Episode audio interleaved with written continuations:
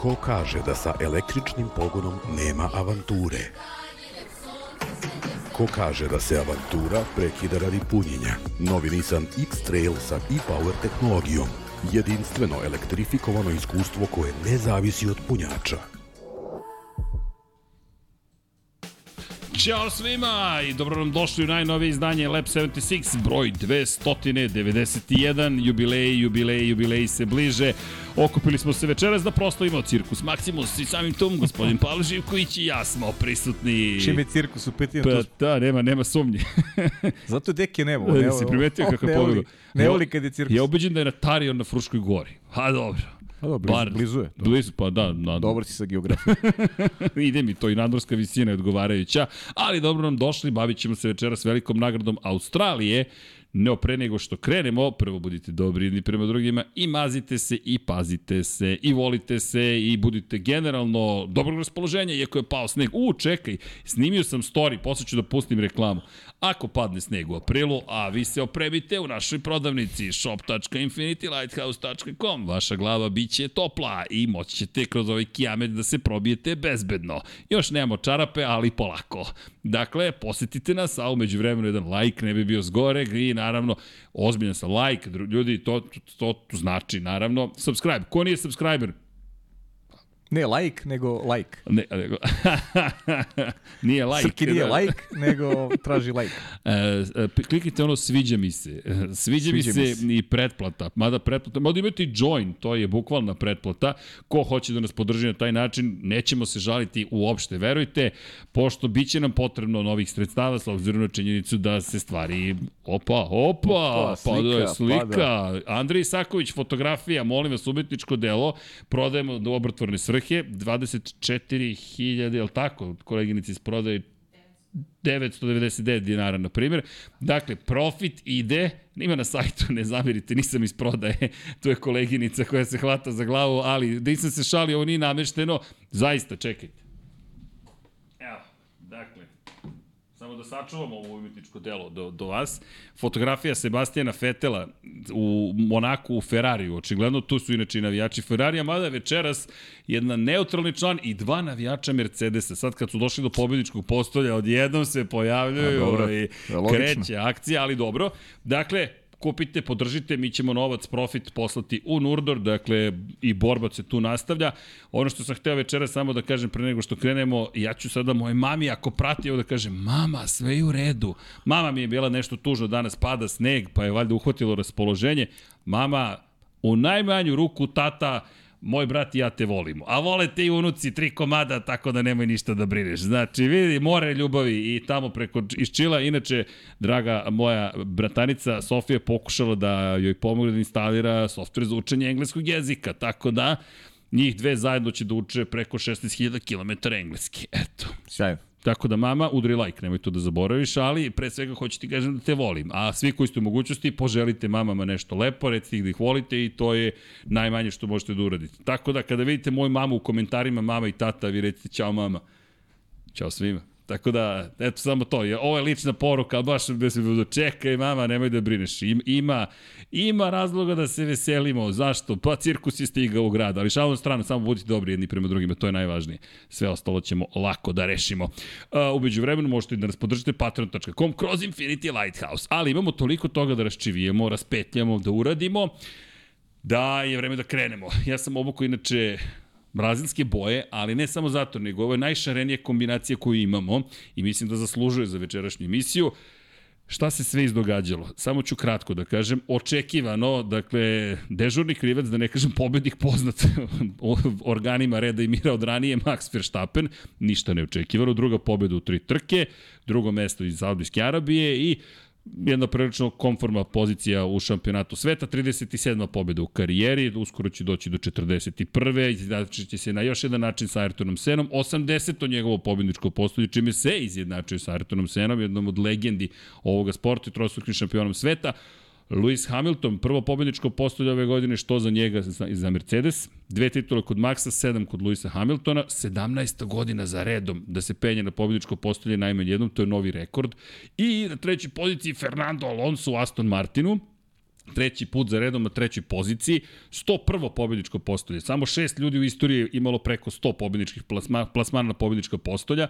Možda je najtiši čovek kome je to pošlo za rukom Kimi Raikkonen sa svoja 103 plasmana na pobjedičko postolje. Kimi koji je sve odradio i titulu i 100 puta na pobjedičkom postolju i pola milijarde dolara zarade, sve, sve, sve. I naravno knjiga ne zaboravite u našoj prodavnici. Imate prevedenu pod knjigu tako da možete da uživate u njegovoj priči.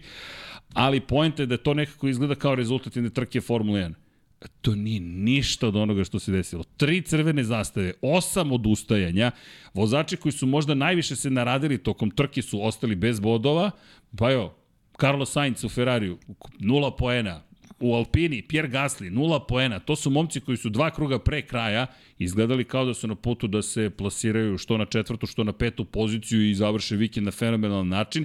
Umeđu vremenu, kada se trka završila, Haas je uložio žalbu, Ferrari se žalio na, na kaznu Sainca koji je kažnjen za incident u krugu koji je poništen. Zatim je Felipe Massa se oglasio tokom ova dva dana da kaže da će možda podneti tužbu da anulira rezultate velike nagrade Singapura 2008. i postane šampion sveta 2008. Što bi značilo da će Lewis Hamilton u tom slučaju imati šest titula, Felipe Massa jednu i biti najsvežiji šampion Ferrarija. Potpuno sve zajedno bizarno.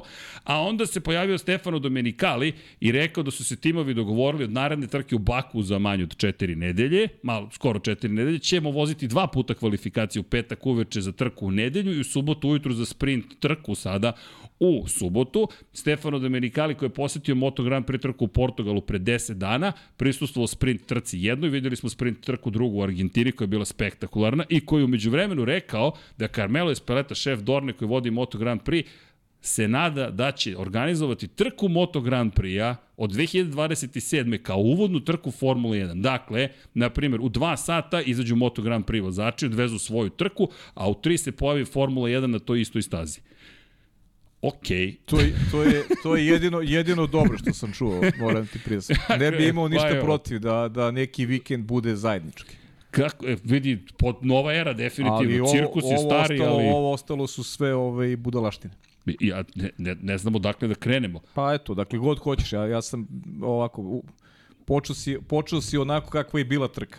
Konfuzno, Haotično. konfuzno zato što zato što prosto čovjek ne zna zašto prvo da se uhvati pa da pa da priča o tome, znaš. Možda je možda je red da da pobednik dobije ovaj Svojih dobije tu privilegiju pa onda da se bavimo ovaj svim tim anomalijama koji se dogodile tokom tokom trke. Jer na kraju dana trkanje je ono glavno. Pa trkanje je glavno i ono što je što je opet utisak koji ostaje. Utisak koji ostaje da da ovom čoveku ne može niko ništa generalno, znaš. To je to je suština cele priče. Šta da si rekao prošle nedelje za Serhija Pereza, dok sam ja se pitao da Pa li da, pa Serhio to je- može nešto da uradi. Pa u sve te probleme koje imao kočioni sistem, levo, da, ali opet, znaš, ti, ti kad osjetiš pritisak, to je ono što generalno u sportu. Ko se bavio sportom vrlo dobro zna. Ti imaš ovaj, kad moraš da pobediš, kada, kada, kada je pritisak, onda, si, onda pokazuješ od čega si satkan.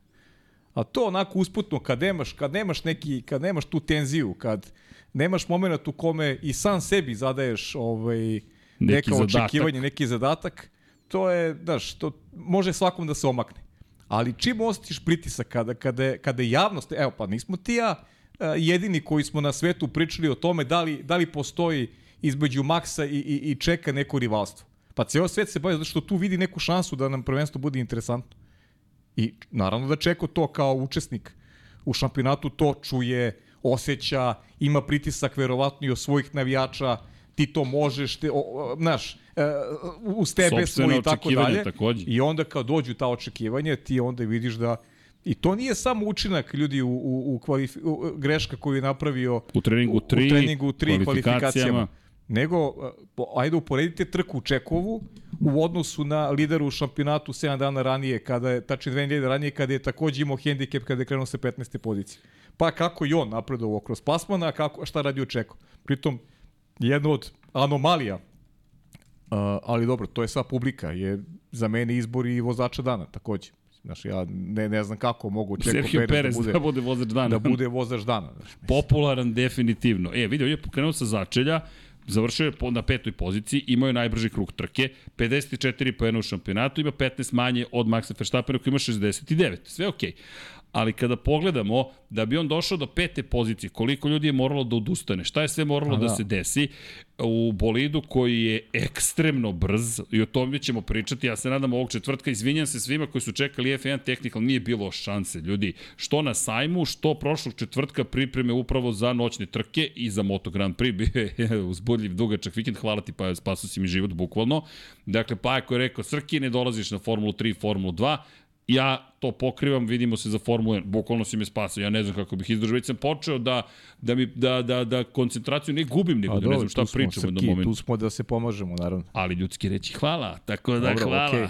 I iz perspektive onoga što smo imali, pričat ćemo o DRS-u, tehničke perspektive. Kako je moguće da je Red Bull moguće napravio bolid koji kada otvori DRS Max Verstappen je, na primjer, do 7 km na čas, pa nekada i više, brži od bolida koji takođe koriste DRS. Nije ništa van pravilnika, prosto su napravili vratan bolid. A razlika između Luisa Hamiltona, dok ga je preticao Max Verstappen, koji nije koristio sistem za umanjenje aerodinamičkog otpora, i Verstappena koji jeste 35 km na čas.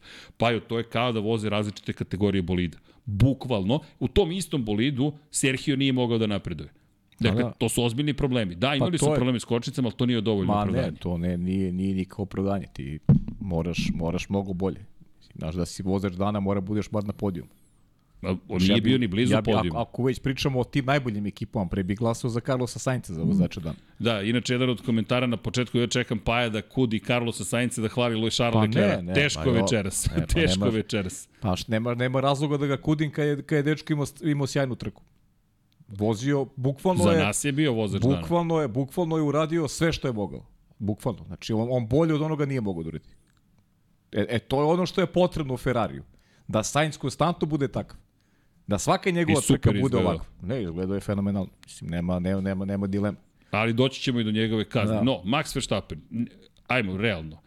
Perez, ja sam verovao, ajde da vidimo, ulična trka još jedna, ulična trka još jedna, problemi, kako god nije se snašao, 15 poena zaostaje, ne vidim da će sad odjednom se stvari preokrenuti, Max drži stvari Pritom pod kontrolom. Pritom Srki ne zabori, Max nije imao najprecizniji vikend. Ne. On je u trci imao veliku grešku. I loše startove. I loše startove, završio pored staze. Znači jedna trka koja u, u sve te greške on je ubedljivo pobedio. I to je onda jasno se vidi moć njegova puta, puta bolid kojim upravlja. Stvarno je nemoguće misija pobediti. Jer sad vratit ćemo se na, na direkciju trke, one sve što se dešavalo uh, vezano za, za crvene zastave i tako dalje, to je možda i naj, najjača priča, ali eto dobili smo, ovaj, zahvaljujući tome, priliku da gledamo duel iz 2021. A ono je, ne znam, ono je kao pored Latifija da je prošao. Bukvalno. Izgledalo je pa ne može. Luis nije mogo ništa. Pri čemu, Lewis Hamilton koji je uspeo u direktnom I, da i pretekne to, Maxa Verstappen. I, I nije to do Luisa. Znaš, pa ne, to, to ti je to... prosto, znaš, to ti je velika razlika u, u, između Red Bulla e, i Mercedes. Mnogo ima lepih priča van ovog haosa o kojem ćemo pričati. Da. Ako se vratimo na dve trke, prvo Abu Dhabi 2021. Mislim da si ti to sumirao, citiram tebe, ti ja smo pričali dosta po završetku trke.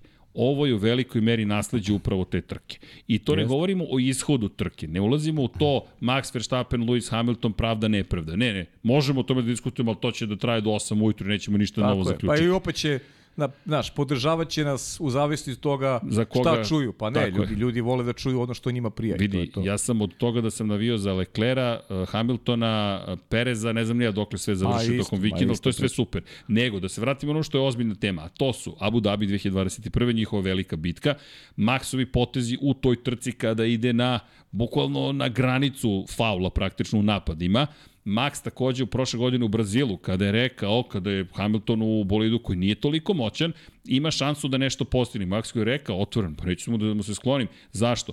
Ako dođe do oštećenja, on gubi više od mene. Ja ne moram da se sklonim i došao do kontakta u čuvenoj krivini broj 2.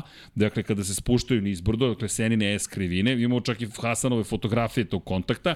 Pozdrav Hasana Bratića, danas je podelio s nama jednu divnu fotografiju, nešto smo se dopisivali, rekao, Hasane, pada sneg kako kod tebe u Nemačkoj, hladno, rekao, daj Hasane da nešto smislimo, daj fotku iz 2018. da ubacimo i onda smo kao kolaboraciju to radili na Instagramu. Pozdrav za Hasana Bratića, jedan divan čovek i pre svega fenomenalan čovek, a onda i fotograf.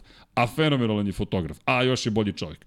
Ali šta hoću da kažem, viš kako smo došli do toga. Ba Hasane, volimo te, to je poenta. Elem, posle te dve trke, ti vidiš da je Max taj koji je spreman da ide na, na, na sve ili ništa u nekim situacijama. Max posle trke kaže, nisam hteo agresivno da branim poziciju kada je Hamilton pretekao, žalio se direkciji trke i ekipi Red Bull Racinga da smatra da je to preagresivan potez. Međutim, rekao nisam želeo da oštetim bolid, jer sam znao da gubitak pozicije ili dve neće značiti previše.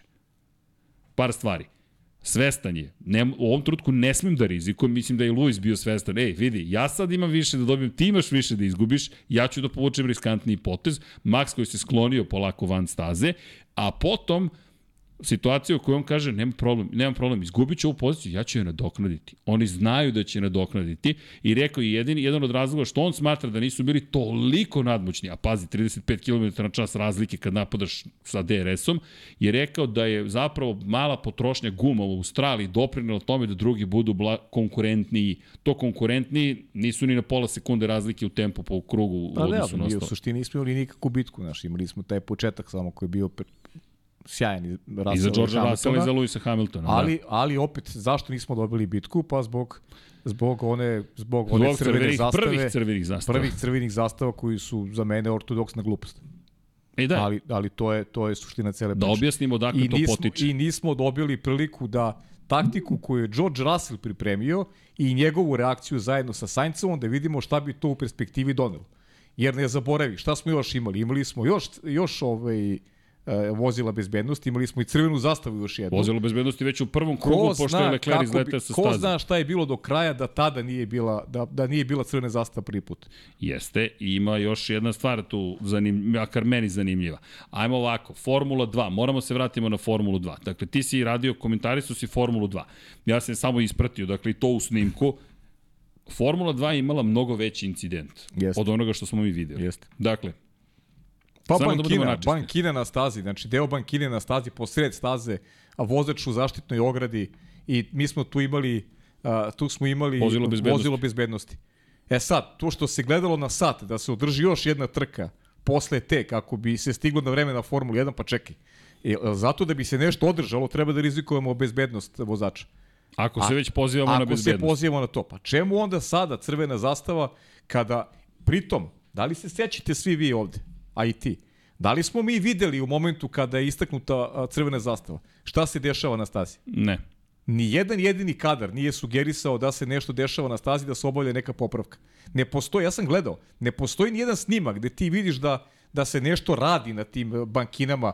Prvo, prvo e, onaj pogled, ajde, golim okom, ono što možda vidiš. Ti nisi vidio neko oštećenje nakon onog udesa e, Alex Albona. Postoji objašnjenje da je to zbog šljunka na stazi. Bog šljunka na stazi. Da, to je objašnjenje. Onda, onda bi trka Formule 2 trajala 6 sati. Naš kolega Ted Kravic, čuveni kolega sa Sky Sporta britanskog, je tu crvenu zastavu nazvao crvena zastava šljunk, šljunak. I, jer je objašnjenje zvanično da je šljunak na stazi doveo do crvene zastave. Dakle, samo da se vratimo nazad. U Formuli 2 imamo mnogo veći incident, pod vozilima zbe- bezbednosti se sve završava. Ne virtuelno vozilo bezbednosti, imamo i virtualno bezbe, vozilo bezbednosti kao opciju. Da ne bude protiv smo bezbednosti, mi svakako ne, ali ajmo ovako. Inače, Toto Wolff je tražio posle svega ovoga da se vrlo jasno precizira šta je za crvenu zastavu, šta je za vozilo bezbednosti, šta je za virtualno vozilo bezbednosti. I Verstappen, i Hamilton, i Wolff, i svi su svesni, ne svesni, smatraju, a ja ću automatski da prihvatim njihovo mišljenje, jer su oni najvažniji i najbolje znaju i tamo su, i ovo nije pitanje politike, svi su se složili, da je to pitanje zapravo pravljanja spektakla. Kada ti zlopotrebiš sportska pravila da bi pravio spektakl, mi dolazimo u ozbiljan problem. Tako je, pa I to je sad to. dolazimo do nečeg što je Deki govorio još pre dve godine, apropo Abu Dabija. Ako ti istakneš crvenu zastavu, a prošlo je 75% trke, to je završena trka. To je završena trka. Nekada davno to bi bio kraj trke. Jer mi smo zvanično imali dovoljno krugova da završimo trku. Međutim, mi dolazimo u situaciju, i ne samo tada, već i ranije to počelo polako da ulazi Ali u to ti Formulu je, 1. Crki, to, to su ti nedoslednosti, razumeš?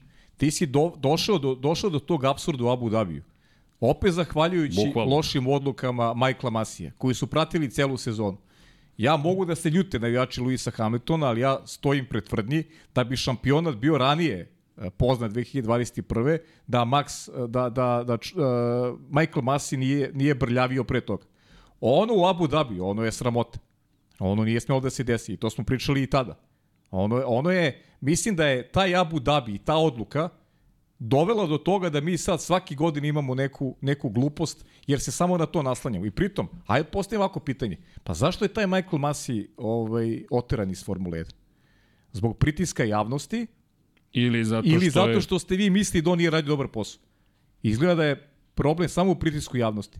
Jer uh, svi oni koji ponovo upravljaju uh, Formulu 1 ponašaju se isto kao Michael Masi. Ovo nema razlike. Ovo, ovo sve što se dešavalo sad. Koji inače bio prisutan na koji je stazi bio prisutan, ali, ali nema razlike u odnosu na period kada je Michael Masi bio tu. Dakle, nasleđe Michaela Masija je prisutno, samo njega nema nema te figure samo. Sve ostalo je isto. Ma, A pritom je kulminirale su se kulminirale su promene koje su se već dešavale masivnim odlukama te godine. I zašto smo i rekli da je Abu Dhabi 2021 taj koji definiše u velikoj meri ono što sledi. Inače Haas se pozvao kada je uložio protest. Haas je uložio protest pošto je postojala šansa da ukoliko uh, te, te da dođemo do drugog restarta koji je izazvao treći restart. Dakle m, preskačemo mnogo toga, ali teško je Ajmo ovako. Prva prva crvena zastava kada se desila mi imamo očekivani restart iz mesta, krećemo ponovo u trku, ona ima neko trajanje, tako dalje. Drugi restart je dva kruga pre kraja. U tom momentu krećemo u novu trku, dakle mi sada imamo ponovo start trke, to je već treći start trke. Dolazimo do toga, inače Max Verstappen se našalio da kako su prolazili restart i mu je start bio sve bolji i bolji, pošto je mogo da trenira zapravo. Najveći problem je incident koji se desio između Pjera Gasnija i Estebana Okona u Alpinama koji je doveo do treće crvene zastave, do ponovnog zaustavljanja, ali koje nije imalo mnogo utice, pošto se samo jedan paradni krug sproveo u delo i završili smo trku. Gde leži problem? Haas je u momentu kada je istaknuta crvena zastava bio na poziciji 4, to jest Niko Hulkenberg je bio na poziciji 4. Carlos Sainz, koji je izazvao incident s Fernandom Alonsom u tom drugom, trećem, re- trećem startu zapravo, je doveo do toga da, da on bude kažnjen, sad to je tek paradoks. Kažnjavamo čoveka za incident u fazi trke koja je, koja je obrisana. Dakle, ta faza trke je A poništena. ne, ili, ili brišeš sve, Ili bri, ne brišeš ili, ništa. ili ne brišeš ništa. Oni su obrisali sve osim kazne za Carlosa Sainza. Tako je. Pa i, ili je Niko Hulkenberg treći, Ili, ili Sainz nema kaznu. ili Sainz nema kaznu. Mislim, Ne može znaš, drugačije. jer Sainz tre- je bio treći, pa sa kaznom ide Tako iza, je. Hulk je onda Tre, treći. treći mogu da budu samo Hulkenberg ili Sainz. U toj situaciji. Ne može treći bude Fernando Alonso. Ali, Nikako. Po, pošto nismo prošli taj prvi sektor, dakle, onda, ok, vraćamo se unazad. Međutim, mi sada primenjujemo, ja najveći problem imam sa dve stvari. Jedna je, zapravo najveći problem imam sa kaznom Carlosa Sainca u toj situaciji. Kažnjavaš čoveka za nešto što je, vidiš, sada obrisano. Pa da li, To se zvanično nije to je desilo. to, kažem ti. Znači, postoje samo dve solucije. Ili je Hulkenberg treći, ili je treći Carlos Sainz. Ali nije se desilo. Na kraju smo dobili da je Carlos Sainz, evo diže ruku ovde. Isto tako i Logan Sargent u tom restartu nije kažnjen. Doći ćemo do Logana. Pa ne, Logan pa Sargent imamo nije još. Ka, i, e, imamo mi još. Imamo Evo, još. Da, Pa Logan imamo- Sargent koji je zgurao nikad De Vrisa sa staze na šta- još a gori šta način. ćemo sa Čekom koji je, koji je završio u šljunku i nadoknadio pozicije, bio je pored staze prilikom posljednjeg restarta. Ništa.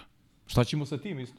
Znači imali smo mnogo anomalija, ali se svelo sve na to kaznit ćemo Carlosa Sainza, samo Fernando njega. Alonso, Alonso je treći. A inače, Haas je uložio žalbu jer postoji presedan sa prošlogodišnje velike nagrade Velike Britanije u kojoj su doneli drugu odluku u, gotovo identičnoj situaciji. E sad, priče, po mikrosektorima je podanjen sektor broj 1, ali ne, ne gledaju se mikrosektori, nego moraju svi da prođu kroz sektor 1. Okej, postoji takozvana sigur, linija sigurnosnog vozila 1 i linija sigurnosnog vozila 2, bezbednostnog vozila. SC 1, safety car 1, safety car 2. Kada se prođe safety car 2, to se smatra poredkom na koji se mi vraćamo. Ili ako mi odlučimo, možemo i u krugu nazad. Nekada davno bismo se vraćali u potpunosti na krugu nazad. Postoji još jedan problem. Pierre Gasly i Esteban Ocon, pošto su izbačeni fizički iz trke, to je to. I sad dolazimo do onog Dekijevog još momenta, koji zvuči arhaično, ali nije. Ljudi, je crvena zastava istaknuta? Kraj trke. Kraj, ende, kraj, sviraj, gotovo je. E ne, mi ćemo da pustimo paradni krug koji će samim tim oduzeti pozicije i Pieru Gasliju i Estebanu Okonu. Carlos Sainz će svakako dobiti kaznu, ali ćemo mi da zvanično završimo trku. A prošle godine u Japanu nismo imali problem da odvezemo trećinu trke da podelimo pun broj poena. Haos, ali, ali, šta je postignuto? I mislim da se pa vraćamo na ono što si rekao i u, i u tokom komentara. Mi se vraćamo na to da celu nedelju svi pričaju o Formuli 1. Ceo ponedeljak svi pričaju o Formuli 1. Ceo utorak svi pričaju o A to Formuli smo, 1. to smo više puta isticali ovaj kroz... Pa to je ono što što su malo i i vozači pričali o tome, o celom, o celom sistemu i onome što uh, generalno, generalno taj ajde kažemo restart na making gumama koji se desio dva kruga pre kraja. Pa videli smo, opet se vraćaju na Formulu 2. Šta se dogodilo u Formuli 2? Imali smo dva veliki incidenta na nezagrijanim making gumama upravo iz tih, iz tih razloga. Dva, dva, ozbiljna, dva ozbiljna incidenta u smislu uh, velikog broja, velikog broja novca. Pazi, ovo je ulična to košta. staza. Pritom to košta Rizikuješ te popravke. živote i još a, a, košta mnogo. I jedno i drugo, kombinacija svega. I na tim gumama nezagrijanim ti imaš, imaš restart dva kruga pre kraja. Srki, ono smo pričali, ljudska priroda. Ti želiš i sebi da izvučeš maksimum. Tebe vuče taj neki sportski Daj ti sportista šansu. si. Pa naravno. Sportista si. Ali ti kao neko sedi te sede glave koji bi trebali da imaju malo više životnog iskustva i koje a, treba da razmišljaju u ime tih momaka koji, koji generalno rizikuju živote a, svaki nedelj. Treba kažu, aha, čekaj, šta može da donese takav? I smo, i, i smo pričali, spustili smo slu, pričali smo ti ja. I smo rekli da će da se dogodi, da će da se Pa dogodi haos. rekli smo gotovo sigurno je da će Prva, biti druga haos. krivina da će biti haos. I, i došlo je, došlo je do haosa. Pritom, na kraju šta smo dobili? Imali smo dva ozbiljna incidenta, i e, Alpina koje se i dan hvataju se za glavu, ne znaju kako to da reše, više milionske su ovaj su štete. Pazi, njihova sezona je ugrožena ovim I, I na incidentom. kraju šta se dogodilo? Ti si na kraju dobio maltene identičan poredak pre nego što je usledio taj restart. I identičan poredak, Minus samo nemamo... Sainz, tako, Gasly minus Sainz i, i i. Ocon. I okej, okay, Nick De Vries je eliminisan zahvaljujući Loganu budalaština, ti si Sargentu. poništio sve što se desilo i kaznio si Ne, ne, Carlosa Sainza. nisi poništio, poništio sve što se desilo. Poništio si nešto što se desilo. Jer ti si Pa zapravo... dobro, kaže ti si Ne, ne, pazi, Carlosa gore. Sainza Ali- si poništio ali sve. Ovo nisi mogao da Ali ne, vratiš ne na možeš poredak. da poništiš njih, ali možeš, zato što ako je crvena zastava, tu je kraj trke. Tako ali je, pa ti da. daješ spektakl, to jest, ajmo još da se kotrljamo. Pa ne, zabava, zabava za publiku. Ej, jer vidi, Zabava za publiku. trka je još uvek trajala. I ti kada pogledaš, upor, evo, neko je zaspao, nećem se ko se uspavao, ali ko se uspavao za trku? E, i sad probudiš se kasnije i kažeš, trka još traje, čekaj, ja imam šansu da gledam, stani, uključit ću se. Šta, šta, Koliko ljudi se šta bi uključilo bilo, u, ne, šta u bi nedelju bilo da je, da je neko ne de Bože stradao? Ok, to, može, to, to je trk. To može da se desi. Gledalac- Ali ovakve stvari, ovakve stvari, ovakve stvari ne smiju da se Imali smo gledalca koji zapravo, Kevin Magnussen, izleteo sa staze u krivini broj 2 i kako je udario u zid zapravo, poslao je deo ko šrapnel ka gledalcu. Srećom, blaš, lakša povreda, ima čovjek suvenir od ugljeničnih vlakana sa Hasa, međutim, to je srećna okolnost. To je srećna okolnost, to je projektil, to je, to je, to je, to je balistički projektil koji je lansiran ka, ka publici i mi posle toga u ime bezbednosti zaustavljamo trku ali ćemo da nastavimo. Čekaj sad stani, šta, šta mi radimo? Ajmo da se ne lažemo, ni Wolf se ne laže, ni Hamilton se ne laže, ni Max Verstappen se ne laže, znamo zašto je to urađeno. Show must go on. I to je cela poenta priče. Pri čemu, ja se slažem s tom za prve crvene zastave. Ne, nemam problem da se svaki put zaustave, da se kaže crvene zastave. Ok, ali gde onda idemo kada je reč o trajanju trke i o pravilniku i o prirodi Formule 1? Pa da, i, i u prirodi je Formula 1 u smislu da idemo, ok, ako ćete, ako ćete cr, da insistirate na crnim zastavama, ne može da ostane u sportskom Tako pravilniku besplatno promena guma. Moraš da menjaš pravilnik. Za, zašto momku koji je bio fantastičan u kvalifikacijama i u trci, zašto ste mu ubili trku uh, crvenim zastavama? George Russell je bio neutešan u momentu, on je shvatio da je njegova trka izgubljena. Carlos Sainz isto. Znači, momci koji su prvi povukli potez, pokušavaju da dođu do neke taktičke prednosti i ti im onda ističeš crvene zastave za neki incident koji nijednom navijaču Formu 1 uh, ne izgleda ozbiljan. Naprotiv, izgleda benigan. I onda dolazimo od toga, pa da li ste to... O, e, onda otvaramo onu uh, Pandorinu kutiju, pričamo o teorijama zavere. Da li je to urađeno zbog toga što su tri šampiona na prve tri pozicije? Da li je urađeno zbog toga da bismo gledali duel Maxa Verstappena i Luisa Hamiltona? Da li je to pozadina cele priče? Ili samo želiš da kad se neko u Evropi probudi, kaže, ej, trka još uvek traje. Da, ili, ili, primjer. ili prosto pravimo od, od, od komarca magarca. Hoćemo spektakl po svaku cenu. Ali to utiče na trkanje, utiče, utiče na, je- jer formula je kompleksna baš zbog toga što ti nudi mogućnosti i sa drugačijom strategijom da profitiraš, da, da, da imaš ne, neku percepciju koja će ceo tim da dovede do jednog dobrog rezultata. A u startu trke su ubijeni i George Russell i Carlos Sainz iz mog ugla bez ikakve potrebe. Pri čemu? Sad pričamo samo o, o nekim sportskim motivima. Pričam o Jasno. sportskim motivima. Vidi, šta piše za, za suspenziju trke, to je za crvenu zastavu? Dakle, ovako glasi član 57, to je 57.1. Ukoliko su takmičari, zvaničnici u neposrednoj fizičkoj opasnosti vozila koje se nalaze na stazi i sudije smatraju da su okolnosti takve da kroz preko staze ne može da se prođe bezbedno, čak ni iza vozila bezbednosti, biće trka ili sprint sesija, pošto ne znam da li su kvalifikacije ili trka, suspendovane. Ukoliko postane neophodno da se obustavi sprint trka, to je sprint ili trka, sudija će narediti da se istaknu crvene zastave na svim pozicijama gde su redari i popole crvena svetla. Okay, to i onda, je kako mi dolazimo do crvene zastave. Tako piše i onda opet se vraćamo na, na Formulu 2.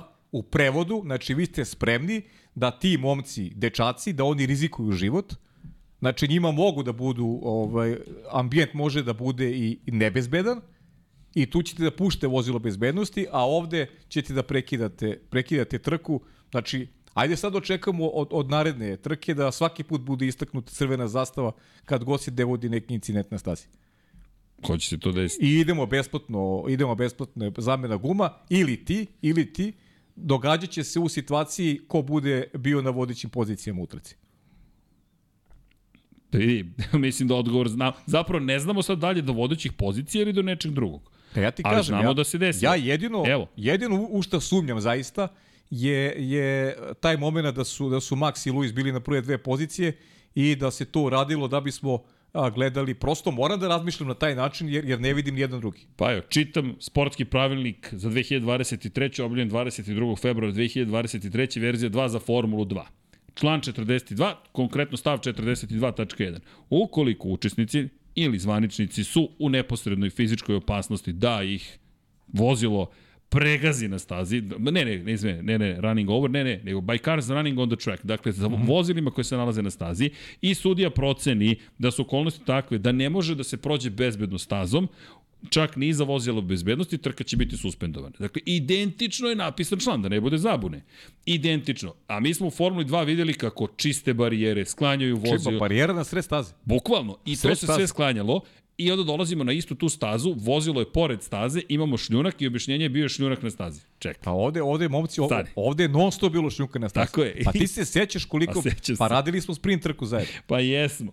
Pa non stop je šljunak na stazi. I još Non jedno stop. pitanje, je li bilo šljunka na drugim pozicijama kada su izletali sa staze? Jer ako se setimo, pogotovo na izlasku iz desete krivine, šljunak je često bio na stazi, tamo gde su mnogi silazili sa staze. Tu smo imali veliki broj incidenata u Formuli 2. A ako je šljunak problem tamo gde je izleteo Alex Albon, zašto šljunak nije problem tamo gde nije izleteo Alex Albon, to je gde su drugi samo silazili sa staze. Kako god, pojenta je, svi znamo da ta crvena zastava je istaknuta pod specif čudnim okolnostima. I sad, da se ne vraćamo u krug, mi smo je dobili. Ok, kak šta je u pravilniku upisano kada se dese crvene zastave? Piše sledeće, dakle, imaš devet stavki na kojima možeš da radiš tokom crvenih zastava. Možeš da pokreneš motor i da obaviš sve neophodne pripreme u okviru paljenja motora. Nazdravlje. Zatim, možeš da dodaš kompresovane gasove. To je sad moramo da pogledamo tehnički pravilnik, ali ako ste obratili pažnju, možete da dopunite pneumatske sisteme, to se ponekada dešava. To smete da radite. Možete da postavljate ili skidate sisteme za hlađenje ili za grejanje, zavisno od toga da li je toplo ili hladno. Zatim, četvrta stavka, možete da promenite otvore za vazduh na prednjim i zadnjim ko kočnicama, ali To možete da uradite samo ukoliko je suspendovana trka, dakle ne može na sprintu to da se radi. Možete da promenite takođe otvore za hladnjake, za, moto, za motor, to je za ceo sistem hladnjaka, to je da li hladite sad gore, uh, ulje, da li hladite intercooler, da li šta god da radite, možete to da uradite. Šesta stavka, možete da učinite sve što je neophodno da vozaču bude udobnije. Driver comfort. Možete da menjate točkove i gume, možete da popravite sve što se oštetilo e, incidentom, kao što je u članu 42 u i tako dalje, tako dalje, uključujući i sklopove koji su u okviru tih oštećenih dijelova. Manje više možeš popraviti ceo bolid. I na kraju, aerodinamička podešavanja prednjeg krila mogu da se obave koristeći postojeće delove. Ne smeš da dodaš, oduzmeš ili zameniš deo koji je na bolidu. Nova trka. ti imaš bukvalno novu trku. I tu sad je dodatni problem. Ok, crvena zastava bezbednost, ali mi sad da imamo popravku celog bolida. Mi krećemo manje više iz početka. I to je poseban problem. Ok, o to mora da se promeni. Mora. Mora da se promeni. A to smo x puta rekli. To je. Jednostavno pravilo, izvini, koje? A ne, nema šta izvini, to ono. Samo Rekao može. si sve, a samo se nadovezujem, naveo si taksativno sve što je bitno, a kažem ti, ponavlja se priča, ali okej, mi smo novinari i tu smo i da ponavljamo Pa. priče, znaš, to je, to je negde naš Vidi, posao. možda da. neko nije gledao neka, prenos, Da, tako je, kako neka god. smo, neka smo, ovaj, neka smo dosadni, ali prosto, Mi? prosto je tako. Pa da, ali za- zato što, zato što ima ljudi koji slušaju redovno, pa pa njima ovaj Vidiš da nismo onda dosadni, vid, vidi, vidi, vidi, ovi, vidi ovi stalno pričaju isto, apropo toga. A jeste, stvarno, nije, je, to stvarno mora je da tako. se to ponovi. su- Problem je, problem je ljudi što se to ponavlja. Dakle, problem je što se to ponavlja, što mi, što mi ne napredujemo i, i problem je što je sport došao do faze, ok, mi smo prošle nedelje čitali te brojke koji su impozantne. Pa i ove nedelje I- su bile impozantne. I meni je drago što je što je mlađa populacija, što više prati sve ono što Bernie Eccleston uh, nije, Nije želeo, uh, dešava se. I, i, i stvarno, stvarno je sport napredovao u smislu gledanosti, uh, brojke su fenomenalne. Ali, ali opet ne možemo da sakrijemo da se nekim Pa potezima ubija suština sporta i moja teorija da je taj Drive to Survive uticao na to da neki ljudi traže pažnju očigledno žele, žele svoju, svoju ulogu u filmu. E, to je neka moja teorija, da traže svoje mesto u filmu i da po svaku cenu insistiraju na tome da oni budu važni. Umesto da svoju energiju usmere na, usmere na to da glavnim akterima obezbede najbolje moguće uslove za kvalitetno takmičenje. Jer jedini bitni akteri su momci koji se trkaju. Ne postoji ovo, ovo sa strane, apsolutno nikog ne zanima, jer Formulu 1 uh, niko ne bi gledao da nemamo dobre trkače, da nemamo dobre timove, to je suština sporta. Ali, evo, ja sam ubeđen da, da, da je serijal Drive to Survive uticao na to da, da neki ljudi žele svoj minut slave i da na račun toga ovaj, uh, ubijaju pojam nas koji dugo pratimo sport i koji eto nerviramo se zbog zbog stvari na koje ne možemo da utičemo, ali opet možemo da ih kažemo. Slušaj ovo. Znaš ko je Daniel Freeman? Ili Freiman, Freeman, sad ne znam još kako Pa- se čoveku izgovara prezime. Vjerovatno porodica njegova znakove. Verovatno. Slušaj, ovo, direktor za marketing i povezivanje sa obožavaocima nacionalne košarkaške asocijacije, poznatije kao NBA. Uh -huh. Znaš ko je on? Prema pisanju Simona Petersona iz The Race. Novi šef marketinga za Moto Grand Prix. Ili ti, Dorna, koja ima spektakularne trke, ima sve manju i manju posjećenost Moto Grand Prix-a, i ne okreće se, okreće se zapravo marketingu i tome kako da se poveže sa navijačima. Ili ti prati u stopu šta radi Formula 1. I prvi put da se ubija španski lobi, ne postoje više porodični prijatelji porodice Espeleta, nego ajmo profesionalizacija, ali su otišli u Sjedinjene američke države. I rekli šta vi to radite da televizijska gledanost je ovako. Inače u Australiji 444.631 gledalac zvanično. Što je za 25.000 gledalaca više nego prošle godine. Što je porast od nekih 5%. Ali kad imaš 400.000 ljudi, 5% je mnogo. Dakle, skok sa 300.000 na 400 je bio enorman, ali ti sada tražiš, to je ono, low hanging fruit, skreneš od ozdo, šta brzo, prvo možeš da pokupiš i sad ideš gore ka vrhu, ali rastu brojevi. I Dorna sada pokušao da shvati šta je to Formula 1 uradila kako treba iz njene perspektive da bi uspela u svom poslu. Jer ovo se gleda sada kao posao pre svega. I to je ono što je moj najveći problem, što se ti sportski pravilnik upotrebuje da bude samo biznis. Ne može da bude samo biznis, imamo predivan sport, predivne sportove, iskoristi to što postoji na pametniji i bolji način. Jer ovo nije način. Mogao si da istakneš crvenu zastavu, moraš promeniš pravilnik onda ako ćemo da promenimo prirodu sporta i moraš da kažeš ne možete ovako. I pa, ne možeš da menjaš gume. Dobro, Ili reci da nisi obavio obavezno stajanje. Znaš kako ja, ja gledam opet, možda, možda moje razmišljanje nije dobro, ali ja ipak gledam ka 2021. I, i tu tražim razlog uz Drive to Survive zašto je, zašto je uh, taj Dobro, postavljanje gledanost, pres... znaš. Aha, Ti moraš, okej. da imaš, ti moraš da imaš takmičenje koje, koje je dobro da bi privuklo pažnju. Ti moraš da imaš dobro takmičenje. Ta, dobro takmičenje ili dramu. Pa, znaš kako, uh, to je bila, da, to je bila i drama uz dobro takmičenje, jer to je bilo trkanje savršena od početka do kombinacija. kraja. kako je to sve izvedeno filmski, da li je bilo anomalija? Da, bilo je velikih anomalija, ali si dobio, dobio si na nekoj popularnosti. S druge strane, MotoGP mislim da je izgubio kultom ličnosti, izgubio je Valentina Rosija, ali pazi, u prilog. Sveći da smo pričali malo, komentarisali smo i zajedno. Ja, ja imam ogromnu razliku u načinju gledanja sprint trka MotoGP i Formula 1. Ozbiljnu razliku. Meni su je sprint MotoGP-a fenomenalan. Čisto adrenalin. Čist adrenalin, 12 krugova, fantastično za gledanje i to bi me privuklo kao gledalaca da odem da gledam i subotu i nedelju. M- meni bi to privuklo. Moga, evo, Pa ne treba niko da mi piše, ne, ne, znaš, ne, ne treba niko da me animira na neki drugi način. Animacija su mi trkanje. I zato je tu Dorna i cela priča, oni su tu napravili dobar potez. ali ga ne znaju kako da ga promovišu. Oni Okej. ne znaju da obaveste ljude da to postoji. Oni su tek sad shvatili da podcast, YouTube nešto im, imaju da kažu u celoj priči. Jer je ranije bilo strašno podcenjivanje. Ako nije u štampanim medijima, nije se desilo ili na televiziji. Svet se promenio. Dorna to nije shvatila. A svet se stvarno promenio i to se mnogo promenio. Ali, ne, Dobro, ali, ali shvatili su da im nešto treba. Tako je. E, to je pozitivno. Mnogo je važnije, mnogo je važnije to na stazi nego ovi. Mislim, mislim da je, da, da je pre, prvo treba da se napravi Bio ambijent na stazi. Slažem se. Bio pa sam skeptičan. Onda, pa tek onda, znaš, da, i- da idemo dalje. Znaš ko je to? To je kao biznis pravilo. Prvo napraviš proizvod, ne volim da zovem sport proizvod, ali ako gledaš kapitalistički, to je neki produkt, čuveni proizvod koji si ti stvorio. Oni su kroz sprint trke napravili proizvod za koji sam ja bio veoma skeptičan. Ali ono fenomenalno. Ja nisam mogao da verujem šta smo mi gledali u Argentini. Ne znam ko je gledao sprint trku Srki, sada Moto Grand ali. Srki, to je, kao, to je. Srki kao i, i, kao i, i mi kako smo krenuli podcast.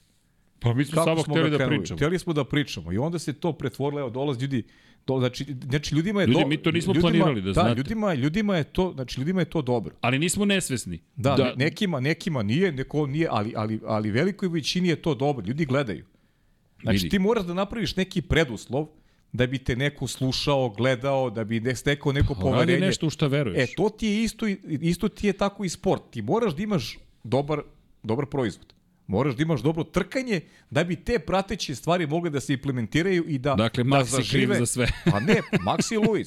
Maxi Luis. Ne, šalim se, znaš, Max je ove godine kriv. Pa dobro, ove, ove godine, mislim, znaš, mlađa populacija i to je normalno. I mi kad su bili klinci imali smo svoje junake. Pričamo o tome. Max je taj koji je, koji je, I to je koji je zaludeo generaciju i nešto starije, nešto mlađe i to je logično, takav šampion mlad treba da postoji. Znaš, to, to je, svako vreme nosi svoje šampione. Sad oni stariji navijaju za, drže Ma se vidi. Luisa, žele. Pa pazi, nisu Imamo ovi stariji tamo što sede u Pa za dobro, oni navijaju za da, Mercedes, Mer- okej, navijaju za Mercedes. Mercedes ili Hamiltona? Jedno drugo. O, Pa jedno da, i drugo. pa to je to, to je to. A gospodin, pazi, više ne nosi crvene boje. Doći ćemo na, pazi, pazi, Ferrari je toliko bio loš da ga čak više ni ne spominjemo. Dakle, došli Da. smo do krajnjeg stadijuma. Pa nije Ferrari bio loš. Ha, evo ga, pa evo, to Pa reci. nije, obra- pa ne, Šalim se, Kar- nije bio Carlos loš. Sainz je bio dobar. Carlos Sainz je bio Sainz je bio dobar, mislim, znaš, nema. Ali na kraju ništa nije dobijeno u Australiji. Ali samo kratko. Kako? Prognozirao je postolje. Jes, I, ja i sam nisi za bio Leclerc, daleko. ja sam za Leclerc prognozirao Pa, postolje, bazi, realno. nisi, nisi daleko bio. Da, ali, bi, ali je Sainz bio blizu postolje, Leclerc nije. Leclerc je, Bio loš. pa loš, ali Loš. znaš kad loš, u kvalifikacijama loš. Tako je. I sebe doveo u O, tešku očene poziciju. kvalifikacije su ga dovele od toga da a, mislim, Odustane znaš, u prvoj, kri- prva, nije druga prva, krivina. u trećoj. Pa nema veze, ali, ali to je taj Da, splet krivina koje su, znaš, ti opet tražiš od sebe, tražiš od sebe više, hoćeš to pre doktiniš pozicija, nisu lagane te E da, krivine uopšte. im, ima tu par stvari, ajde sad skačemo s tem, a to volimo, to je Lab 76, vrtimo krugove. Dakle, e, apropo i Charles Leclerc, Charles Leclerc izbacio sa staze zapravo Lance Stroll, to jest. Charles Leclerc je išao sa spoljne strane, Lance Stroll je u gužvi, dolazi do kontakta, Stroll zašto nije kažen, mnogo ljudi je pitalo. Pa postoji par razloga. Prvo, Lance Stroll jeste u gužvi, Charles Leclerc zatvara, ne kažem da je Leclerc sebe udario, ne, ali najvažniji razlog je što je to prvi krug. I obično u prvom krugu se drugačije posmatraju stvari. Što me dovodi opet do kazne Carlosa Sainca? Jer i to što je on uradio je u prvom krugu. Zašto ste ga onda kaznili ako je to prvi krug? Pri čemu ta kazna ne znači ništa Fernando Alonso. Fernando Alonso je vraćen na treće mesto. Ako, ako jure da Alonso bude na pobedničkom postoju, to su već završili. Kažnjava se Carlos Sainz, ja to ne razumem. Ne razumem to treniranje strogoće. Zašto kažnjavaš tog čoveka? Ako Tako ti je. kažeš u prvom krugu smo malo ipak popustljivi i ne samo zato što je prvi krug i gužva, već zato što su gume Pa hladnije. i, o, i ovo je Gume prvi krug. I, Tako pa i je. ovde su gume hladne. Ta- I zašto onda Logan Sargent uopšte nije ni spomenut? Pa da. Čovjek je uletao nikad Pa ja ti kažem, evo, ne, žao mi što ne možemo da koristimo te snimke. Imam problem i sa Čekom Perezom, nisam do kraja. Čeko Perez izašao skroz preko šljunka, misli da je to desna krivina. Da je skroz izašao preko šljunka i da je Tom da Moram je, to da da je tu ponovo. i poziciju, ali, ali kažem, ajde, nema veze. Bilo je materijala, o, o, ovo je su- suština Saincove kazne. E, ako si nešto poništio, ne možeš da ga kažnjavaš. Ne možeš da ga kažnjavaš za nešto se, što se iz tvoje percepcije nije desilo uopšte. Pa mislim, nije se, ti si sve Znaš, poništi, vratio si unazad. Ti brišeš sve što se tu desilo. Tako je. Brišeš, nije Tako se je. desilo. Bukvalno. Osim njegove kazne. Okej. I na kraju su im rekli, ne, dobit ćeš sad i dva dodatna poena u knjižici, jel te? Inače, i to će tek biti zanimljivo. Da li će Pierre Gasly moći da vozi sledeću trku? Da li će dobiti kaznene poene? On ima već punu knjižicu kaznenih poena, kao u saobraćaju. I ako dobije sad još dva, to je čao. Suspenzija na jednu trku, što znači za Alpinu potpunu katastrofu. Ali, da ne pobegnemo samo od ove teme, ovo je digresija bila, međutim, apropo i Maxa i Luisa i cijele te bitke i apropo sprint trka Moto Grand Prix, ja sam bio skeptik. Ja sam potpuno oduševljen, ali znaš šta je sad drugi problem? Što nije loš problem da, da, da, da imaš u, u životu? Toliko ljudi je oduševljeno sprintom u subotu da su rekli dajte nam dva sprinta po trkačkom vikendu, jer je toliko nepredvidivo. Ali ja mislim da je ovo dobra forma. Pa ne, ovo je Sprint, dobro, da. velika nagrada, jer Marko Beceki šta je uradio u nedelju? Vožnje koju je on prikazao po kiši. Onaj Ba spektakl da, vozački. Pa to ćeš sutra, ali da šta je generalno? Wow. Generalno je ti, znaš, trke, to je, to je Odjavio test, me pa. to je test, pa ne znaš zašto, to je Ne, ne, test u izdržljivosti, to je test izdržljivosti, generalno, trka je trka, znaš, ne, ne može da bude, znaš, dva sprinta da ti budu ovaj za, Ne, ba, slažem Znaš, se, nego ne- samo ti kažem koliko je uzbuđenje bilo. Pazi, Brad Binder koji sa 15. skače na prvo. E sad, gde je tu problem sa Formula 1? Skupa je Formula 1. Skupa je. A ti hoćeš da približiš timove. Ajde, ajmo dve stvari. I nismo jednu stvar ubacili u jednačinu. A to su nova pravila. Jesmo stvarno mi dobili bolje trkanje novim pravilima? Koji su uvedene 2022. znaš, ko je, znaš kako ima smisla, ima smisla ovaj sprint u Formuli 1? Kako? Da svaka ekipa, da svaka ekipa ima, Bolid za sprint. ima boli za sprint. Bukvalno.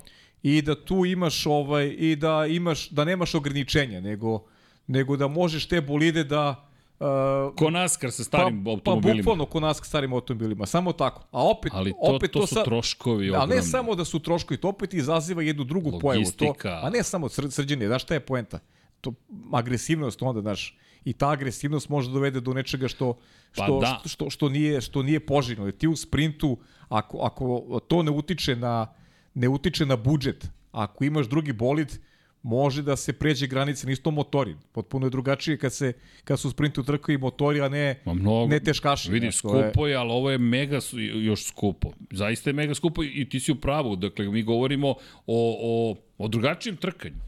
A i pa evo, ajmo ovako, u sprintu. Da li stvarno vidiš čak i da je sprint u kojem je sve dozvoljeno u Formuli 1 ima neku šansu protiv najboljih bolida? Nema, nema nikakvu šansu i pritom meni su sve sprint trke bile dosadne s izuzetkom one gde je Lewis Hamilton U Brazilu. U Brazilu gde je nadoknađivao mnogo pozicija i sebi obezbedio obezbedio super start. Inače, inače ono, ja, meni se sprint uopšte ne sviđa. Kao što mi je u MotoGP-u super, tako u Formula 1 ne vidim, ne vidim svrhu uopšte. Vidi, ja imam problem, vraćam se na to. Da li su ova pravila promenile stvari? Jesmo mi sada dobili uzbudljivije trkanje? Ne, ne. Ja ne vidim baš toliku razliku. Da li je uzbudljivo u donjem domu? Pa jeste, ali nije da nije bilo uzbudljivo i pre. Vidi, stabilnost pravila je 2021. dovela do toga da smo imali svega. Krajnjem slučaju, da ne zaboravimo McLaren koji je pobedio, legitimno je pobedio u, u Italiji, u Monci. Nisu oni pobedili zato što je došlo do kontakta između Hamiltona i Verstappena. Ricardo je dalje bio prvi u tom momentu. On je u sprintu uspeo da ih Ta šta pretekne. mi se još ne sviđa u sprintu u Formuli, što, što sprint određuje Startni, Startni poredak. poredak. E, apropo Bakua, to više neće biti slučaj. Usvojeno je, ako još prođe Međunarodna automobilska federacija, ako usvoji, šta ćemo imati u Baku? U petak popodne imamo kvalifikacije umesto treninga broj 2, vozimo kvalifikacije i određujemo startni poredak za nedelju. A onda u subotu trening broj 3, koji ničemu nije služio de facto, je sada pretvoren u kvalifikaciju opet Q1, Q2, Q3 za sprint trku koja više ne utiče na startni poredak u nedelju. Što znači imamo trening 1, kvalifikacije za glavnu trku, kvalifikacije onda su u subotu ujutru za sprint trku, sprint trku koja je odvojena od glavne trke i glavnu trku. to opet dovo- dovodi do onoga, do onog predloga Dominikalije da se ukine Upravo da se ukinu dva treninga. Ovako bi imao jedan trening Da, da, da, to je to. Da, dakle, Da, da, pa da, on je, on je traži da se, da se priča je da se ukinu oba treninga, ali ovo je sad drugačiji sistem. ali znaš. nisam čuo za prvi trening. Mislio sam, pošto će biti samo jedan trening, da neće biti problem. Da će biti duži ili problem? A ne, ko ne, ma zna ja. šta ćemo dobiti. Sad mi čekamo zapravo konačnu odluku. Ali ovo što si rekao, na kraju ćemo doći do ukidanja treninga. Ali ih nećemo ukinuti, nego ćemo imati... Ti si paju pravo, ti si genije. Znaš šta će da se desi? Oni sada otišli su, ne, ne, ozbiljno, to što otišao Stefane Dominikali u Portugal, to znači da je on otišao da vidi kako izgleda sprint trka u subotu, moje mišljenje. Moramo da ga pitamo negde, ali ti sada kroz MotoGP imaš U, da nisu oni pričali. Vi imate sprint kvalifikacije, mi ćemo sprint trke cela sezona, ajde vidimo kako ide vaš eksperiment. Još ako hoće da se udruže, to znači da zajedno rade na, na tome da bude što veći spektakl. A onda, možda će ovo biti budućnost Formula 1, da svaki vikend zapravo bude trening 1, kvalifikacije za nedelju, kvalifikacije za subotu, sprint u subotu, trka u nedelju. Pazi, iz, iz perspektive gledaoca, znaš, neki put da se, da se da ist, isto iz staze voze Formula 1 i MotoGP bi bio pravi spektakl. Iz, Zamisli. ne, ne znam šta dobija, šta dobija Nova publika. Da, pa ne, ne, Mešanje ne, publike. ne, ne samo to, nego, znaš, vjerojatno se tu onda dele se prihodi, kako to ide, znaš. Ne znam šta dobiju jedni i drugi, znaš. Formula već ima te kapacitete gde da, da je svaka da je da je svaka trka popunjena sa mak, maksimalnim kapacitetima. Za šta dobiju? Znaš, šta ti dobijaš tu da da dođe i MotoGP kao neka ajde kažem potpunu dominaciju. Pa jo, i koliko ljudi, vezi, sve više ljudi se meša, preliva se, iz jednog sporta u drugi dolaze, ali i još uvek postoji jasno odvajanje između Moto Grand Prix i Formula 1. Sad samo zamisli gledalca Moto Grand Prix-a koji dođe na Moto Grand Prix trku i kaže, šta, otići će sa Formula 1? Nema šanse, A ostaće da, da, nema, vidi. pa dobro, nema šanse, ali da li misliš da bi Možda ta brojka privuče. u Australiji od 444.000 gledalaca, da li bi, koliko bi bila veća, znaš, za jedan vikend? Pa, znaš šta, ne znam, ali ja ne Da li, to. da, li, da li ima kapacitete da bude veća? Ne u tom trenutku. Možda ne u tom trenutku, Pajo. Ali možda će ukupno biti veća gledanost, veće interesovanje. Jer možda će čuveni Rich, jel te, da skoči. I Moto Grand Prix takođe možda će više da dobije. Moto Grand Prix sigurno trenutno može više da dobije pošto se smanjuje broj gledalaca. Ali, a show nije loš, naprotiv, show je spektakularan. Međutim, što ti kažeš, nema kulta ličnosti. E sad, Ovo su samo naglas razmišljanja. Nisam duboko analizirao situaciju, nagađam, ali ti, na primjer, šta daje for, Formula 1 daje, znaš šta će da se desi? Više trka. Ako imaš više trka, treba ti ipak više gledalaca. Još veća baza, ne milijarda, milijarda i po. Jer to je priroda kapitalizma. Tražiš samo da rast postoji. Da, Ali- vidiš da smo lag- lagano klizimo ka tome da sve manje pričamo o trkanju, a da pričamo o Pogledaj, sporednim ali stvarima. znaš, tako je izgledala trka u Australiji. To je ono što smo pričali ti i ja. Hoćemo mi pričati o trci ili ćemo pričati o svemu što se događalo oko trke? A u trci je bilo zanimljivih momenta. Otkazivanje motora Đorđa Rasela uopšte nije naivna stvar. Čekaj, hoće sada Mercedes imati, ne samo Mercedes, probleme sa pouzdanošću. To što je Čeko Perez ubacio treću kontrolnu elektroniku u bolid i treću bateriju, Jel to znači da Red Bull ima veći problem nego što smo mislili? Jel, da li je Ferrari onda imao samo nesrećan slučaj da se u nezgodnim trenucima njemu desi otkazivanje kontrolne Što bi, elektronike? rekao, što bi rekao jedan čovjek koga poznajemo obojica, šta je poenta crvenih zastava? Po, po, pojačana, pojačana prodaja hot dogova i kokica u pauzi. Gospodin Marković, pozdravi ga. Da. Pozdravi ga. A Deki, ko je, Dekijev komentar na trku je bio, vi znate da sam ja staromodan. 75% Ko- trke. Konzervativan. Konzervativan. konzervativan. 75% trke je odvezeno. Crvena zastava je kraj trke.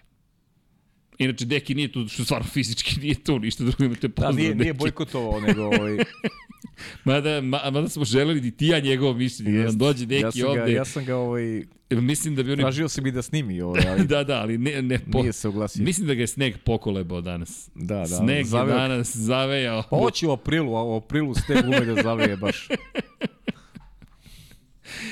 Au, da, ali, ali da, i sve što se priča, sve o čemu se priča je zapravo šta se sve Pa izdešavalo. eto, pa uveli su nas u to. Razumeš? Oni su nas uveli u to. Uvode nas lagano u, ne znam, u neku priču koja veze nema sa sportom. Nažalost. Da imaš, pa to ono ranije smo pričali, imaš, imaš dve, dva, dva pogleda, imaš taj finansijski i imaš sportski. Mene iskreno taj finansijski ne zanima, zato što, ne znam, možda ne, ne participiram u tom, znaš, ono, u tom miljevu. Ovde smo hiljada, hiljada kilometra daleko i dalje smo entuzijastični. Inzulir, insulirani. Da, e, e, emotivni kad je Formula 1 u pitanju i malo nedostaje te neke, ovaj, te neke tradicije koja, koja nas uvela u, u, u čistu emociju. Tako da, a opet, Slušaj. znaš, ja razumem, ovaj, razumem šta oni hoće, razumem, ali ne mogu da podržim. To je to. Ali, ali, ali slušao, dakle, imamo još. Da li je Max Verstappen trebalo da bude kažen za poziciju na startu ili ne? dakle, ima, ima priča koliko god hoćete, ali sve to je jednostavno deo nečega što nije bilo na stazi. Na stazi i vraćam se sada na Maxa Verstappena da pokušam, čovek dominira trenutno, nema ko da mu odgovori i opet moje pajo pitanje, da li smo mi izmenama pravilnika 2022. dobili brže neizvesnije trkanje? A dobili smo, Samo promenu na, na čelu ko je sad pa vlada. ne, dobili smo, dobili smo još jednu dominantnu ekipu. Pa da. Ali nemaš dve dominantne kao 2021. pa da imamo duel između njih. Ti imaš, ti si imao dve dominantne, pa da, imao si 2021. Da. Pa da je 21. Dve dominantne. Ili dva dominantna čoveka, ako hoćeš. Do, Ali je, i kombinacija ekip- tih ekip, ekipa da. i čovek. I ekipe, jeste. Red Bullu pri, po prvi deo sezone, Mercedesu drugi deo sezone, Hamilton, Verstappen, to je ono Dobro, što pra- svi znaš, želimo. Ok, i, i tu si imao oko čega da praviš priču. Ovo su lažne priče, ovo su, A sve su ovo vesti... su pa, paparaco priče. Jesu. Znaš, ovo su potpuno žuta štampa, klasična, ali... Znaš, šta da se radi? Dobro. to je, to je opet ona teorija, pričali smo i sa Dekijem, ovaj, uh, mislim da sam ti, baš sam ovaj, ti ja smo malo oko toga polemisali. Ovaj, važno je praviti priču i danas sve tako funkcioniše. Pravi, praviti priču po svaku cenu. Po svaku cenu. Šta god da se dešava, mi ćemo napravimo priču. Vi ćete sada se vrtiti oko crvene zastave, smo mi tako hteli. Da će sledeći trci biti crvene zastave, pa, znaš, Može da bude, ne mora da znači. Ne mora da znači. Ali čekaj, ajmo sad, mi idemo u mo, možda će, ajde, opet sad, pa, evo. u stvari ne zanima me kako će navijači da reaguju, možda će Max Verstappen sledeći put da, da menja prvi gume, pa, ovaj, pa ne bude bilo crvenih zastava. Jer kažem, oni, oni nama daju za pravo da mi pravimo teorije zavere. Da, bukvalno da Daju polem... za pravo. Ali ne, Ti Pajo. momci, ti ne. momci nemaju nemaju nikakve veze. Ne. Ali oni nama svima daju za pravo da se mi bavimo. Zašto uvek od crvenih zastava profitira neko ko je šampion? Zašto neko od crvenih zastava ne profitira neko ko, ko je, ne znam, ko je Niko Hulkenberg?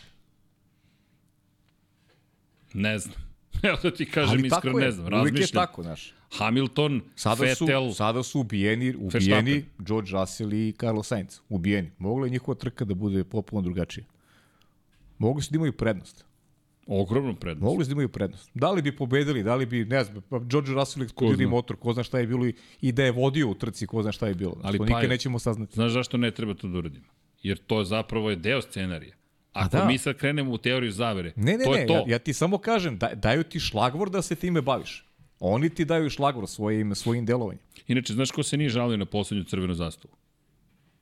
Ajde da pogađate. Ko se nije žalio na poslednju crvenu zastavu? Kako? Od vozača i šefova timova. Joe? Ne, ne, Christian Horner se nije žalio na poslednju crvenu zastavu, a Sergio Perez je tu nasledio dosta pozicija. Ali to ti isto pravilo. Kad ti odgovara, žal, ne žališ se, kad ti ne odgovara, žališ se. Pa da, pa ali nema veze. E, vidi, ali, ali, ali ok, drama se desila. Meni je fascinantno bilo da ne znam e, ko je izveštavao i rekao nikad uzbudljivije velika nagrada Australije. Sam rekao, okay, da smo gledali istu trku, ali to što ti kažeš, možda smo mi samo pa, suviše staromodni ili šta god. Kako god, sve vesti se bave crvenom zastavom. I šta će se je to, desiti, da. šta je trebalo da se desi. Apropo, inače, timova, Red Bull Racing, prva pozicija, peta pozicija, najbrži krug manje više obavljen posao. Ono što je bitno Red Bull Racingu takođe bilo, Maxu da da pobedu na mestu na, kojem nikad nije, na kojem nikad nije pobedio i da se vrati na prvu poziciju posle 12 godina kada su Sebastian, sa Sebastianom Vettelom jedini put slavili ovde. I to je učinjeno. I bukvalno nisu krili. Cilj je da Verstappen pobedi, da upiše veliku nagradu Australije u rekorde, knjige u rekorda i da kaže i ta staza je pokorena. I pokorena. Jer ako pogledamo, Bahrein pokoren, Saudijska Arabija prošle godine, sada pokorena Australija, sada se ide u Baku. Je li imamo pobedu u Baku? Pa ne znam, ono čekaj kad boje, da proverim. možda i nema. Mm, da vidimo da li ima pobedu. Ne mogu da se setim. Kako, kako? Ove godine će imati, ovde dobacuju. Pa da, ne mora Čekaj. znači, sad neće proći sezona tako Ima, pa što prošle će... godine je pobedio. Da, neće proći sezona tako što će ovaj Prošle Max godine je i Red pobedio. Bull da pobeđuju na svakoj trci. Biće tu naravno, ali Sergio je pobedio one na, tamo na godine. duže stazi realno ne može niko ništa i I ono malo pre što sam rekao, nije upreno, nije upreno protiv Maksa, nego Ma- je prosto, prosto ovaj, Pa dobro, samo glasno razmišljamo na, na račun to isto onoga što rade pitanje si sudije. mogu da postojiš i za vreme ere Hamiltona i za vreme ere tako je, Fetela. je. Seti se, pričali smo i o Fetelu u Monaku. Koja to beše godina? 2013. godina. Jer ovo je najbolje... Bio je po- pod pritiskom prvi put, izvini, te sezone ozbiljnijem i dođe crvene zastave, on stavi nove gume i ćao. Ne, ovo je definitivno najbolja ovaj, godina u kojoj možemo da poredimo Red Bull sa tom erom dominacije Mercedesa. Ovo je stvarno im ti vidiš tu razliku na, na pravcu između Red Bulla i Mercedesa, ono, ono je komično. Iz, izgleda zastrašujuće. Pa ne, tužno. Ono, Komično upravo Ono je bolje da nam nisu dali ono da vidimo. Samo nas ubiju pojan, sve nas koji želimo da gledamo kvalitetno trkanje. Znaš, kako je prošao Max pored Luisa kao, kao da ga nema, bukvalno. E da, i, i, i mi izvini, ima još jedna bitna stvar u toj cijeloj priči. Kada pričamo o Red Bullu, kada će iko moći da se suprotstavi Red Bullu? Do kraja ove sezone, ako para nema u budžetu, ko može da im se približi?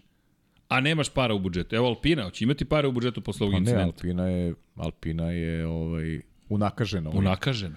Unakazili su ih ovi sa crvenim zastavama. I ti sad dolaziš u situaciju da će oni zbog štete koje je naneta na oba bolida doći u situaciju je- da ne mogu da plate je nove je- unapređenja. je- jedno od duplih pravila te ograničeni budžet. Zato što Može da Budžet po uzoru na vreme u aerotunelu da se uvede. Kako to mislite? Nižim Dobro. Ali to je samo na kraju sezone. Oni koji imaju lošiju poziciju u šampionatu konstruktora imaju više vremena u aerotunelu i imaju više prava za razvoj. Ali ne utiče na, kada pričamo o budžetu koji imaš za ovu godinu, nema nema promjena. Ti imaš vreme koje ti je definisano na početku sezone i budžet je definisan na početku sezone i za sve isti. Ti možeš da zaradiš, to je drugo. Sad timovi mogu da zarade, ali ne mogu potrošiti to na razvoj svojih A ne, ali ajde šta smo dobili s tim pravilom sa ograničenim budžetima?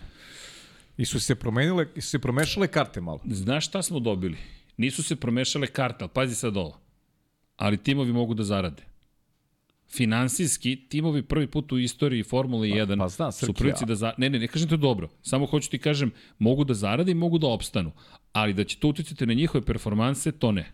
Ja ne vidim kako ćeš, jel se Haas odjednom poboljšao značajno. Imaće evo početak sezone Pa, to će biti to. Mora ti priznat da mene samo taj deo priče zanima, taj sportski. Ali kažem ti, opet se vraća na biznis, ne na sport. Pa da, okej. Sve ide na biznis. Ali, ali ti nisi dobio, nisi dobio sportski ništa sa tim promenama pravilnika.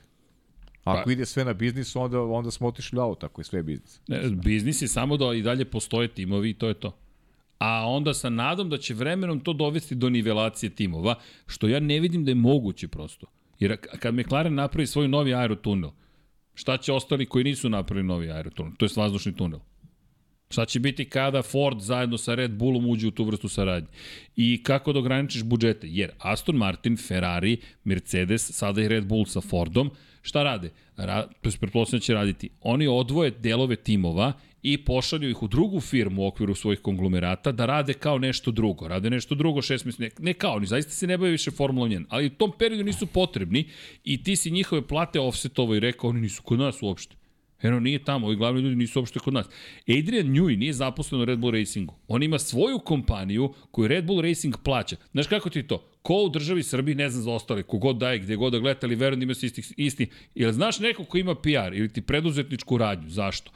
Angažuješ nekoga ko ima preduzetničku radnju, da ti zapravo nije zaposlen, on je third party supplier. I tako je sada Adrian Newey zapravo snabdevač Red Bull Racinga. Njegov ugovor verujem da je prilično, jel te, zategnut, ali ti to radiš. I veliki timovi će to uvek raditi. Imaće skuplje advokate, bolje knjigovođe, kako god.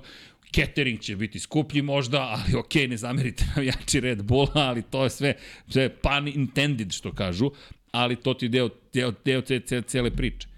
Bukvalno deo priče. I na šta je najtužnije? Znaš šta mi, šta mi teško pada? Znaš o kome bih hteo da, da pričam? A ne možemo. Carlos Sainz.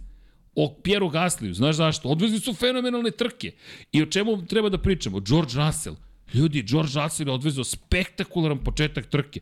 Za, ajde neka sad, evo glasam, dakle, evo vam glasanje. Koliko, ne, od 0 do 100, koliko ste bili uzbuđeni na početku trke, kada ste imali Georgea Russella, Luisa Hamiltona na prve dve pozicije, Maxa Verstappena na trećem mestu, izlazi vozilo bezbednosti, Russell povlači potez, ne povlače ga Hamilton i Verstappen, Sainz ga povlači i mi imamo, to je trka. E, vidiš, eto sad, konačno pričamo o pravim stvarima, znaš. Razumeš? Konačno pričamo o pravim stvarima, na što su nas navukli. Ovaj. I zato ti kažem, ovaj, jedan od razloga što ja ne gledam Drive to Survive, zato što nas Drive to Survive uveo u reality. Znaš, Formula je postala reality i postala je ovaj... Uh, postala je meka za eto te priče kao znaš šta je bilo iza kul i okej okay, neka postoji sve okej okay. ali u tom stilu su počeli da se ponašaju oni koji u, koji treba koji utiču presudno na to kako će trke da nam izgledaju I meni se to apsolutno ne dopada. Ne, vidi, ja patim što nećemo doživjeti tu trku. Iskreno ti kažem, patim. Jer hoću da vidim šta su mogli da urade svi zajedno. Koli, vidi, da li bi Max pobedio? Pa gotovo sigurno bi pobedio. A kakve veze ima? Hoću da vidim kako bi pobedio. A to ti kažem. Hoću da vidim šta bi Mercedes pa, tako uradio. je, hoću da vidim, hoću da vidim šta bi strateški izašlo iz te trke. Sad, da ti kažem, ja isto mislim koji i ti. Ja mislim bi na kraju Max Verstappen ponovo pobedio. To je moje mišljenje.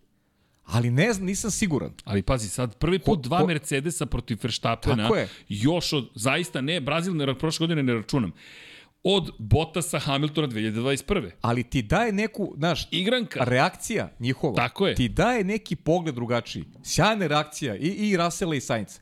I kao što si rekao, i to su za mene tri junaka trke. To su za mene tri junaka trke. Definitivno. Sainz, Sainz, Russell Russell i ko ti treći? i treći mi je, treći mi je, Kako? šta smo rekli? Ne, Gasly. Ne, Gasly, bravo, i Gasly, Ne, i Gasly, Sainz i Tako je. Russell, tako je, tako je. Prvo Russell i Sainz, onda Gasly.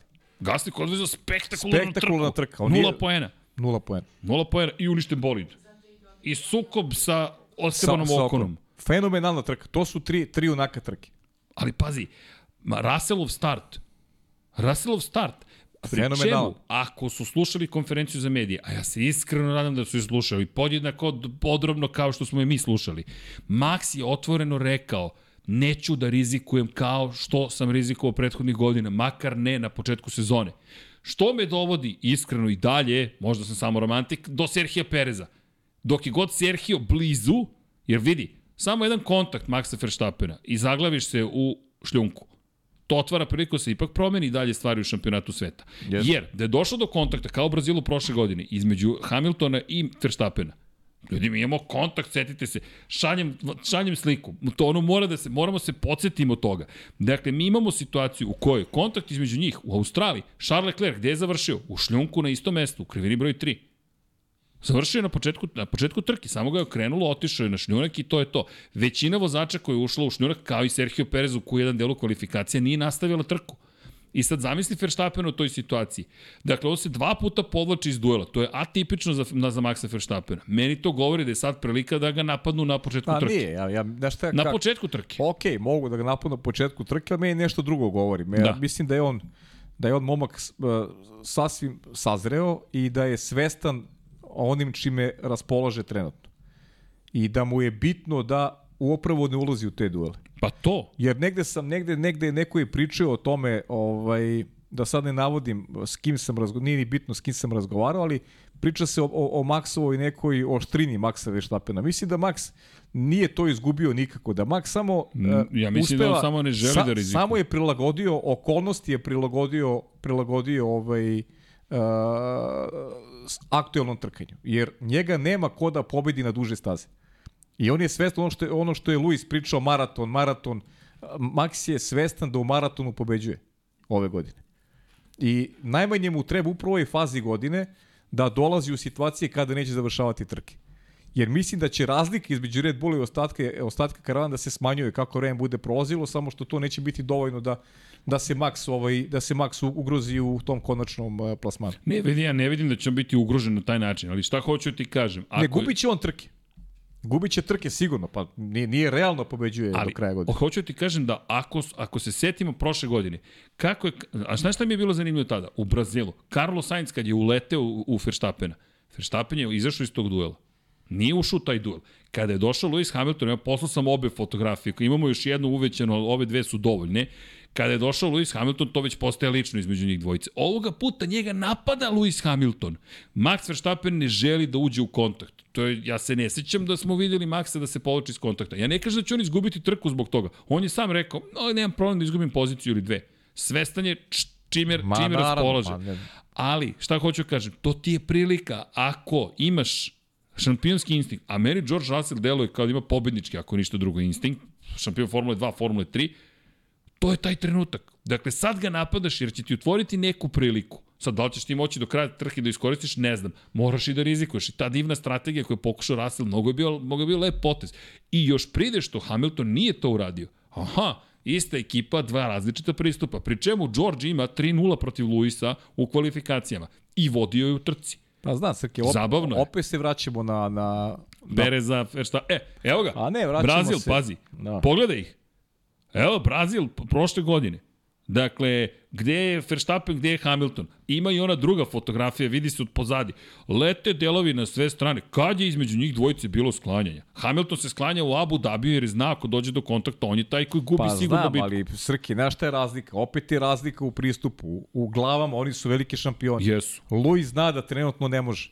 Max zna da... da Može. Pa da može i da mu, da mu ne može niko ništa na duže staze. Luis kad bude osetio, to je ona priča vezano za... Pa čekaj, zar nije ro- realno da, da George Russell a, pokazuje više energije, više želje, da, da je agresivniji? Pa on je taj koji nije osvojio ništa u karijeri. I on treba da se dokazuje iz trke u trku. Kome treba Lewis Hamilton da se dokazuje? Pa nema čemu, kome da se Kome dokazuje. da se dokazuje, naravno. veliki šampion, možda i najveći koji ikada vozio. Da, da, ali ja nešto drugo hoću ti kažem, ovo je sad prilika da se baviš Maxom Verstappenom u smislu, ej, Pa jer dobro, kad ali- dođe druga polovina sezone, a, ako se ovako nastavi s poenima, neće se on sklanjati nikome. Ne, sad ne. ti je šans. Kad, ne, ne, ne, ali kad dođe druga polovina sezone, drugačije, će- drugačije će se i Luis trkati protiv Maxa. Jer će razlika biti manja. Moći da se trkaju. Sada još ne mogu. Ok, sad ne, sad, pa nije on ni branio Pa ono ne drugo. mogu, znaš, nije on, nije on Ali- klinac. On, on zna šta može trenutno. Da, ali, ali moram ti priznam, meni, se, meni sve te sekvence su mi... A video si, video Bitne. si, za, zašto dobili smo priliku? Dobili smo priliku, Luis protiv Maxa u restartu.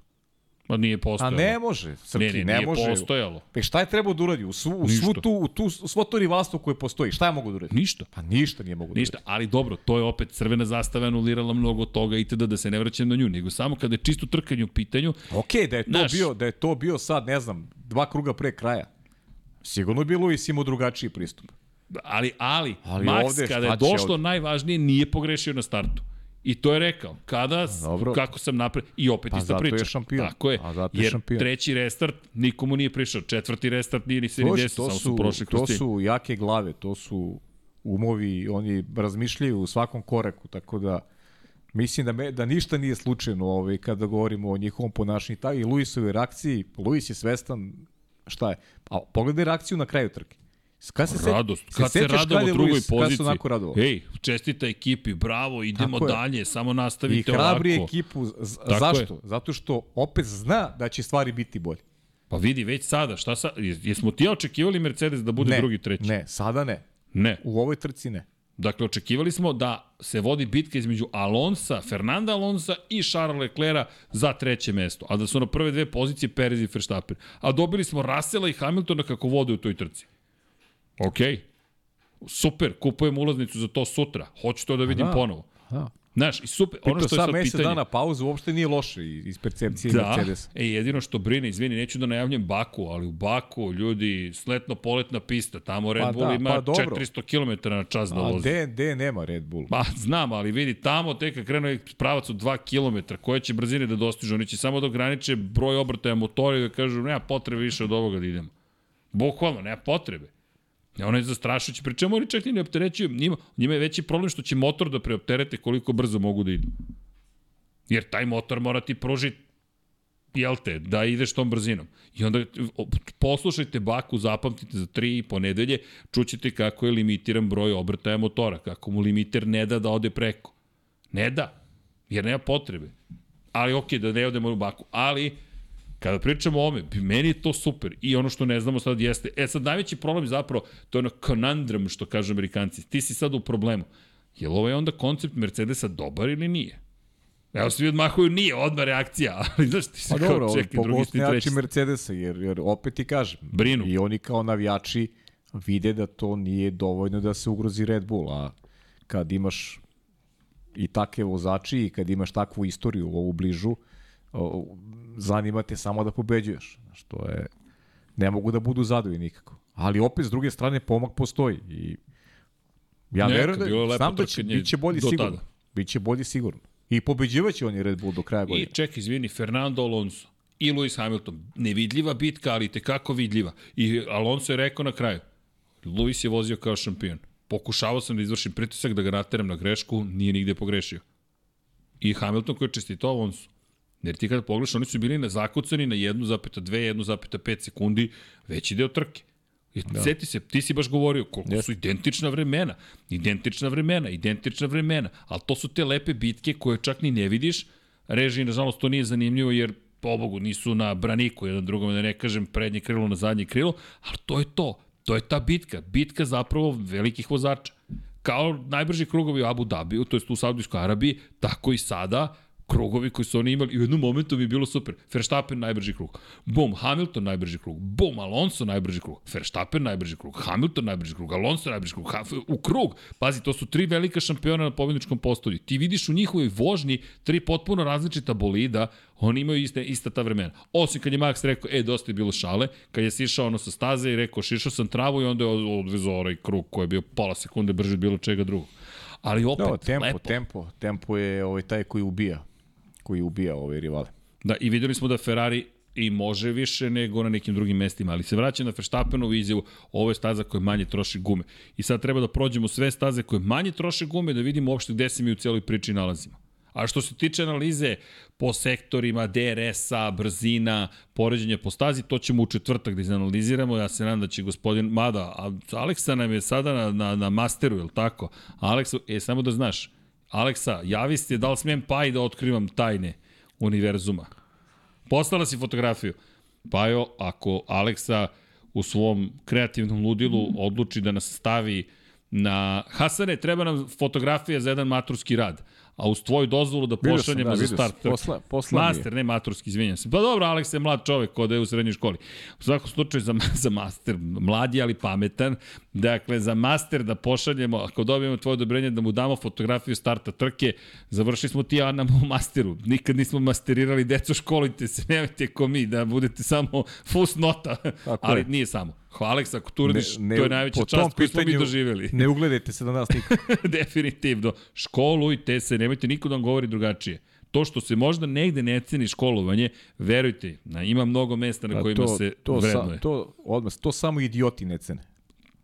Eto. A da...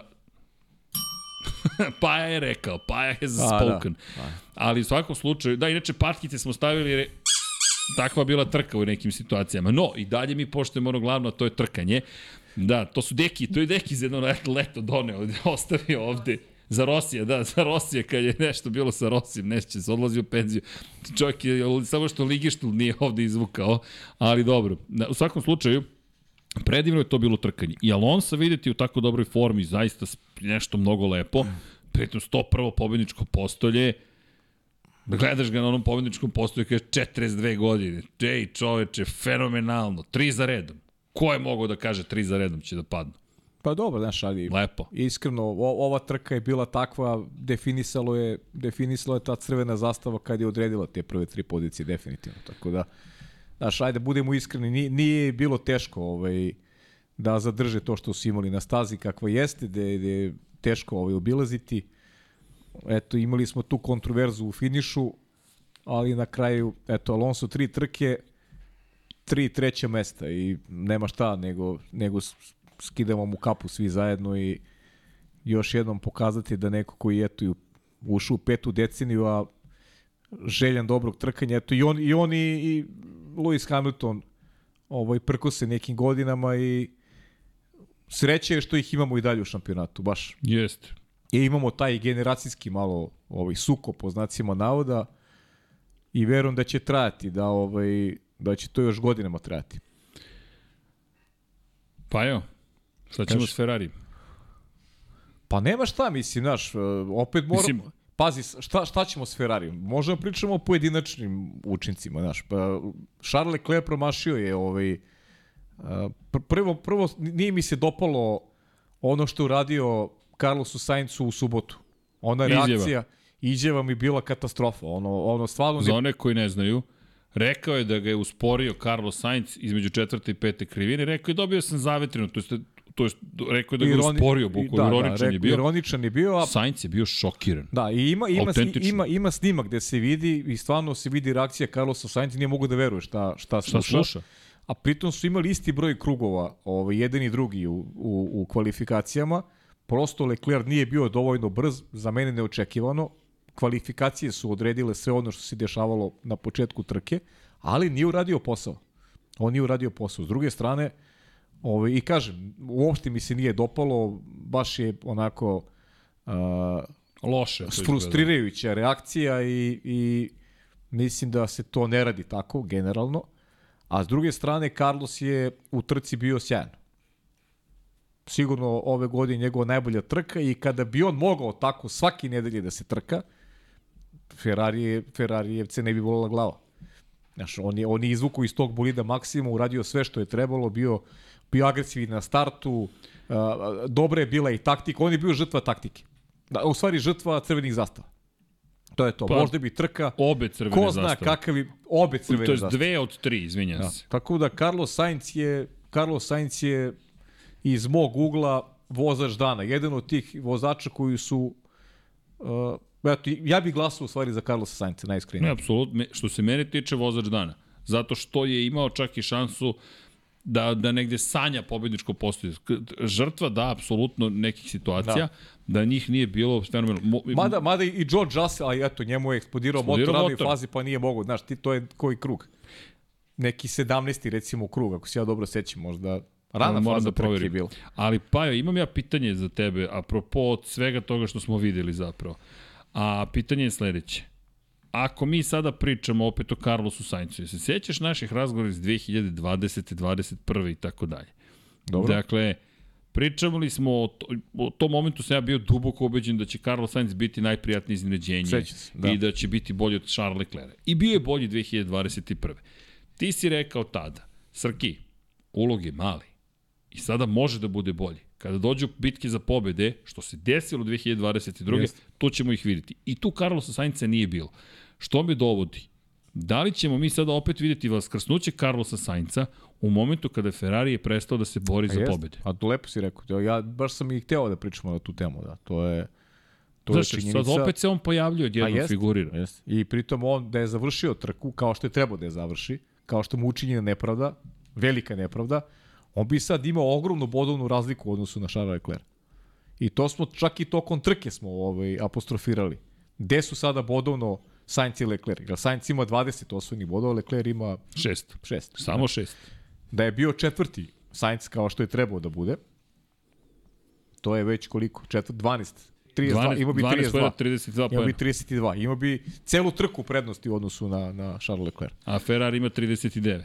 Tako je. Što me dovodi? Treća trka, evo, mladi gospodin koji navija za Ferrari, iako nema ništa crveno na sebi večeras, ali dobro, samo u oča. Dok ne bude postolje. ok, ovo je ono, ovo je a, a, ultimate a, ono, A, dobro. bajanje. Ne nosi crveno dok se ne popnemo na pobedničko. Svi Ferrarijevci, ne nosite crveno dok se ne popnete na pobedničko postolje. Dakle, onda ponovo crvena boja.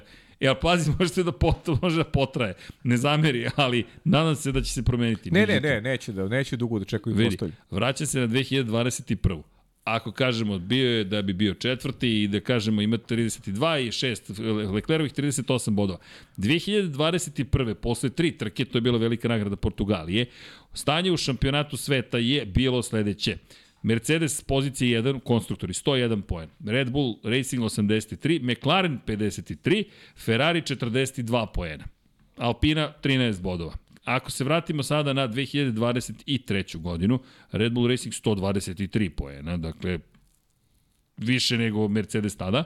65 poena Aston Martin, Mercedes 56, 26 Ferrari. Inače, možda je najveći junaci cijele priče, 12 poena McLaren Mercedes na poziciji broj 5, on njima tek ceo segment treba da se odvoji. Ako se neko rodio pod srećnom zvezdom, to je bio tim McLaren u Australiji, ali što hoću da kažem, Ferrari se vratio u period pre. I dolazimo opet na tvoju teoriju, jedna godina dobra, jedna godina loša, jedna godina dobra, jedna godina loša i tako ukrug. Najlakše je sad ovima iz ekipe, znaš, ne moraju da razmišljaju o tome da nekome daju, tačnije da Leclerc daju ulogu vozača broj 1, što je... Za šta mu daješ ulogu? Pa ne, za ne, petu pa ne, poziciju, za ovo, za, ovo se, za ovo se to ne radi, znaš, ali ja i dalje mislim da ako Ferrari bude došao ove godine u priliku da pobedi nekoj trci, da će to biti Charles Leclerc. Znaš, to je... I sada opet nema, nema nekog kontinuiteta, u krajnjem slučaju nije ni važan, zato što mnogo su daleko od Red Bulla. Ova sezona je iz teh nekih šampionskih ambi, ambicija promašena priča. Jel, To to će to. mi biti fascinantno. Dakle, Leclerc te godine, 2021. Jedna druga pozicija od pobjedničkih postolja, Sainz tri puta treći, jednom drugi. Mona, mona, ne znam, ne znam na pamet, mogu da pogledam. Evo, gospodin sve pamti. Ko je bio treći? Lando, a, odmah se vraća. To, toga se sećam. To je moglo da bude Ko je mo... Kako mlad, kako mlad mozak sve pa. A, sve pamti. ali, ali doći mi na Filipe Masu, možda vašeg novog šampiona, 15 godina kasnije. Kako je to tek priča, znaš, 15 godina kasnije Ferrari ima... no- Znaš, zamisli, to bi bila vrhunska ironija. 15 godina kasnije Ferrari ima novog šampiona, ali iz 2008. godine. To je tek ludilo. Zamisli onda Hamiltona Pa i... i meni je- to, to je... Me, ne. meni je to neozbiljno, ali, ali, Neozbiljno. ali Felipe ima pravo na račun onoga što je čuo. Tako je. A opet s druge strane, stvarno je sad Bizarno je. sada je. vrteti po nekoj 2008. i ne znam, ovaj, stvarno mi je I, I uklapa se u onu celu priču reality. Opet pričamo o opet nečemu. pričamo opet reality. Da, ali ok, da, da ne pobegnemo tamo još, nego samo da se, da se vratimo na ovu priču.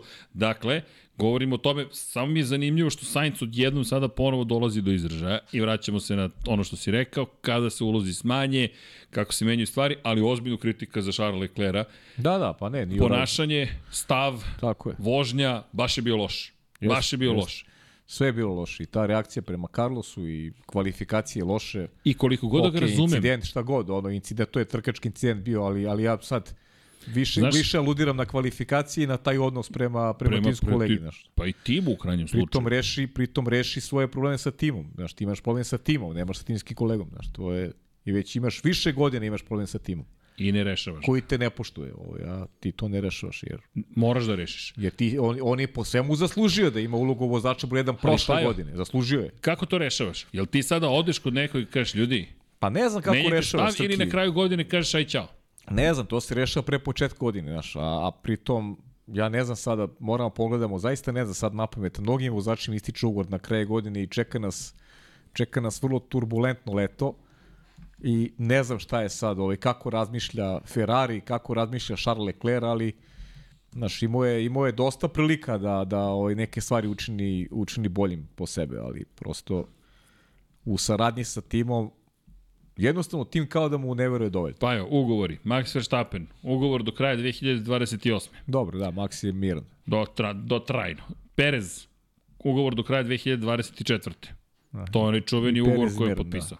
Lewis Hamilton, ugovor ističe na kraju 2023. Tako je. George Russell, ugovor ističe na kraju 2023. Leclerc, 24. 24. Sainz. Zatim, Lando Norris, 2025. u McLarenu. Agonija. Pa Piastri do kraja 2024. Alonso do kraja 2024. Lance Stroll, nepoznata dužina ugovora. Zauvek. Zauvek. Jedini ugovor za koji se ne zna. Pa on je, on je, pa da, on je potpisao, on je potpisao ugovor po rođenju, po rođenju. Pa ne, znam, znam si njegovu vezu. Alo, mama, misli, tata... Daj vidi s tatom ovo da završim. pa stvarno, pa vidi, e, a pritom mi ga hvalimo s razlogom, dečko dobro vozi, ali veruj mi da mi tata vlasnik Aston Martin Formula 1 i da neće mi da sedište, zove mamu istog trenutka, alo mama, mislim vidi, zna se ko može da utiče zaista na njega. Šta ti je, zovem cijelu užu i bližu i širu porodicu Pokvarit ćeš odnos, ma pustiti to, ja hoću da vozim u Formuli 1. Ali ne kažem da to on radi, samo je smešno. Dužina je nepoznata trajanje ugovora. Gasli, kraj 2024. Okon 2024. Bottas do kraja 2025. Ali, znaš na koga me podsjeća Valteri?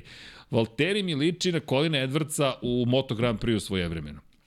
Bukvalno, početak ugovora vozi, Onda, sredina ugovora, nema ga nigde, pošto je Valtteri bio katastrofalan ovog vikenda, i onda dođe kraj ugovora, odjednom skače forma kako se Pa kreću ali pregovori. dokle smo onda došli? Znači, ti ima, imaš samo Mercedes u samo kritični u stvari. E, Joe 2023. Joe, uh, De Vries do 24. Cunoda 23. Albon 23. Sargent 23. Magnussen 23. Hulkenberg 24. Pa dobro, znači nema mnogo. Iz, iz, iz, te, iz tog gornjeg doma znači, imamo samo Mercedes koji je kritičan. I imamo, da, oba vozača A Mercedes. ti imaš oba vozača Ferrari znači, koji su pod ugovorom i za, Tako je. i za 24. Tako je. A to znači, do 2000, to znači zaključno sa 2024. Tako je. Tako? Da. Kraj 2024. Da, da, znači, pa dobro, eto, mo- može to da bude onda i posljednja šansa. Pazi, to je šesta godina u Ferrariju za Leclera, da. sedma u Formuli Da. 1, dođu smo mi do decenije Leclerove u Formuli 1 kad se pre to desilo. Dobro. I šta onda? I opet pitanje moje, kad rešavaš svoje probleme? Rešavaš sada, odeš u Ferrari i kažeš imam problem pa ne, ali, ili ti, ti, kraj sezone, ali, znaš, kada? Ali, mislim, Ili kažeš ne vozim, neću. pa ne, ti sad nemaš problem. Koji ti problem imaš sad? Ti si sad izmislio problem. Ovo je, ovo je, izmi, A ovo ne, je izmišljen pa problem. imaš problem koji se vuče, ti- koji nisi rešio na vreme. Tako je, na, ti si sad, ti reaguješ, ti reaguješ sada kada nije bilo povod da se reaguje. A kada, je, kada je si očigledan problem imao sa timom, očigledno ga nisi rešili. Mi bar ne znamo sad, opet ljudi, mi pričamo, ne baratamo sa dovoljno informacije. Jer ne znamo šta se dešava iza, zatvorenih vrata. Tako je, to pojma. ne znamo. A ovo što se dogodilo, ima ljudi ima snimak. Ne, ne, I, i, snimak i, je poražavajući. Reakciji, reakcija Carlosa Sainca, on, on čovjek ne zna u čemu... On je frapiran. Ne, ne, ali pazi kad je, što pričaš, zašto, Bukvalno. čemu pričaš i zašto to pričaš? Bukvalno. To je kao kad bih ja bukvalno došao i rekao, um, ali, no, ali o, a- ovako, u Lab 76, Spaja mi je ugasio mikrofon u osmom minutu. Ja. I pa, molim, se ti nije dobro, ali bukvalno, pa valjda pričamo ti i ja ako imamo problem. Pre čemu, valjda odeš kod Sainca i kažeš, šta je bilo? Pa ne, rešiš i desilo? vrata sa timom. Tako je. ono baš, ne ti baš je bez medijima pričaš kako te klubski kolega usporio. I zvučiš kao loš gubitnik. Kao neko ko je poražen i umjesto kažeš super, Carlos odvezu sjajno, ja sam danas loš i idemo dalje, ali to sad nastavlja se urušavanje Ferrarija. Pri čemu? Moram nešto da te pitam. Šta radi Frederik Vasseur? Pa lepo ćaska sa Toto Wolfom, video sam da imaju baš dobar Lepo je.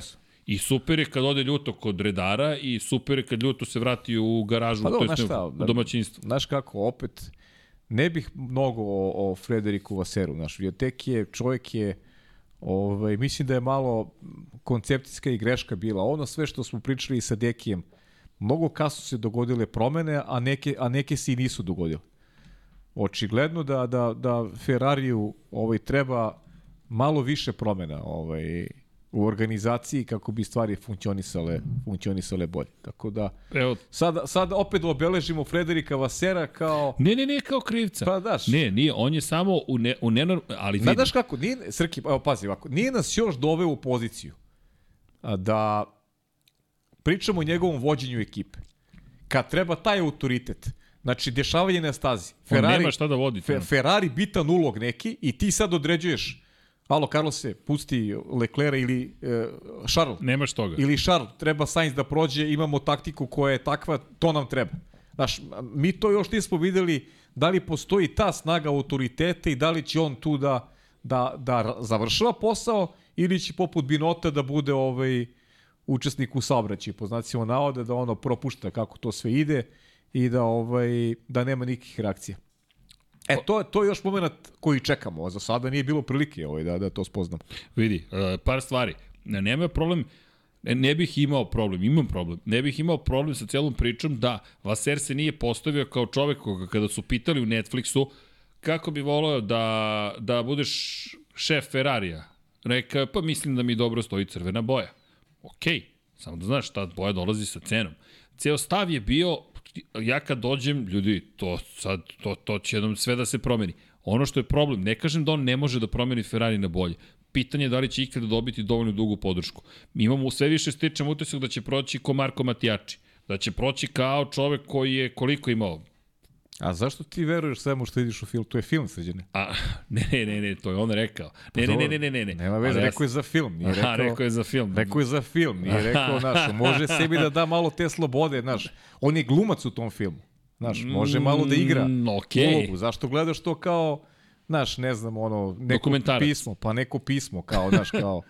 Uh, Pazi, u tom trenutku nosio Alfa Romeo. pa boje. dobro, čovjek može malo da se igra, znaš, da... Ali to je skupa igra kad ideš u Pa Ferrari. dobro, skupa igra, ali, znaš, to je igra za, za publiku malo.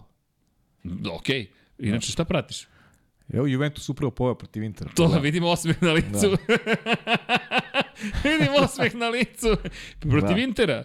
Čekaj, da. jedna od redkih ekipa koja je meni on, draga, zapravo. Pa zato i vodi Juventus.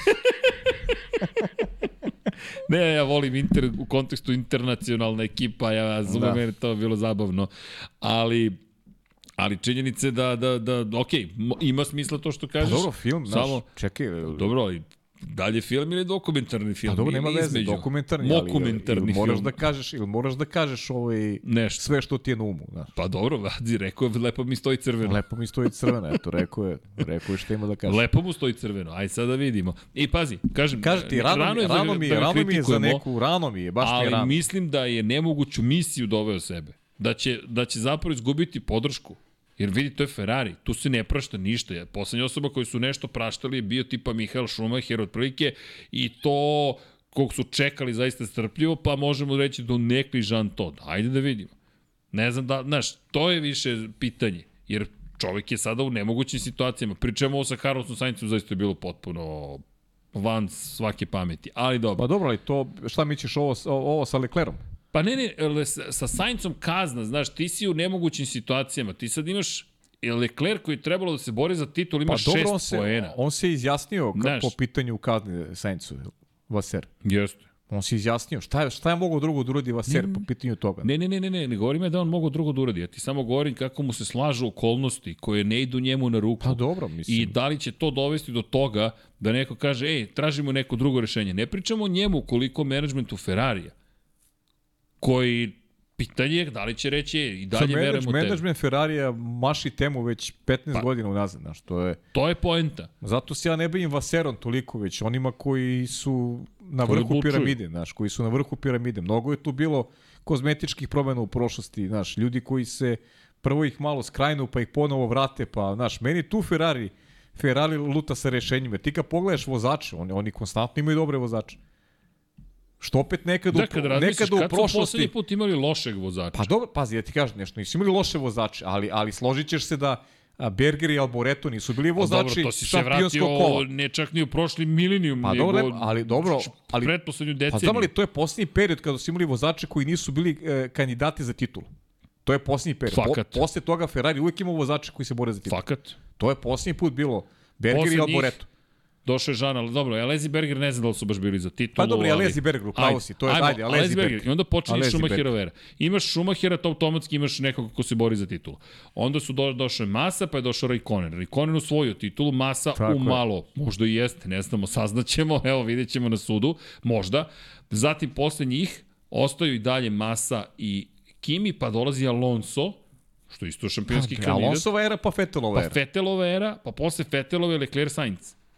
I Pa da. dalje verujem da mogu da budu... Pa ja verujem, znaš, ja, Leclerc je pokazao prošle godine da ima, da ima tog da, ima tog potencijala. Kad su poslednji, pa da, poslednji put kad nisu imali šampiona je bilo zapravo pre nego što je Kimi postao šampion. Pa ne, kažem ti, kad su poslije put imali tandem vozača koji nije pretio da možda osvoji titul. To su ti bili baš kao, rekao, Berger, Berger, Berger, 90, Alesi. Tako je, 1995. Jeste. Ste bili rođeni? Ne. Ne. Pa to da. ti kažem, ljudi nisu bili ni rođeni tada. Pretpost, ne znam, ne, da li ima, da, nije, I realno, nije rođena. i, i realno to nije, je, Nije, nije, nije, da. to je baš bio onako težak period za Ferrari, realno nisu bili, nisu bili u priči tih Druga, uopšte. drugačija organizacija kompletno. Ovo i dalje, koliko god da je promenjeno nasledđe koje su postavili. Ali u svakom slučaju, Ferrari ni blizu onoga što treba da bude. Realno. Realno nije. I nisu ni imali sreće. Bukvalno dobro, nisu, da. ni, imali- nisu To smo ove godine baš nisu imali sreće. Da, u dva navrata, ono, Leclerc odustajanje, pa kazna Pa evo za drugu i Sainz. trku. Tre- Po, treći put da i nemaju Sainz, sreće. Tako je, znači dosta tu bodova je Nestalo. nestalo. Ajde, nećemo da kažemo da je sreća sad to sa Leclerom posledice i njegovih loših kvalifikacija, prosto neke stvari se zato dešavaju u trci. za Sainz, Sainz, Sainz, Sainz, Sainz, da, Sainz, je imao sreće čovjek koji priča. Pogotovo što je zaslužio ili vozio je sjajnu trku. Jeste. Baš A, nije a na pogrešio. sve to je presmešna ta kazna koju je dobio. Presmešna. nešto što se zvanično nije ni desilo. Tako je. A onda dođeš do McLarena, šesta i osma pozicija. Ljudi, To, to je za fantaziju za mene. koji si u fantaziji? Ma da je, e, 17.630. I ja nemam pojma A koji ne sam znam fan. koji sam, ali ja sam očajan. Ja sam, ja sam igrao na tu neku, ajde, kao malo da se igram, kao da, da, da, da vidim, jer, jer stvarno to, to je taj momak mi se mnogo svideo Čekaj. u Formuli 2, Formuli 3, mislim na Piastrija, a Landa Norisa, Landa Norisa baš volim. 611. A, pa Odličan si ne. Pa daj, vidio sam ja tvoju ekipu, tu ekipa. reci. Tek ću ja, ja, Jare bez paje, ali nema bez tebe, nema naziva. Ne, ja sam neki, ja sam stvarno, ne znam, to možda zna koleginici s prode neki 17.000, neki, ja ni ne otvaram, nemam pojma. Dobro, pa ne, meni je u trku propastio Logan Sargent, izbacio mi nikada je vrisa. Obe Alpine. Obe Ne, Alpine. srećom nemam ih, ta, ne, nemam tamo. Pa ja imam, ja imam, i ok, ja imam Okona, recimo. Imam Okona, imam i Leclera, čini mi se. Tako? Da, Aha, imam i da. Leclera i ne znam ko, koga još imam. De, Hulka je trebalo ja da Ne ubacim. znam ko mi je treći. E, Hamilton, imam Ham, e, Hamilton mi je donao, do, imam Hamiltona. Opa! Imam Hamiltona i dva McLarena, oni su mi donali poen. Opa, jo, lepo. Da, da. Imam Hamiltona i dva Šta, McLarena. pukao skroz? Reconnecting. Nek se rekonektuje. Čekaj da vidimo brzinu interneta. Nadamo se da nas čujete. E, to je počelo ponovo da se dešava u poslu. Evo, sad je okej, a? Sad je, sad je okej. Okay. Opa, nadam se da ste nas čuli. Ako pukne stream, ljudi, otvorit ćemo novi stream. Evo, meni kaže ovde radi. Nemamo pojma, u poslednje vreme kažu da e, pričaju, kažu da internet super radi, a mi imamo pisane dokaze da ne radi super. Ali kad pozovete tehničku službu, kao ne, internet nikad bolji kod vas. Evo, šalji Hasan, kaže puku stream, ali ajde je sad okej. Puko- Hasan ne piši ako je dobro sad. Je li sad dobro? Jel smo na istom streamu? Oho, na istom smo streamu. Evo, kaže da radi. Ali sam Evo, stavio... kaže Hasan da je okej sad. 120 rekonektovanja sam stavio da uradi. Dakle, da pokušava do beskonačnosti otprilike. To infinity and beyond. Da, da, navodno radi stream nikad bolje sve, a morat će mi ponovo da rešamo. Ali dobro. Da. Koleginica iz prodaje nam je u komunikaciji nekoj. communication. E, elem, tu smo, tu smo ljudi, tako da ne idite nigde, show se nastavlja. Ali, e, da, kada pričamo, o čemu smo pričali? Da, o Piastriju i o Norrisu, i svaka čast za fantasy, pa Ajmo prvo Lando Norris. Ako pričamo o frustraciji, Charles Leclerc, Lando Norris. Lando Norris inače bio veoma kritičan prema Pirellijevim gumama. Rekao da je sramota da Pirelli napravi takve pneumatike na restartu. Još jedna stvar da dodamo, dimenzija X, a to je sledeće godine su u potpunosti ukidaju grejači guma. Isto je urađeno za one koji eventualno, evo ovde udumhivanje glavom, Ukoliko ne znate, u svetskom šampionatu izdržljivosti, gde se takmičimo hiperautomobilima, Toyota inače zabeležila prvu pobedu ove sezone u Sebringu, bila je impresivna, Ferrari je tu, Cadillac je tu, imate e, Peugeot, imate, imate e, ko nam se vratio još, e, to jest nije nam se vratio, nego Glickenhaus se takođe takmiči. Dakle, imate fenomenalnu grupu proizvođača koja izgleda sjajno.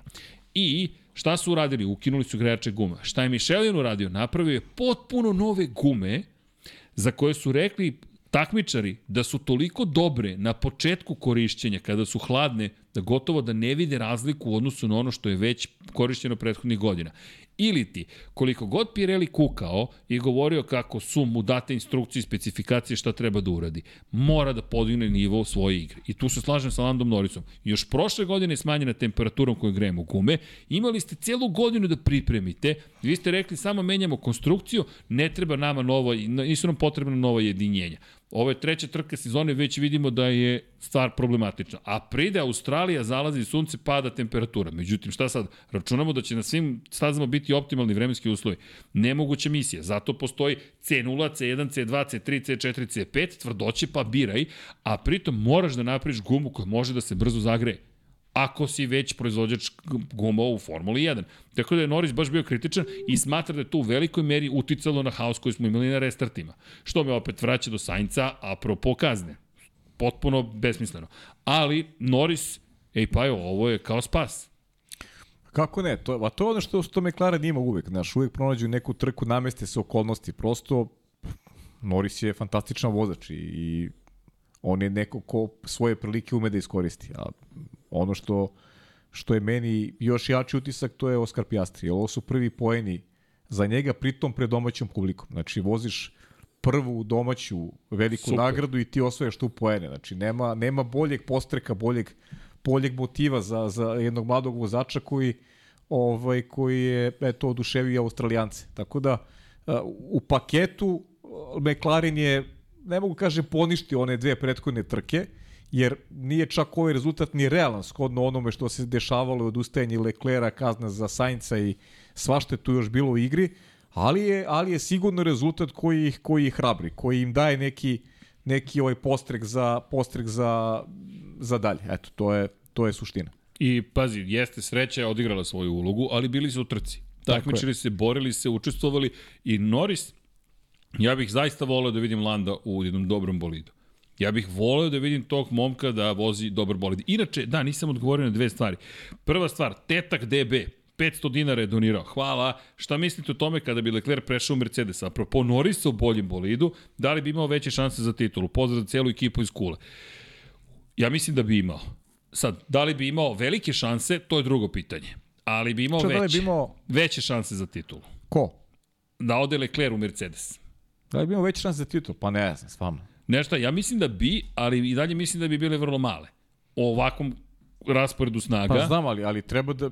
Treba pobediš Maxa Verstappen i Red Bull. Umesto koga da vozi u Mercedesu? Ne, ne, ali teoretski, kada bi imao Mercedes kao ekipu uz sebe i taj bolid, ja mislim da bi Pa imao dobro, veće pa, šanse. Kao pogledamo tu bližu prošlost, ovaj sigurno bi imao veću šansu s obzirom na to koliko su je propu, propuštali i Vettel i, i, ovaj, i Alonso. Ono što meni jeste problem, Ferrarija je Organizacija. Je, organizacija, pa da, i kako, kako ovaj, Kako stvari tu pa funkcioniš. kako tumače, kako tumače ovaj, te vozači 1 i 2, ono što, ono što često ističemo, ovaj, da je, da je ključni, ključni problem.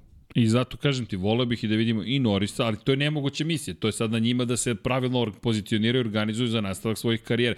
I to hoće biti intrigantno. Jer, pa jo, ako imamo asinhronizaciju u potpisivanju ugovora ili ti 2025. Norris može da izađe iz svog ugovora, inače McLaren je rekao da ne postoji klauzula koja mu dozvoljava da napusti ekipu, Dakle, mada, viđali smo mi druge stvari, može neko da dođe sa dovoljno novca, ponudi Zeku Brownu i kaže, Zek, ovo je novac za Landa, Zek, verujem da bi, ako nema konkurentan bolid, rekao, ok, dajte da poveća sebi budžet, da se pripremi za 2026, to je vam Lando. Jer šta Lando da radi ukoliko i sledeće godine bude nekonkurentan bolid i 2025. bude nekonkurentan bolid, a taj vazdušni tunel će početi tek da se koristi za tu 2025. ozbiljnije. Pitanja, pitanja, pitanja, nemamo odgovore. E da i pozdravimo Bojana Markova, hvala Bojane, 1000 dinara je donirao. Bravo, Srki, promene nisu doneli ništa. Ovo je stari komentar, izvinite što Da, da, da, još nisam da, pročitao. dobro, da. Gume su povećane da se stavi Google znak, bolidi su povećani da bi stalo više reklama, DRS površina je isto zato povećana, a i dalje se ne preteču bez DRS-a osim Red Bulla. Pa i Red Bull na kraju koristi taj isti DRS, samo što ga koristi na jedan poseban način. Ja se nadam, inače zapratite na Twitteru Anesa, ukoliko niste već našeg kolegu, prijatelja koji nam pomaže oko tehničkih analiza, svašta vam spremamo, nastavit ćemo sa F1 Technical, samo fizički nije bilo izvodljivo, ništa drugo nismo odustali, nema odustajanja, samo nastavite Evo, se zabaviti. saznao sam koji sam na, na fantaziju. Koji si? 2926. Aruba, Bahama, Kama, ja sam ona, ja sam ona Kubertenova, ovaj, važno je učestvovati. Oho, olimpijac naš. Tako To ćeš da prođeš, znaš ono, pravim se važno ima da završim to, da. hiljadu mesta iza tebe na kraju sezone. Ali nema veze. Ne, šalno strano, ove godine se rekao, aj malo da se takmičim. Dobro, pa Malo. okej, okay, sve u redu. Malo. Čak nije Le, le, le, legitimno pravo. ali, ali, ali dobro, malo, ponelo me malo taj takmičarski moment, da malo ipak učestvujem. Kako? Šta? 22 samo od paje ovaj, niže. 22, 22 od mene niže, a? To znači, na, napreduje. Napreduje. Hvatam zalet polako. Čekaj, pa šta je bilo pre ovog vikenda ako si sad Pa napredovao? da, tad se bio najgori. Da. Ali ja od svog tima ne odustajem, ne pomeram Tako je, Pajo, nema predaje. Ma kakvi, nema šanse. A 22 od 3000 ljudi, ali dobro, i to je, i, i to je nešto. A, sva, da, inače, ljudi, doćete po pehere, stoje ovde pehari, pehari, pehari, pehari. Mi smo ih napravili, vi ste ih tražili, mi smo ih napravili, sad samo nek dođe. da Poneću nek ja jedan, poneću ja jedan da, da ovi, za, za, začelje. za moju poziciju. E, možda bismo mogli da pravimo, jao, ko bude poslednji, kao u Hollywoodu, dobiješ zlatnu malinu. Pa može. Može, zašto da ne? Dobiješ malinu. A? Ti ja hoću za Zlatnu malinu. šljivu dobiješ. Ali, ali stvarno, stvarno šljivu, ovaj, pošto Pa- ovu prerađenu ne pijem, ne konzumiram. da, da, prestao, prestao si voćne sokove da konzumiraš. Prestao sam da konzumiram voćne sokove, da. Zato si lošu fantaziju, ne da ti Tako kažem. je, tako je. Aj, dobro, ni biblioteki više ne posećuješ ništa. Ne, posećujem, ali Aha. ovaj, ne konzumiram. Ali ne čitaš. Ne čitam, da. Slab, slab sam na E, samo, foto, samo, samo knjige sa slikama. Jeste, jeste. Ja, dobro. Da, McLarenu svaka čast. Ej, McLarenovci, javite se. Čekaj, evo, pitanje za McLarenovce. Da li ste zadovoljni trkom u Australiji? Znaš, ona pitanja koja su jednostavna. Ali dobro. O, kaže security, da li ste to vi zaista? ne mogu da uđem u, u, u, trenutno. Pa ne, ne mogu, znaš, ne mogu da budu nezadovoljni, jer jer šesto i osmo mjesto ne vjerujem da se neko nadao pre početka da, da, da mogu tako nešto. Da, čisto S su. obzirom na prva dva vikenda. Pa, iznenadio bih se da, su, da su to očekivali. I ono što stalno priča, ja bih volao McLaren da vidim uz neko veliko predvodjača tamo 2026. Ajde, Jer čekamo to. to. McLaren, Mercedes, to mi, znaš kako mi to rogobatno zvuči, ono kao, ne znam, ti si tu neki, znaš, neki drugi, treći, četvrti tim, kako god. Jer ne mogu da budu, ne mogu da budu bolje fabričko i Mercedesa, nema šanse. Nijedan od tih timova koji koristi Mercedes agregate. Tako da, Ceniš da... to mi, ba, to mi smeta, stvarno mi smeta. To McLaren, Mercedes mi baš smeta. Evo da vidim, izvini, da li smo uspeli. Mislim da ljudi koji je trebalo da nas posete nisu našli parking, je li tako? Pozdrav ljudima koji nisu uspeli da nas posete jer nisu našli parking. Dešava se. Ali dođite nam sledećeg puta. Imate u našoj blizini ipak imate parking. Ali dobro. Elem, pokušam da uđem u studio. Dobro, neću da postavim na to pitanje. To pitanje da nema mnogo smisla. A, nego, a, McLaren, fenomenalno. Sad obrnio kreni, nekom smrkne, nekom svane. Definitivno im je svanulo. 12 poena, pa neka i na sreću. Je prilično velika stvar. Ti si Jeste. sada bukvalno peti u šampionatu proizvođača. Nije od kuda, ali okej, to je pa to je Formula 1. sport, pa je sport generalno, znaš, to je. I pričali smo o tome, gore dole. McLaren deluje kao da ide gore dole. Jeste. Pa to je bilo tako i prošle godine. Ali, e, vidi, ako ništa drugo, pobedili su Alfa Romeo i pobedili su jednog i Hasovog vozača. Istina, malo teže će ovaj do podijuma neko doći ove godine, ali ko zna, okolnosti opet mogu da se otvore. A Lando je tu spreman uvek. Pa vidi, trenutno pobedničko postolje samo Red Bull i Aston Martin i sad se najzad pojavio Mercedes. Da ne zaboravimo, prvi Mercedesov plasman na pobedničko Jeste, postolje. jeste. Svaka čast. Ovde se sme, Ferrari, Ferrarijevi navijači se sme, malo osmeha iza Ferrarijeve navijače, ako ne svoje radosti, tuđi muci. Šalim se, šalim se, sve je okej. Okay. Ali, ali činjenica je da kad pogledaš Mercedes i Ferrari, Ferrari još nije video pobedničko postolje. Pa da. Još nije video. Mercedes tek sada je uspeo u tome. Biće, biće. Elem, a, apropo smrkne svane, kome je smrklo Alpini? Alpina koja je djelovala da ide ka ozbiljnoj količini poena. Samo sa Gaslim bi 10 poena osvojila da se završi na petoj poziciji, međutim ostaje na, na 8 bodova, šesta pozicija u šampionatu konstruktora i baš problem. Baš ozbiljan problem, pri čemu šteta je multimilijonska na tim bolidima. Pa to je problem veći nego, nego što nisu bili u plasmanu. I opet anomalija one, one o kojoj smo govorili iz početka, ovaj, iz početka ovog podcasta. Nacrtano je bilo da će nešto se dogodi i praviš cirkus od, od gotove trke. Ali, Bukvalno gotova trka. ali baš je ono tragična Praviš, scena. Baš, tragična Znaš. scena, ti pritom imaš caution period. Pa to je ono zašto stalno vezujemo, znaš, to je Ti klasi, si izgovorio, klasičan, klasičan caution period. Imaš, znaš, dva... A šta se uvek desi u Pa košem uvek, pa uvek, uvek, ista pa priča. Da, samo što su samo što Uvek. su te štete mnogo manje u NASCARu nego što je to u Formula 1. I to i Formula 1 nije sport koji koji je da kažem e, tako koncipiran, znaš, za za ovakve stvari. Meke gume, znaš, nezagrijane, sve, sve smo prošli to od početka podcasta. Stvarno, Stvarno ti ljudi koji, koji brinu o takmičenju moraju malo više da imaju sluha. Slušaj- Slušaj. Imaju slu- sluha za, akter, za aktere. Ja bi sad recimo, znaš, to ti, ti da ima, da ima neke, ajde da kažem, ovaj, neke pravde i um, ne bi uticalo ovo što se dogodilo na... Jel, jel ti si rekao da se ništa nije dogodilo, tako? Pa onda se ni ta nesreća nije dogodila. Pa da. Onda ne treba da ograni, ne treba da, da, da se to a, ta sada kazna, tači ne kazna, nego, nego taj taj minus koji je napravljen sa, sa, sa dve Alpine, pa ne bi trebalo da im bude deo budžeta. Nego, nego da, da, da, da to ovaj, dobiju dodatni budžet da, da, da te stvari da te stvari dovedu. Ajde da se vratim na Dekija. Nema nastavka trke. Kraj. Pa jest. Kraj. Pri čemu? Ajmo ovako. Ako stvarno pričamo o bezbednosti, ako stvarno pričamo o bezbednosti, imali smo restart koji je doveo do toga da imamo dva odvojena incidenta. Jedan veoma ozbiljan između Okona i Gaslija na istom mestu na kojem je Magnussen udario u zid, gde se 20 minuta ranije desilo da je deo odlete u publiku. Na istom tom mestu. Dakle, ja to ne, ne želim da se desi, ali postavljam pitanje, šta bi bilo da je odletelo još delova u tu istu publiku? Na istom mestu. Pri čemu su organizatori Velike nagrade Australije pozvani na razgovor zašto je publika izašla na stazu pre nego što je završen poslednji, ne poslednji krug, pre nego što je završen zapravo paradni krug po završetku trke. Dakle, ti imaš krug u kojem se maše, pozdravlja publika. I Hamilton koji prijavljuje na radiju, publika je na stazi. To je zastrašujuće, mi govorimo o uličnoj stazi. Inače je zastrašujuće. A kamoli na mestu gde su oni pri niskim brzinama se kreću 150-160 km na čas. 200 bez ikakvih problema. I ti sad ideš i ti od zida ne znaš šta ti sledi i vidiš čoveka na sred staze. To, to je potpuno neprihvatljivo. A imali smo restart u kojem su na istom mestu dakle imali incident. Ok, ako ti znaš da se to desilo, zašto imamo još jedan restart? Zašto ne kažeš to je to? Kraj. Kraj. Zašto bismo rizikovali? I još veća farsa.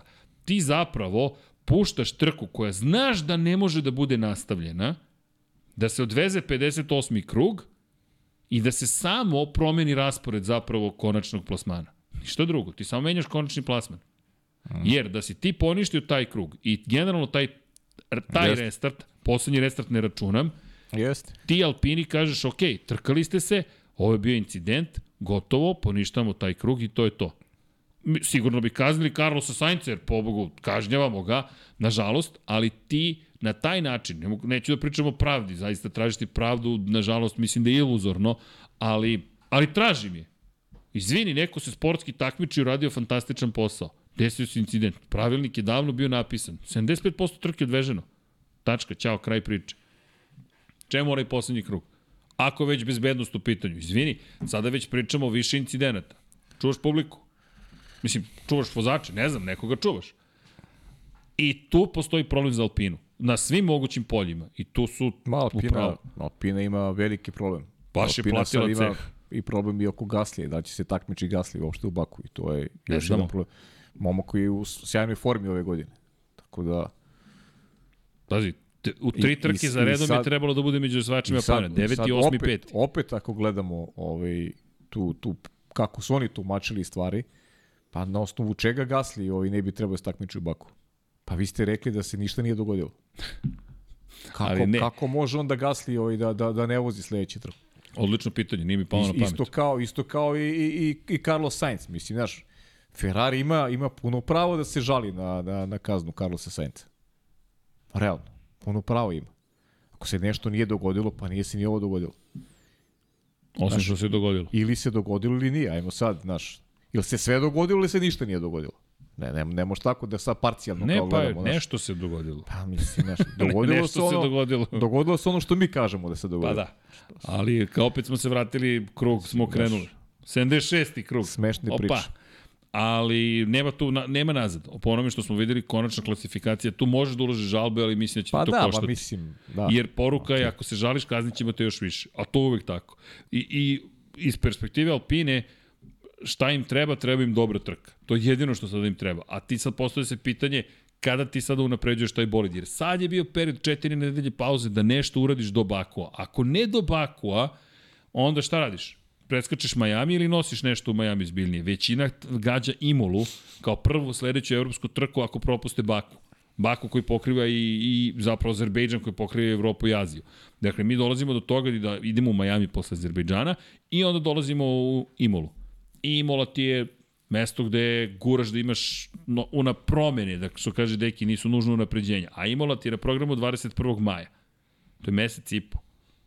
Da, To da, je ima mesec i po, baš ima vremena. Ima mnogo do tada. Ima mnogo do tada. Pri čemu ti između Bakua i Miami imaš samo 7 dana.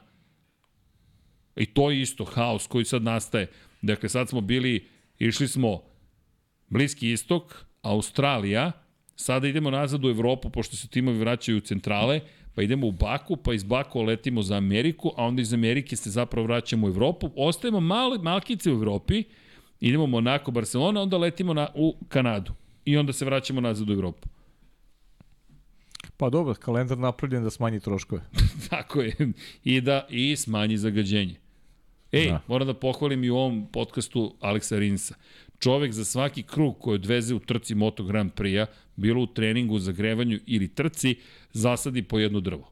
Tako da je sad zasadio 79 stabala u Portugalu, pošto je toliko vozio. Tako da, eto, eto nešto što možda nije loše. Zasade malo drveće, da pošume malo i pomognu prirodi. Idemo dalje. Apropo, ko, gde idemo dalje, idemo u Haas. Ej, Niko Hulkenberg poeni. Bravo za Nika. Evo, svi se, svi ovde glume Hulka. Ej, Hulk je odradio sjajan... Pa evo, ja sam sad stvarno oduševljen i njim i Kevinom Magnusenom. To su penzioneri. Nisu bili u Formuli dve i po godine propustio Niko, vrati se čovek i pobeđuje Kevina Magnusena. Ja, kad je već Sainz kažnjen, ja sam ovaj, žao mi je bilo što Hulk Reci. nije, što Hulk nije treći. Ra, i, i, iskreno, ja sam pomislio, ja, daj da dobije pobedničko postolje još sa Hasom. Prvo pobedničko postolje za njega, prvo za Has. E, Baš to je bilo istorija. znaš. E, to je istorija. Kad već pravite cirkus, napravite ga tako da bude, da bude prihvatljiviji. Znaš. Mega maksimalan. Da, da bude, da bude onako kao neki malo romantičan da bude. Dobro, šal na stranu, stvarno fenomenalna Super. trka i nema, nema, nema šta da se kaže, ali znaš, ja kad sam razmišljao o Hulku, sad mi je jasno ovaj, čemu je težio Gene Haas. Znaš, to je ušteda maksimalna, Stabilnost. stabilnost da, da ne bude ovaj, incidenata koji ima Mick Schumacher. Iskreno, ti znaš da sam ja ovaj, negde i, i fan Hulko bio godinama delimo kabinu i navio sam dobije neki neki Mr. bolji angažman, pa da, da, dobio sam dobije, navio da dobije neki bolji angažman, ali mi nije bilo jasno zašto se sada vraća u Haas i zašto je Mick Schumacher ovaj skrajnut jer ono ipak A nije ti jasno? mlad momak, pa dobro, E, okej, pa nije, ti jasno. Da, nije mi bilo jasno. Možda mi ni dan danas nije nije ovaj najjasniji, ali Čekaj, ti si ali vjerojatno okej. jedini ko zna ovu referencu. Da. Filmsku. A, filmsku, Da. da. Ali ćeš me iskulirati. Da, ali znaš šta, ovaj, e, ovo što radio sada je, je fenomenalno.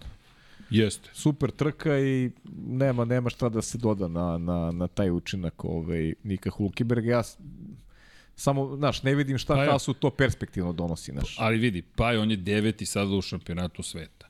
Dakle, sa ovom sedmom pozicijom, sa šest poena, on je deveti u šampionatu sveta. Bukvalno, mi sada kada, po, kada pogledaš, od Landa Norrisa koji ima 8 poena do Alexa Albona koji je na 18. poziciji od 8. do 18. imaš samo 7 poena razlike. Taj, taj jedan poen i to Gaslijeva izgubljena pozicija, ta izgubljena je mnogo, sko, to su velike stvari. Eto, to smo možda dobili izmenom pravila. Ništa gore se nije promenilo. Apsolutno. Gore jedna ekipa plus dve, možda tri. Ali čak ni tu sad uz Ferrari i Pehove nemamo četiri. Ali dobro, da ne, da ne odemo od Hasa. Ne znam šta donosi Alpijeza i za sada lepo to izgleda. Pa lepo da li. I ono što znamo za te manje ekipe, ovaj, da znači taj prvi deo sezone da bude bolji sigurno rezultatski. Da ćemo manje pričati o njima u drugom delu sezone. Da li znaš da je Niko Hulkenberg ispred Charles Leclerc u šampionatu? Da, da. Zato što Leclerc nije završio dve od tri trke, a Niko je završio sve tri. I onda druga najbolja pozicija je bolja od najbolje druge pozicije Charles Leclerc. Tako da Niko sada s istim brojem pomene ispred Charles Leclerc u šampionatu. Da, da. Uf, to je baš bolno. Kako? Paja. Da, da pa ja po fantaziji. Zna, pa, što ima Leclerc. Sad sam pred, predmet, predmet sprednje sam sad na fantaziji. Leclerc je turbo vozač. Turbo. Turbo minus. Turbo minus dva puta. turbo minus 2 pu... A, oh, A dobro, ljudi, kao, kao, što, kao što znate u životu sve se menja. Treba biti strpljiv, ljudi, polako. Bo, a, sve se sabira na kraju. starac Paj od tisuć ljeta. Pa ne, stvari, sve se sabira na kraju, znaš. Sezona, Čekaj, gde ne me žule, nije bitno kako počneš, sezona već se kako ne završiš. završava u trećoj trci. Samo Lagano, polako. Lagano, naravno. To je sport. Ali, ali Nema sekiracije. lepo je što si veran svojim izabranicima. A To je naravno, stvarno lepo. To je, mislim, kad Ajde. nešto izabereš, treba da budeš u tome ovaj, Slažem dosledan. se. Slažem se u potpunosti. Inače, zahvaljujući svim ovim haotičnim situacijama, Okon, Što Piastri... treba da menjam, da stavim Maxa Verstappena, kao što... A, Da budem, to da, budem, da budem pametan, kao, ne, ne, nije prozivka, nego kao menjam, uzimam Maxa. Trebalo je zapravo po dve ekipe da napravimo. Jedna koja je manja i jedna velika ekipa. To je jedna kao pravimo pravu ekipu. Ili tako nešto. Itd. A, evo dobio sam informaciju pouzdanu. Imao si, sad ću ti reći, u Bahreinu si osvojio šest poena. Šest pojena, a? u fantaziju. Ja mislim da u životu nisam vidio manji skor. To sam govorio o McLarenu, šest poena. Pa ne, tu ni O. Leclerc nije završio. Ni Leclerc nije obavo začne McLaren.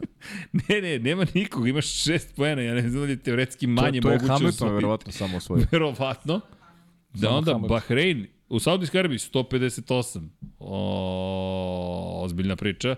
I 57 poena sad u Australiji. Kako 158? Nemam pojma kako si usvojio 158 u Saudijskoj Arabiji. Nemam pojma. Kako 158 kad opet nisu McLaren nije bio E, ali ko zna ko ti kako napredovao i šta A se da, dešava. bravo, da, da. Znaš, A, lo, a stator s loših pozicija. loših pa, da. pozicija, pa da, pa da. Leclerc je krenuo sa začelja, pa je to bilo mnogo Jest, napredovanja, jest, a on ti jest. turbo vozač. Jeste, jeste, jeste. Da, da, ali turbo minus ti je doneo. Dobro. Dobro. Da, dobro. E, inače, Aleksa, imaš fotku od Hasana Bratića za master rad, tako da znaš. Samo potpiši courtesy foto Hasan Bratić, stigla poruka, hvala čika Hasane, tako da znaš, Aleksa stavi tamo i to ti je to legalno. Ako te pitaju za autorska prati, kažeš I know Hasan. Ne, ne, sad ćemo na Ibrahimovića da zamenimo. Ne I am Zlatan, I am Hasan.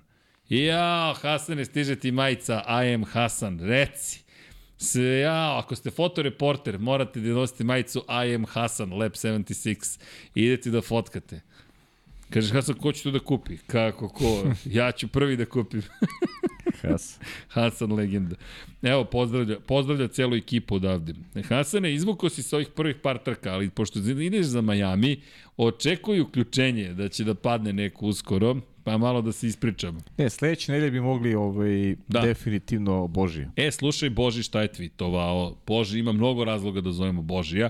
Kaže, F1 treba da prati NASCAR pravila za crvene zastave. Slušaj sad ovo. Sad osmeh, pošto smo skeptični o naskarizaciji Formula 1, Dobro. ali, dakle, ne bi trebalo da bude dozvoljen bilo kakav rad na, na bolidu tokom perioda crvenih zastava Dobro, to da. i ideš iz crvenih u žute zastave u leteći start.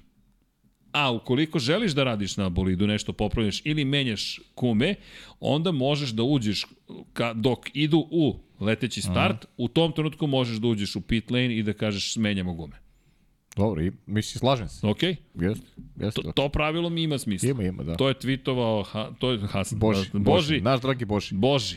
Tako Boži, da, spremi Boži se za sledeći utorak. Tako je, Boži, budi spreman, malo da se ispričamo o svemu. Pa dobro, da, sledeće nedelje imamo prilike Ima, da ima. ispričamo o I svemu. IMSA, i NASCAR, i Baton, i Raikkonen, i Jeste. Jimmy Johnson, i Boži tre...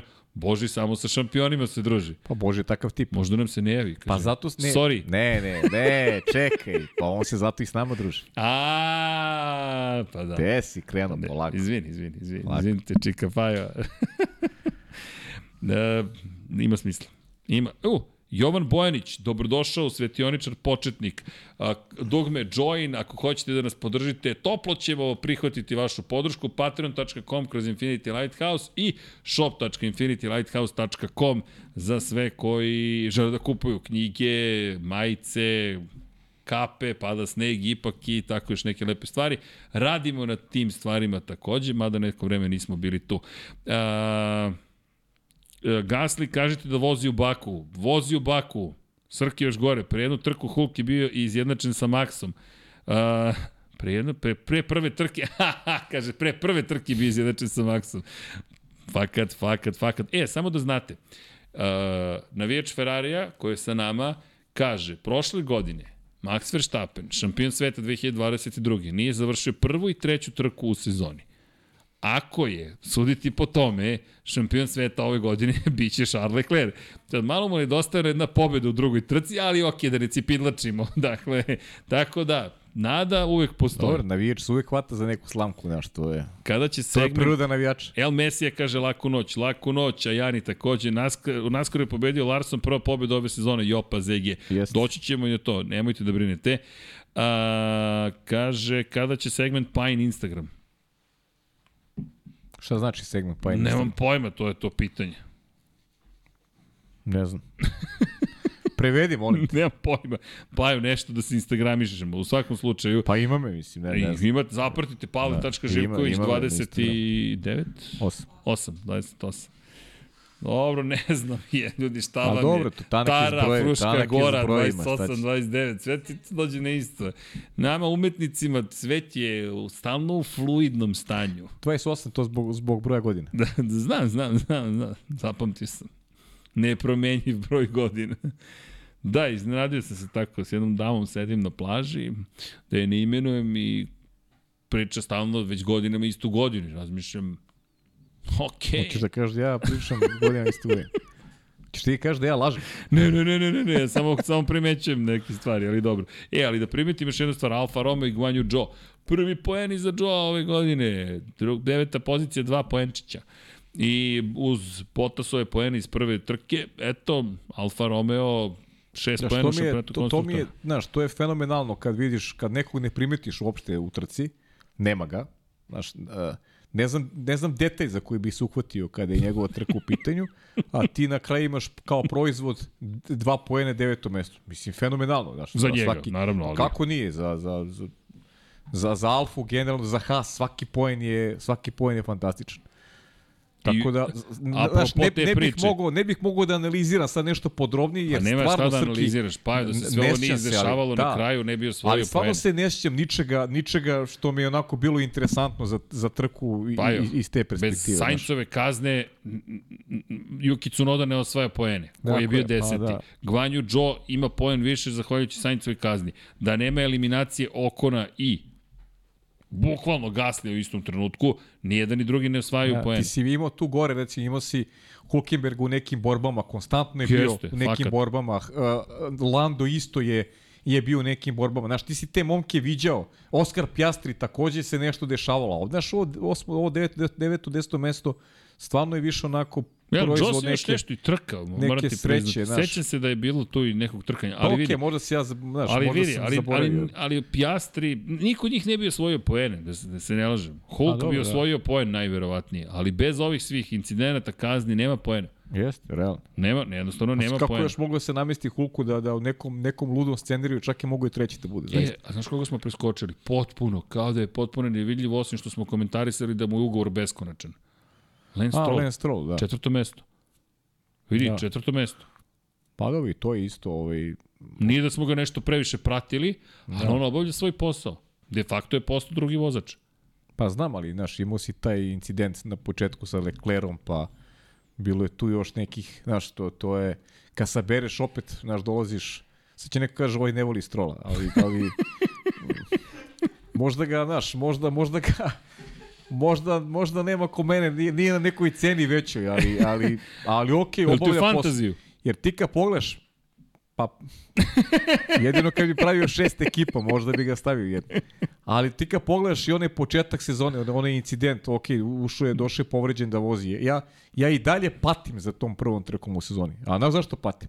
Zašto? Što Filipe Drugović nije, nije upravljao tim Aston Martin. Dobro, to to rećemo. A, a ja da sam Stroll i ja bi povređen vozio, ne bih mu dozvolio da, da, da bude... Ovaj, pa ne smeš da mu dozvoliš. ne smeš, znaš. Ne Jer smeš. vidi, ako neko vidi šta sve možeš, Upravo tako. znaš, evo gledam, to, to, Jer ja mislim posle te trke bi morao da zove mamu. a da, pogotovo taj Aston Martin sa Felipeom, ko zna kako bi to izgledalo. ne znam, žao mi što to nismo ovaj videli. Nećemo ni saznati. Opet, opet, naš, prva trka, ko zna šta je bilo sad.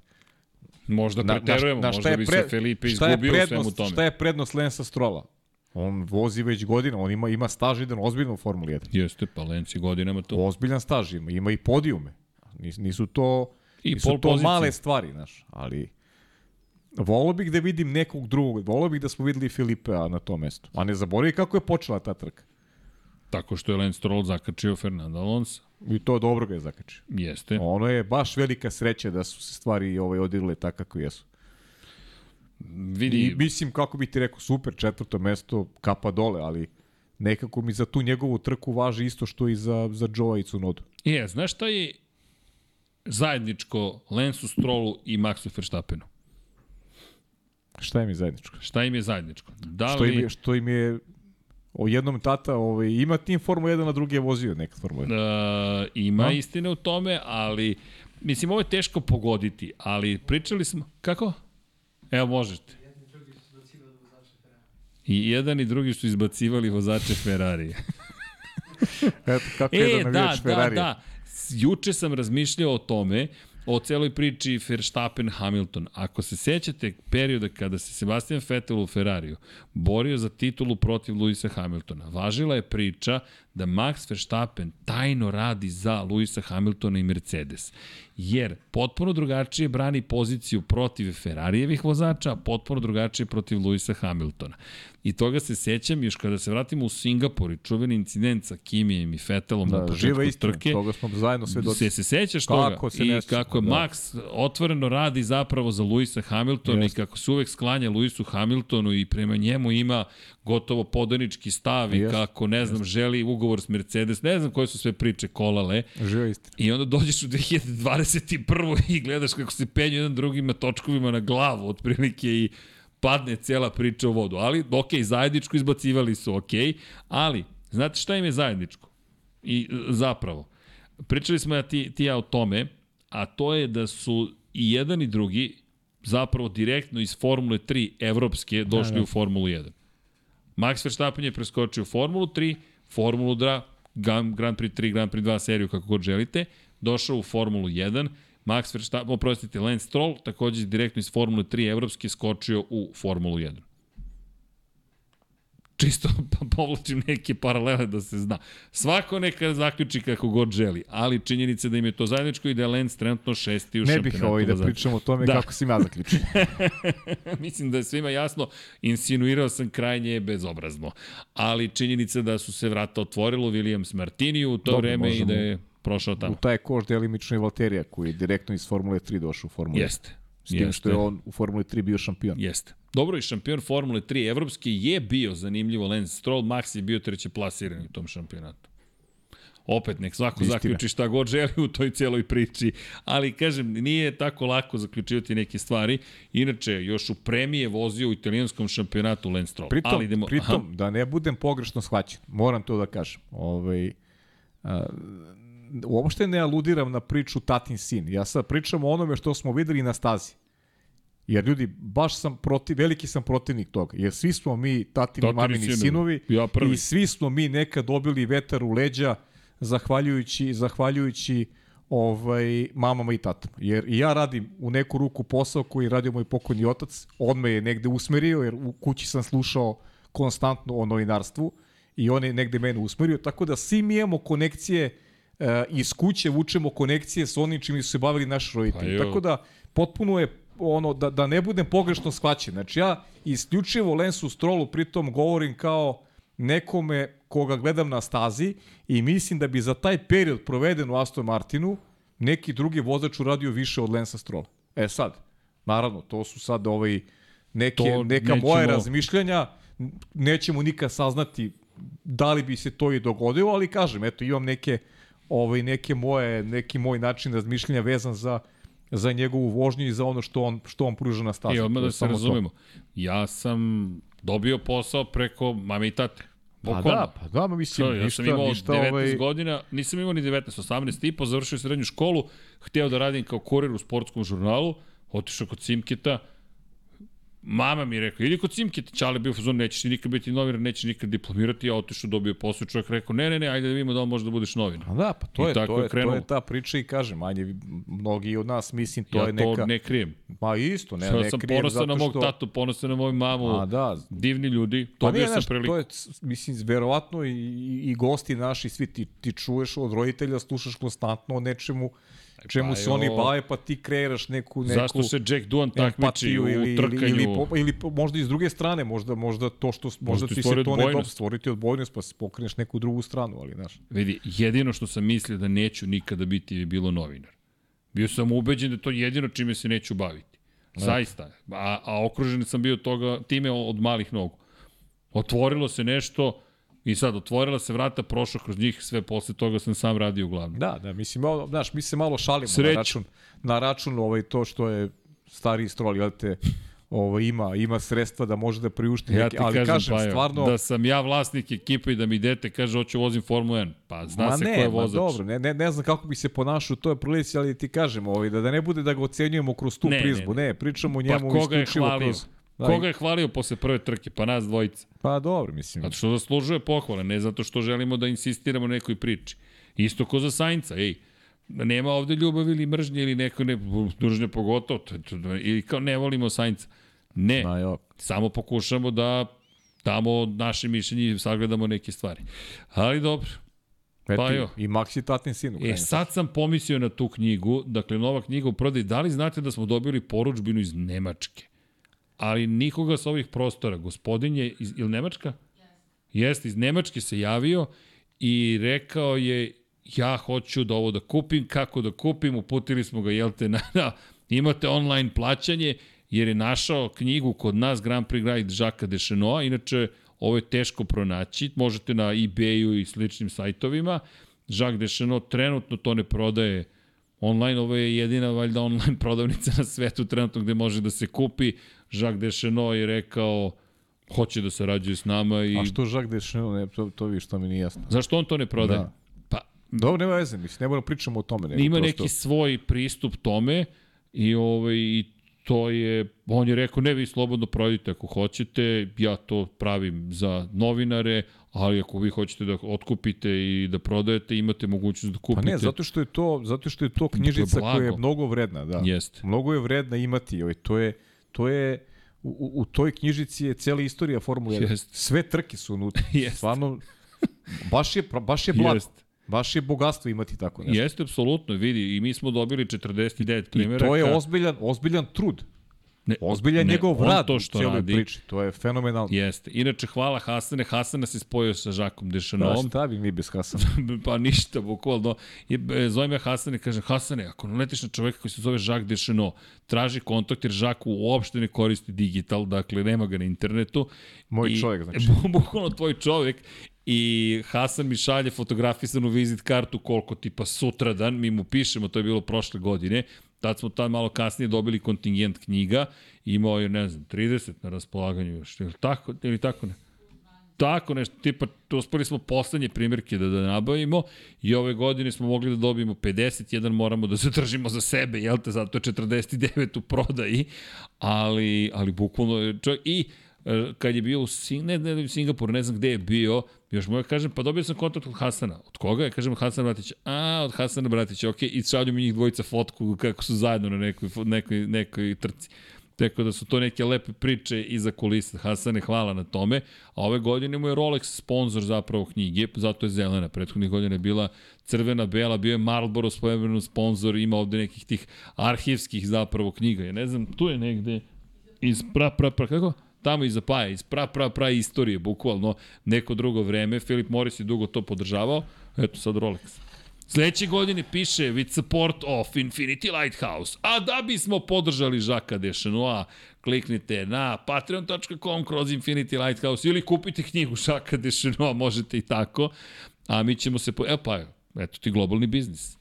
Da. Kažemo Žaku, imamo mi štampariju, nemojte ništa da brinete. Sve pod kontrolom. Žak opusti se. Žak, opusti se. Žače opusti se. Žače. jeste, u padežu. Žače. Žače, jeste, moralo bi. Šta? KGH u CZS, palatalizacija. Kako? Nešto, ne, dobacuje koleginica iz prodaje. Ko je dobacio za stolom? Niko se ne smeje, pa je da, da. samo ti i A, ja. da, da. Ćut, ćut. Show uskoro. I treba promenimo kadar. Da napravimo kao da sedimo zapravo, jel te, ne patricijski, nego imamo svoju ložu u pozorištu, razumeš? To je, to je, momci, to je momci iz jedne predstave, Radovan Treći se zvala, je. Zoran Radmilović, pokojni je ovaj, igrao i odatle, ovaj, odatle je priča, da. E, e, da. E, ali dobro, mi moramo balkon sebi da napravimo. Pravit ću. Ti ćeš biti Statler, Stetler, ja ću biti Waldorf i sve. Ne znam kako su ih prevodili kod nas. Jel znate bar to šta je referenca? Ste gledali Muppet Show? Uf, dobro. E, mapi šou. Ok. Odo smo daleko. Odo smo daleko. Idemo nazad na stazu. Ej, Ajmo na stazu. Da, na stazu. Kako? Idemo na teren. Formula 2, Formula 3. Da, da. Pazi kad je sve zasenjeno zapravo posle svega što se dešavalo, ali ok, Formula 2, puno incidenata, Jeste. Pa dobro, i trojka i dvojka su bile, znaš, mnogo, mnogo ovaj, vozila bezbednosti, isprekidene trke. Očekivano za, za te niže serije, pogotovo. Ne volim, iskreno ti kažem, ne volim kada su niže serije na tim uličnim, na uličnim stasama. Jer malo vidimo pravog trkanja, a više ove incidenata i, ali i trke koje, koje traju dugo, a u suštini najmanje imaš trkanje. e, čekaj, samo postavljam pitanje publici.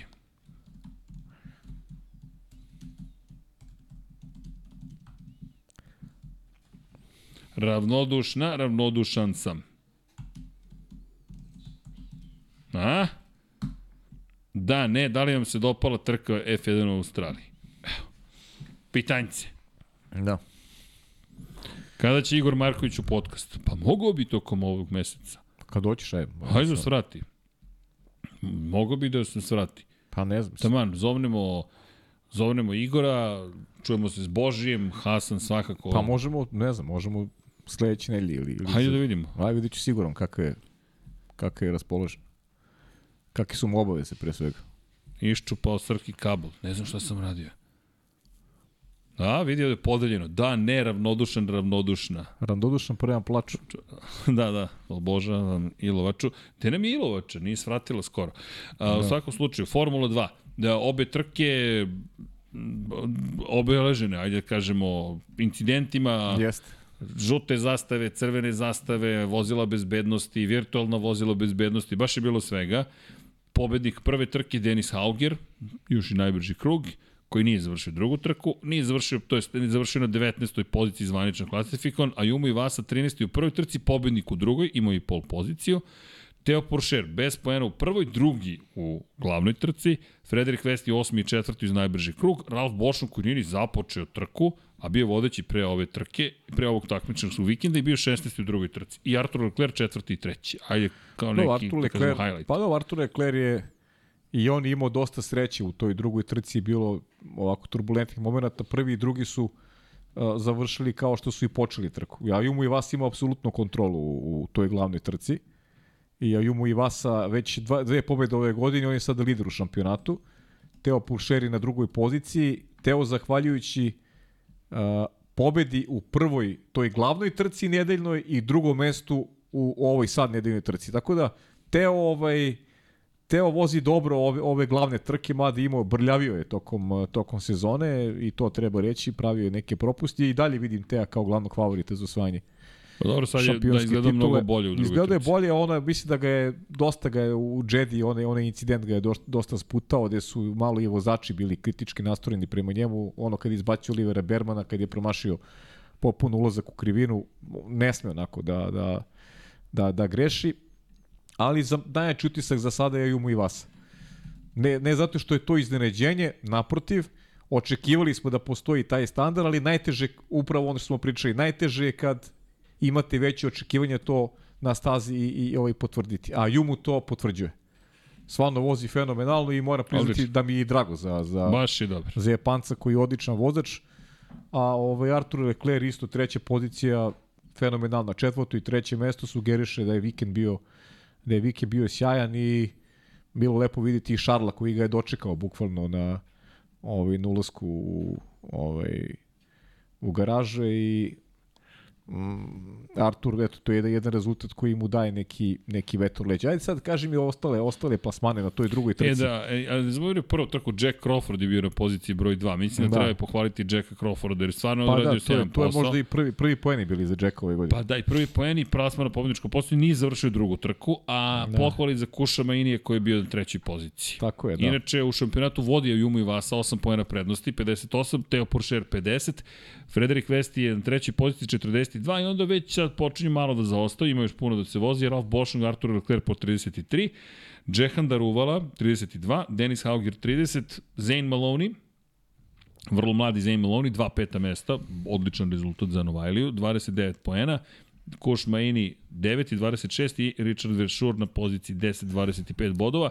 Jack Duan završio makar drugu trku na osmoj poziciji, ali generalno ne baš pretrano dobar Ne, ne, ne, loše, loše je bila i ta druga trka i opet i, i to je bilo posljedica tih nekih dešavanja na stazi koji su ovaj, uslovljenim izlaskom eh, vozila bezbednosti, bilo ih i u drugoj trci. Mislim da je Jack Duan eh, da su sudije malo bile blagonaklone prema njemu za neke incidente koji su kažnjavali za način na koji su se sticali prednosti u trci u krivinama. Imao je jedan incident. Jack mislim da je morao bude kažnjen, ali je tu prošao bez iste i na kraju završio na, u poenima. Mislim da mora mnogo više Jack Duan. Inače, kada pričamo samo o ovom šampionatu, u Baku se nastavlja borba. Da. Dakle, tu nema, nema nikakve pauze. Preskaču inače Baku i Miami, vozači Formule 3, oni se vraćaju tek u Imoli. U Formuli 2 očekujemo zaista od nekih imena da se pojave neko dogledno vreme u Formuli 1, zato i toliko posvećujemo pažnje, a i volimo trkanje. Generalno zna da bude veoma dobro trkanje. U Australiji onako, gore dole. Gore dole. Pa nema, kažem ti, za, za, za, te, za te niže serije ulične trke meni meni su Pa i tu dug smetaju. put. Meni je ovo nekako bilo problematično. E, I na kraju nije ni toliko bilo važno. Pogotovo što toliko dramatičnu trku u Australiji koja je uvek lepa.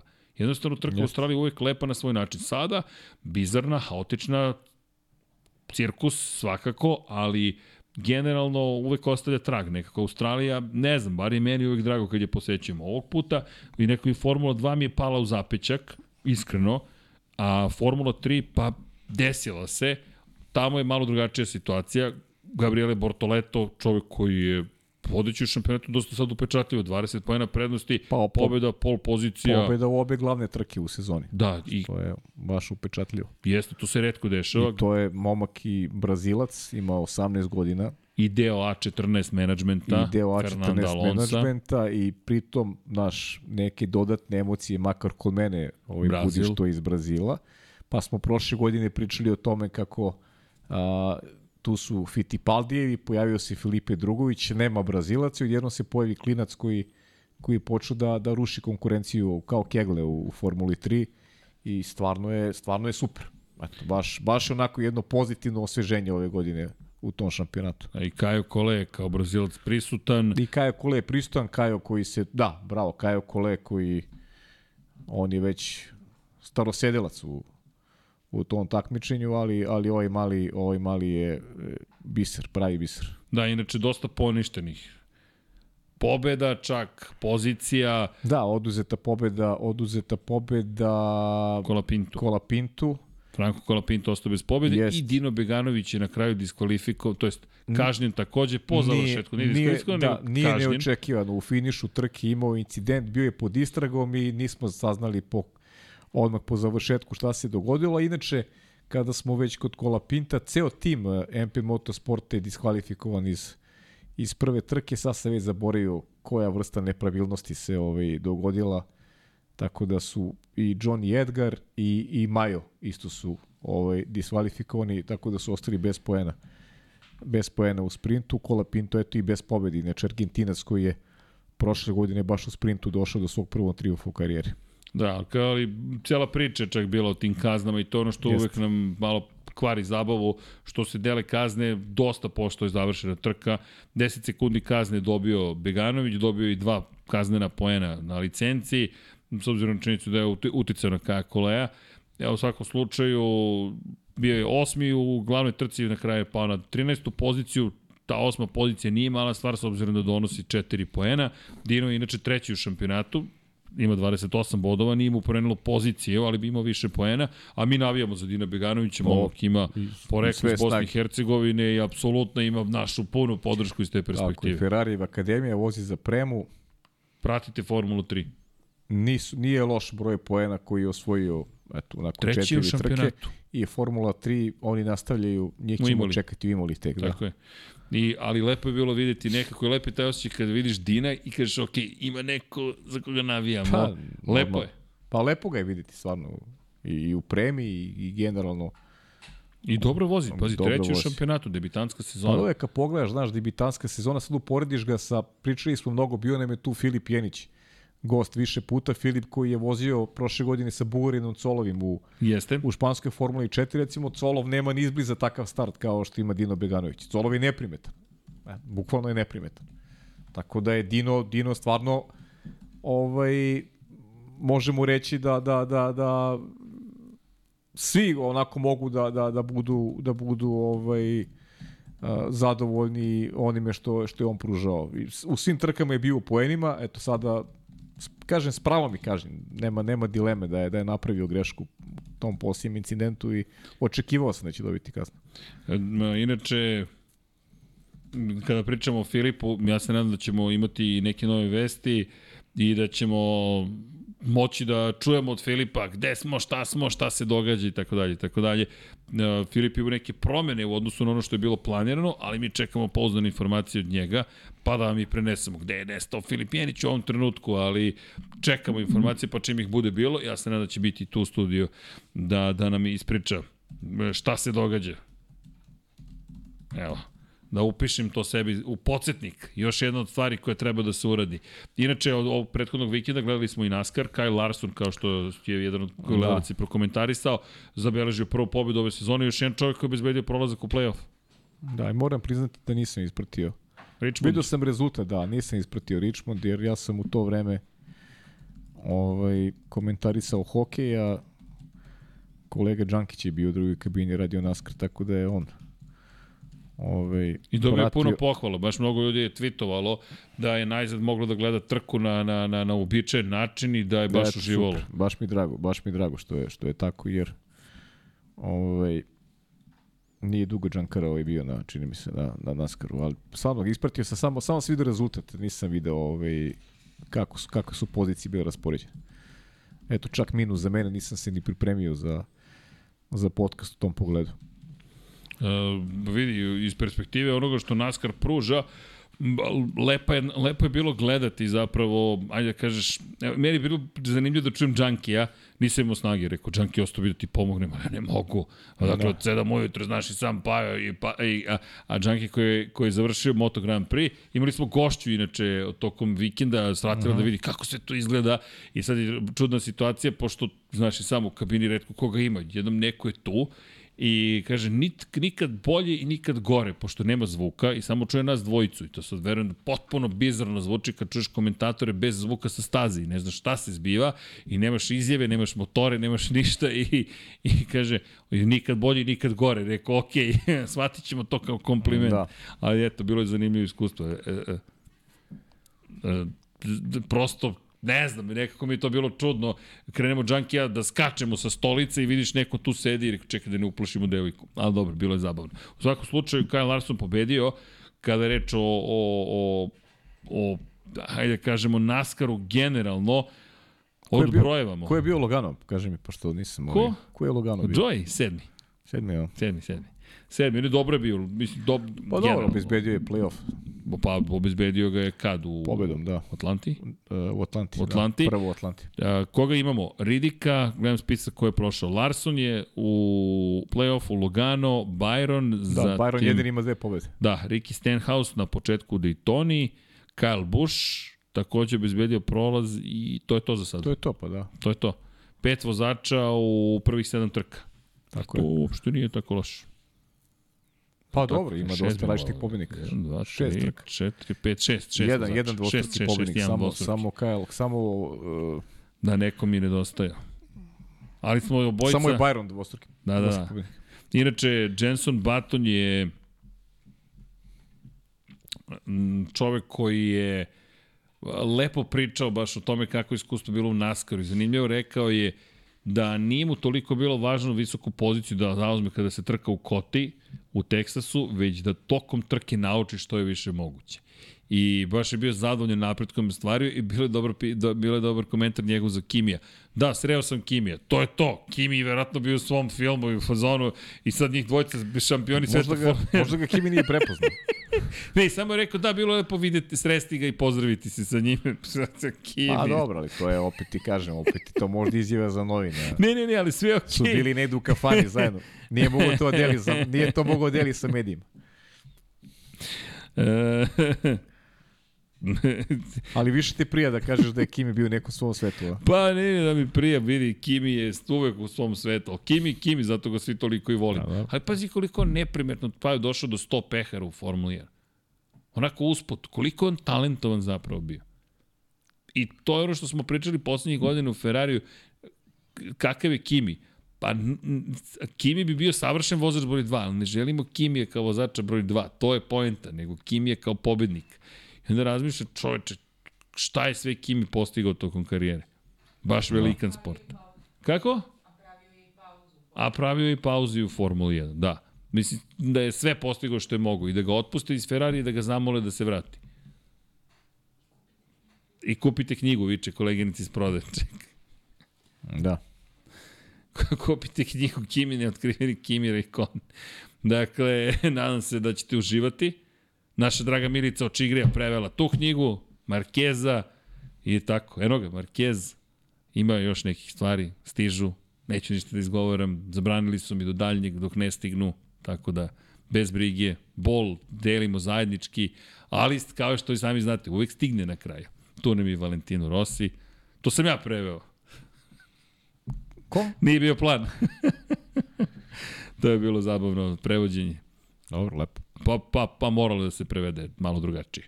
Tako da smo se potrudili. Da, smeju se ovde, smeju mi se, ali nema veze. Uh, Pajo, jesam nešto propustio za ovaj trkački vikend? Ali koliko ja se ovaj, sećam, šalim se, nisi. Ne, ne, nisi, stvarno smo obradili sve, ovaj, sve što treba. Dobro. Pokušavam da, da se ovaj, da, NASCAR, Formula 2, Formula 3, to je to. Ono što je bilo interesantno, Srki, prvi put smo doživjeli ovo iskustvo Australija, ove niže, niže serije. To nikad Da. nismo do sad imali. Znaš, i to je onda malo i razluko, razvuklo je ovaj, naše obaveze, pogotovo ti sa, i sa MotoGP-em, tako da nije da se žalimo, ali stvarno je bilo, ovaj, ovaj vikend je baš bio naporan. Uh, Baš naporan, negde počnu oko jedan, evo u nedelju recimo prva trka je bilo jedan, druga u pola četiri, a ti imaš glavni događaj u sedam ujutru. Znači, tu nema nekog prostora da kao nešto odmoriš oči, ovaj, pa vidi, da odremaš ti... nešto, znaš, to je baš, baš i nezgodno ovaj, za, i, i svaka čast ima, Pa- i bili ljudi koji su mi pisali, koji su, koji su gledali sve. Znaš, to je baš, baš ljubav, baš i ljubav, da ti ovaj, potrošiš, znaš, neki dan, neki dan odmora u nedelji, subote, nedelja, potrošiš ga na trkanje, gledaš i Formulu 2 i Formula 3 u neko, u neko gluvo doba i onda ovo još Formula 1 u 7 ujutro, baš je ovaj, to je čista emocija. Ja nisam mogao fizički, više u jednom momentu ne, je logično, bilo pa koncentracija pada i Logično. onda smo se to ti ja dogovorili, to jest Pa da. ti si bio dosta rešen da, se, da, da, da, da me spašavaš. Pa do, logično. i sam znaš koliko volimo, koliko smo posvećeni, ali uh, d- pogotovo posle sprinta, e, adrenalin i iscrpljenost i koncentracija koja ti je neophodna. I Džanki me čuvao. Džanki me isto A, pokušavao a, da... znaš ti da ja nedelju kad je završena trka sam došao koja nisam mogao spavam? Da, jer te udari adrenalin. Ja, ali ja sam otišao na hokej posle, ja nisam spavao, ja sam imao hokej od, od pola deset, nisam mogao da spavam. Znaš kad smo uopšte. završili, gde sam ja završio? U parku prijateljstva. Eto. Ko nije postio park prijateljstva, kod Muzeja savremene umetnosti u Beogradu imate lep park. To se inače zvao park prijateljstva. Ne ulazimo u politiku, pričamo o istoriji jedne zemlje, više zemalja, kako god želite. To je još Tito napravio park prijateljstva. Svaka delegacija koja je dolazila iz bilo koje zemlje je sa sobom donosila je sadnicu iz svoje države i onda su se tu sadila različite drveća, neka od tih su bukvalno na nivou endemskih, nisu endemske vrste jer su sa nekog drugog podneblja, ali jedinstveni primjerci na ovim novom podneblju, od, od pre par godina to pret, pretvoreno u otvoreniji park nego ranijih godina i, i fascinantno inače tamo bilo. Sada, onda sam krenuo sam pravo da ti kažem, kao idem peške malo da prošetam nešto, došao do parka i rekao ja dalje ne mogu. Da, da. Seo, sunčao se, čekao, otišao da ručam i nastavio sa Moto Grand Prix. Pogotovo što je sve toliko dugo trajalo, toliko podataka trebalo obraditi. I onda sam upao u zonu Twittera, rekao, ajde da se zabavljam, nap... kad kod šta mi bi da napišem naslov, hteo sam da budem, hteo sam da budem pametan, smeo sam se, ali ko što smo se smejali malo pređašnjim referencama, Radovan treći, napišem, imam savršen naslov za fo, trku Formula 1 u Australiji, Max Verstappen pobedio Luisa Hamiltona u borbi za, za pobedu. Što zapravo ništa ne govori. Jer prvi je Verstappen, drugi je Hamilton i to ako nisi gledao trku zvuči kao da su njih dvojica stvarno, ako pogledaš razliku u vremenima na kraju trke, njih dvojica su prošli rame uz rame kroz cilj. I to je trebalo da bude šala na naslove koji se inače pišu. Koja borba? Pa neko mi odgovorio, pa nije bilo borbe. Rekao, pa u tome je poenta. Nije bilo borbe, nije bilo ničega. Imali smo osam odustajanja i tri crvene zastave, ali ti naslovom možda napišeš šta hoćeš. I onda sam, ali onda je ispalo da se zapravo navijač Maxa Verstappena i, i rekao ljudi, ne, ne kucam ovo tweetnuo ikada u svom životu i onda, i onda sam počeo sam sebi da se smijem, rekao, okej. Okay. I Klasika. tako, bila zabava. Ali ništa, zaista, neko mi je rekao što se nerviraš, ljudi nisu iznervirao, meni je bilo zabavno da se dopisujemo. Inače, samo da znaš, nikada u životu nismo javno hvalili Luisa Hamiltona. Nikada. Pa, to je, ja sam se smeo, rekao, osim od 2014. do 2021. neprekidno. Nismo to čuli, rekao, kako niste čuli, pitite navijače Nika Rosberga. Ako ja- neko ja- ima pravo da se buni, navijači mislim, Nika Rosberga. Ja mislim da sam i večeras. Yes. Mislim da jes. yes. Ali, ako neko ima pravo da se buni, jedini kojima dajem za pravo su navijači Nika Rosberga. Jedini ti koji si navio za, za Nika Rosberga, to se šalio Svetomirski, koji navijač ima jedan navijač, šalim se, bilo je puno navijača Nika Rosberga, nismo znali da ga cenimo, evo i koleginica iz prodaje koja mi je rekla, to ti najveća kritika ikada što ste ga pocenili. Ali Jeste. se zato izvinjamo već Pa godinama. ja tako, ja priznajem. Priznajemo, pogrešili smo. Ali Pa on to je... je, to je samo to je samo dokaz kakvo mišljenje imam lično o Luisu Luisu Hamiltonu. Hamiltonu, upravo to. Jer ja nisam verovao da može njega da pobedi Niko Rosbergu. Na duže staze. Nisam ni ja. Pobedio je. Pobedio. zaista sam bio skeptičan do poslednjeg trenutka da će osvojiti titul. I možda će Luisu baš ta da Nedostaje, nedostaje da. da, da bude osam i da bude najbolji. Znaš. Dobro, ali to je. Kako? Možda i sedam. Možda i da. Ako, Pa e, da, da, čekaj, nismo Pa obratili to je, Felipe, mislim da, mislim da je to, stani. da je to baš ovaj, Zaboravi smo Felipea. Čisto da objasnimo za one koji ne znaju. Smešna mi Felipe je, smešna Massa. mi je ta priča, ali kažem ti opet, ne, ne, ne krivim tu Filipea toliko koliko, znaš, Vidi, mislim u istoriji sporta bilo je mnogo tih stvari, sad ćemo da otkrivamo, um, gadni su mi ti koji su bili svesni u tom momentu da je, da je napravljen prekršaj, nisu, a tada su ćutali. A onda 15 godina kasnije sad ćemo pričamo o tome, mislim da je ružno. I samo se uklapa u celu našu priču s početka o realitiju. Znaš, ajmo sad pravimo, pravimo cirkus, uh, izlačimo iz prošlosti ovaj, prljaveš. Mislim, baš mi je ružno. A posle 15 godina ti sad ispravljaš kao istoriju da nešto menjaš, mislim da je to nonsens. Ja to ne mogu da podržim nikako. Za mene je tu titulu osvojio Lewis Hamilton i ne može da bude drugačije nikako. I to je to. E, ono što je pokrenulo celu ovu priču, samo eto da objasnimo, je intervju Bernie Ecclestona sa F1 Insiderom, koji je objavio da zapravo su oni znali još 2008. godine, ono što si rekao, da jesu prekršena pravila pre nego što se završila ta sezona, jer Felipe je tražio da se ponište rezultati Singapura, velike nagrade Singapura, jer taj moment kada udara Nelson Piquet mlađi u zid, dovodi do vozila bezbednosti, koje je loše, inače i tokom tog dolivanja goriva se je Ferrari napravio grešku, pa je otkinuto crevo, pa je Felipe morao da stane, pa su ga vraćali nazad i sve to dovelo do gubitka pozicije i vrednih poena. Jedan poen je prednost imao Lewis Hamilton na kraju sezone. Da je malo drugačije se završila trka u Singapuru, titula bi vjerojatno pripala Filipu Masi u teoriji. Naravno, ne znamo kako bi se nastavljala sezona da je izgledala drugačije ta trka, ali ono što je bila situacija tada, tim Ferrari ga je konsultao, to mu je rekao da ne postoji osnovi a, da idu na sud i da traže bilo kakvo poništenje. Međutim, Eccleston je rekao da su oni znali pre kraja sezone i da su želeli da zaštite sport i da ga sačuvaju od velikog skandala. Da je to bio cilj, što njegov, I si što... čuo, i si čuo šta si rekao sada? Da, da, Šta, zaštite, šta im je bio cilj? da zaštite sport velikog sport? skandala. Pa šta si uradio time što si to sad tu izjavio? Ne znam, ali više on nije Znaš, na vlasti u sportu. Pa da, znači ja sam izašao I sad i mogu da sada rušim. Ću, sada ću da rušim sport. Mislim, znaš, ako štitiš sport, onda ga štitiš i posle. Do kraja. Znaš, a ne sad imam ne znam koliko godina i sada sam ovaj Sad ću da se otvorim. Da ne lajem sad ovde bez veze. Sad ću ja da pričam ovaj o nečemu šta je bilo. Mislim ružno. Baš ružno. Tada kada si kada se to sve odigralo, trebao si da postupiš po pravilima i da se držiš pravila. Kasnije se dogodile su se neke druge trke i zato ti kažem, za mene ne postoji priča nikakva tu. Lewis Hamilton je šampion sveta, do i tačka, amin. E sad, To je to. to je upravo ono što Bernie priča do jedne mere. Jer kaže, odlučili smo da ništa ne učinimo, želi smo da sačuvamo sport i da ga zaštitimo od velikog skandala. Zato sam upotrebio, ovo su njegove reči, I used angelic tongues, dakle, hajde da kažemo neke anđelske reči, i ubedim mog bivšeg vozača Nelsona Pikea, trostrukog šampiona sveta, oca Nelsona Pikea mlađeg, da ostane pri, miran do, u, do daljnjeg. Tada, još tada, postojalo je pravilo da se šampionat i u svetskom šampionatu posle ceremonije dodele pehara Međunarodne automobilske federacije na kraju godine ne može promeniti. Hamiltonu je uručen trofej i sve je bilo u redu. Imali smo dovoljno informacija u to vreme da istražujemo prema statutu koji smo imali, trebalo je da poništimo trku u Singapuru pod uslovima za koje su oni znali, ali iz perspektive šampionata to znači da se to nikada ne bi desilo i Felipe Massa bi postao šampion, a ne Lewis Hamilton.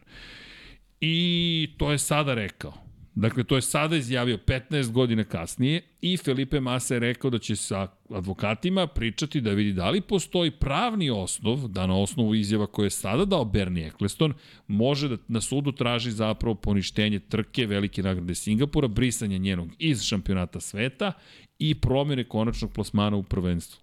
Ja moram ti kažem, moj komentar je jako ružno sa strane Bernie Ecclestona. Jer ne štiti sport, samo uvodi priču u neke nove kontroverze i ako je to tako, ko zna šta se još dešavalo, a da, a da mi ne znamo. Ako štitiš sport, štiti ga do kraja i tako treba da ostane. Jer sad, evo, sad ću pričati malo iz ličnog ugla, dugo se bavim novinarstvom i bio sam svedak, svedok koje kakvih ovaj, dešavanja i neke stvari će ostati duboko pohranjene u meni, zauvek.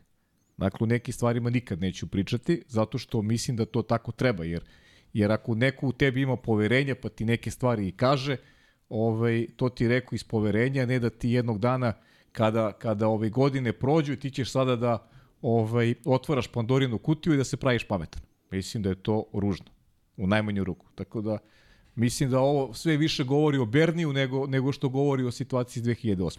Pa, ili o Masi. Masa je bio vrlo kulturan i šta je rekao? Rekao u to vreme Ferrarijevi advokati su me uveravali da je to pravilo, dodali se trofej i to je to. Išli smo i kod drugih advokata i odgovor je bio isti. Ne može se ništa učiniti. Tako da sam verovao u tu situaciju. Ali sada, posle 15 godina, sam saznao da je nekadašnji vlasnik sporta 2008. zajedno sa predsednikom FIE, to je poseban problem, sa predsednikom FIE, znao za situaciju i nije učinio ništa kako bi zaštitio ime Formula 1. Ovo je veoma tužno, s obzirom na činjenicu da je trebalo poništiti rezultat trke i da bih ja bio šampion sveta. Na kraju ja sam najviše izgubio ovim rezultatom i želim, mi ćemo se potruditi da saznamo, da razumemo bolje ovu situaciju. Ja, I ništa, rekao- ja ništa masu ne krivim za ovo. Nema šta.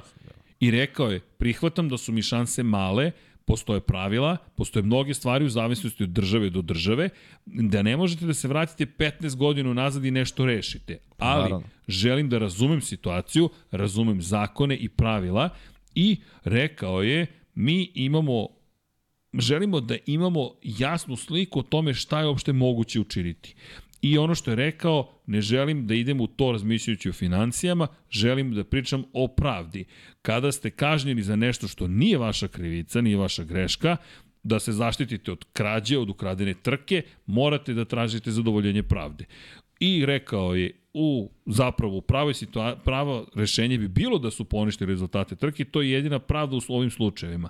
Ali, eto, kao što smo Ja rekli, bi, ja bi posle ovog Bernie, Bernie Ecclestonu zabranio prisustvo trkama Formule 1. ali se to, nažalost, neće, nažalost, ću da kažem nažalost, neće se desiti, kako god. Evo, ja ti kažem ti kako, kako ja tumačim celu priču. Ja bi njemu zabranio prisustvo trkama Formule 1 zato što je krio, Pa sad je uveo kri, krio je sport istinu, u potencijalni tako je, skandal. krio je istinu, krio je istinu 15 godina onome što se desilo. U čemu je razlika između o, o Bernija i e, Flavija Briatorea i, i, i, i- i Nelsona Pikea Jude? Kaži mi razliku. Znači ti si znao šta treba da se uradi, nisi uradio. Po če, u čemu Pa- je razlika između tebe i, pa, i Flavija Briatorea? Ovako, Flavio Briatore je absolviran, dakle on nema nikakav zločin, on je u Formuli 1 najnormalnije, čak sad radi u Formuli 1 kao kompaniji.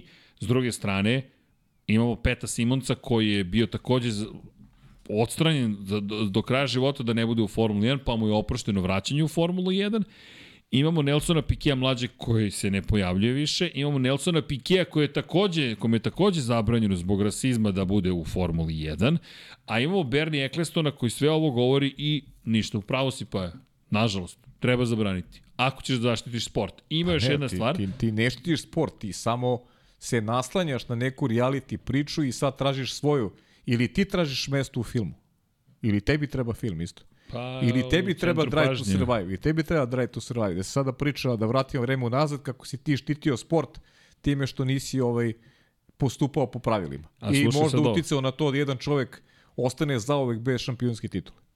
Kasno je sada za kajanje, 15 godina kasnije. Ili ćuti, je, ili, ili, ćuti, ili nosi sport, to u sebi i ili to je nosi to. to u sebi i to je to, da. I, a, I napomenuo je čoveka kog si ti spominjao. Masa je rekao, vidjeli smo ovo u drugim sportovima. Pogledajte Lance Armstronga. Dokazano je da se dopingovao, izgubio je sve titulu. Čemu je razlika? I pitao je ga da li je pričao sa, sa Ferrarijem o svemu ovome, rekao nije još. Pa ne, nije. Znaš čemu je razlika? Da. Ništa nije loše uradio neko je osvojio šampionsku titulu. Možda bi se on ponašao drugačije. Znaš, sad posta, znaš, znaš, znaš, znaš šta se mi sad vraćamo? Da. Š- Kako bi vozio Luis posle Singapura da zna da ima više poena? Pa zato ti kažem, Znaš, to je, mislim, to je teško. Pa ne, to, to, je- to je nemoguća Ti si misija. već znaš, ti- uticao na, na, na ponašanje si McLarena, morao, Hamiltona, ali, ali, ali Mase. jedini u celoj priči ko treba da ima da ima konsekvence neke. To je jedini je jedini je Bernie Eccleston, niko više. On je taj koji treba da, da trpi konsekvence zbog toga. Zabraniti pristup Formuli 1 kao što je svojevremeno zabranjen Flavio Briatoreu. Ja Ne. ja ne vidim ništa drugo kao opciju. Pa nema nekog drugog rezultata ovde. Jer FIA, Međunarodna automobilska federacija, je na kraju ta na koju ne možeš da utičeš. Ne možeš ti da odeš na sud i kažeš, konačno to je privatno vlasništvo, to je Pritom, privatna Ajde organizacija. da je to bila posljednja trka u sezoni. Pa, pa, znaš, pa da se tu nešto odigralo, pa da kažeš, ovako je... Postoji razlika, niko se nije dopingovao.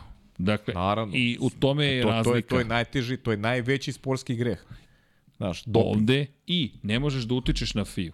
Inače, to su i u autosportu lepo pisali, rekli su da je to jedan od razloga zašto je Mercedes odustao od žalbe na Abu Dhabi. Jer čak i da je sud presudio u korist Mercedesa i Lewisa Hamiltona, FIU ne možeš da nateraš da primjeni tu presudu. Ma da, I ma po mislim, njenom statutu to nije nema, moguće. Nema priče. Ja ti kažem ti iz, iz mog ugla šta je priča. Samo čovek koji je otvorio dušu 15 godina kasnije. I ti sad imaš skandal u sportu i ti sad imaš sport koji je doveden u nezavidan položaj. Kako treba da se osjeća Lewis Hamilton? Ma, Ceo tim McLarena. a bez veze, potpuno. Šta sad? Potpuno, potpuno smešna priča. Sad mi pričamo o tituli iz 2008. godine. Ma, užas. Pri čemu, ko može da krivi masu što priča o tome? Niko. Ne, ne, ne, masu nik, ma ne, taman posle. Pa taman posle da krije. Ja, ja stvarno, ma, ma, masa se samo naslanja na ono što je gospodin rekao. Što je meni užas. Užas. Znači, stvarno nemam, nemam reči, čak trudim se onako, eh, grizem se za jezik konstantno da, da, da ne kažem sve što mislim. Onako najiskrenije. Jer to je odvratno mi je, stvarno. Baš mi je odvratno. Da Pričam nije, 15 godina kasnije, pričam da, da sam ja napravio grešku. Da sam ja kao štitio sport. Pa nisi štitio sport. Ti tada nisi štitio sport. Da ti je stalo do sporta, ti bi, ti bi radio po pravilima. Da ti je stalo do sporta. A i sada pokazuješ da ti nije stalo do sporta, jer sad otvaraš Pandorinu kutiju 15 godina kasnije.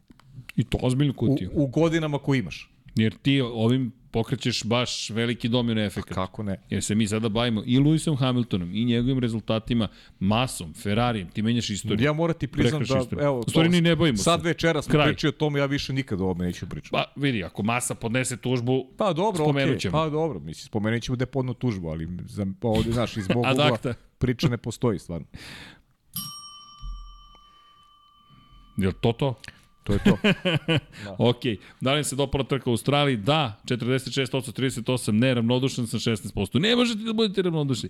A, evo, dosta komentara na, na ovu celu pri... Daj, Pajo, reci šta imaš. Dosta je. Mislim da je dovoljno. E, Muki Alex, ne shvatate kako pravo funkcioniše, ništa to nema veze što pišete 15 godina. Ne, ne, Uh, kažem, priznali trka se treba poništiti to. Muki, uh, sve to u redu, ali kažem, vi da na sudu poništite, ne možete da naterate FIU da to prihvati. Ništa drugo. Ne, ne možete, jednostavno tako je napisano. I, I to je to. U svakom slučaju, priča ne sme da se ne ispriča. Felipe Massa je rekao šta je rekao i svaka mu čast i dalje na veoma smirenom ne, pristupu. Pa kažem ti, Čovek nije, je nije sporan Filipe uopšte. nikada ni nije bio sporan. Nikad nije bio sporan, tako je. Dobro, u svakom slučaju, vreme je da se polako pozdravljamo. Prošla ponoć Jeste, jeste. jeste. Uuu, okej. Po, ponoć već je prošla. Da, uh, F1 planira da imamo 25 trka u sezoni. Kako mislite to da uradi? Južna polu lopta u januaru. Ne, Nikola, lako je. Samo vežeš vikend za vikendom da se trkate. Gde god da su vremenski uslovi odgovarajući, to je to. Bukvalno, samo Pa vežeš. za, za 25 Pa nije ne problem, to moraš, ni, još ne dve. moraš ni da vežeš, znaš, za 25. Za 30 možeš. Za 30 moraš da vežeš. Za 30 si naskar. Pa da, ali tu se postavlja pitanje onda ko kupuje ulaznice. Jer ti ako kažeš ovako, imamo 10 trka u 10 nedelja u Evropi, gde ideš? Ili ideš na sve trke, ideš na samo jedno, to je sad, to su pitanja. Možda je to taj eksperiment Pa sa Moto Grand Prix. na šta ti još tu? Tu je, mora da, mora da uzmemo obzir da ima ljudi koji mogu i da vežu, ovaj, sebi da priušti i da vežu dve trke. E da, ima dobar komentar Muki Alex. Da li može da traži multimilionsku odštetu, Felipe? Fakat, da. može. Može. Može, To može. može, no, može, To može. može.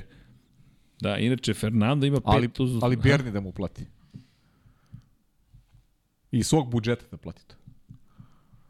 Da, ima. Ja mislim da ima. da to Berniju nije problem, pa plaća je Berni svakakav, svašta je Berni plaćao po nemačkim sudovima. Dobro, Berni takva figura kakva jeste. Uh, da Nikola Niksi, inače, Fernando ima pet uzastopnih postolja sa bolidima koji koristi Mer- Mercedesove motore. Dve na, dva na kraju 2007. i sada još tri sa, sa Aston Martinom. Ne razumem. A između pobjede Ferrarija, Renaulta, plasmani, zbunjen sam. A, Pa ne, ne, pa dobro, da. Bravo. Ne, ne, sa, pa, bravo, pa baš to, Nikola, između ne računaš. bravo, između, da, da, nije, nije nikad koristio Mercedes. Bravo, Tako da. Nikola, dok, dok star čovjek, dok upale Pa iskre. dobro, i ponoć Dok, prošla. da, da, da, hvala ti, da. Ponoć dakle, već je da, prošla. vidiš, Fernando nije koristio Mercedesovu pogonsku jedinicu od 2007.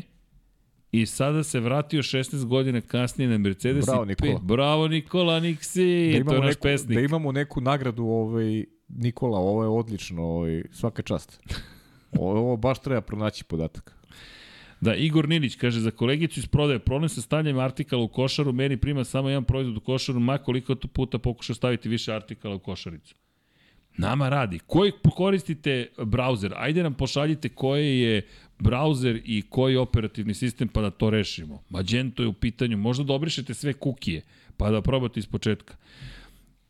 Uh, e, pita Muhin za šta ga tuži, za jednu trku ili za čitavu sezonu? Ne, tuži ga za jednu trku koja je uticala na celu sezonu, duševni bol koji je pretrpeo i sve ostalo što je proizvelo. Ne, ne, to ozbiljna Da, da, da, tužba da. može da bude. Jer ako, si ti, ako bi ti bio šampion, koliki si ti izgubio u potencijalnim prihodima Pa jeste, od to je- je Ferrarija koji bi morao da te plati zato što si šampion, koliko bi ti sponzori dali zato Tako što je. si šampion, koliko si izgubio od potencijalnih reklama koje bi prodao zato što Pa si to je šampion. lepo čovjek rekao, to, Tako je, to jeste, Nik, to ima Muki, i, da. svaka čast. Jeste. Da, dakle, i, ono što je poenta jeste u toj cijeloj priči da Zaista ima osnova. E, da, i kaže Muki, dobar moj komentar.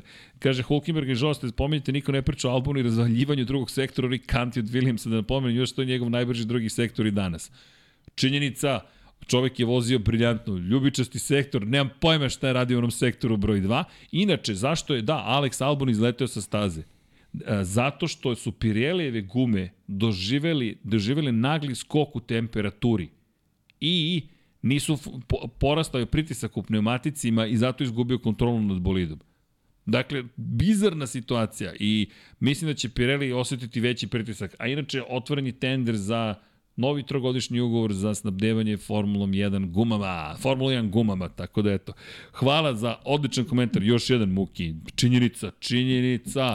Bravo, Muki. Bravo Muki. Ej, da, i Night Rain, kaže, 50 trka u sezoni, svaki vikend trka, 25 trka, jedan vozač, drugi vozač, samo jedan bolid po trci i odmah više timova dovesti. Night Rain, vi, mislim da ste na nečemu, ali Pajo, ti si zapravo mi dao rešenje. Kako? Sprintovi. Ali sad, pa jeste, jeste. Izvinjam se. Nasmio sam publiku, ne. ali vidi, sprint i trka. Kao Moto Grand Prix. I onda imaš 25 trka. Puta 2, 25 trkačkih vikenda, puta 2 dođeš do 50. Ne sviđa mi se. Ne, ne kažem da mi se sviđa ili ne, samo ti kažem kak, šta će da se desi. Pa, nadam se da neće. Dobro, samo kažem. Uh, Brave browser. Brave, bra- šta je Brave browser? Igore, ako ste ljubitelj security-a, verovatno naš mali Magento ne podržava Brave browsera. Evo, čekajte, šta je Brave browser? Sad ste me izgubili, davno nisam... Obo...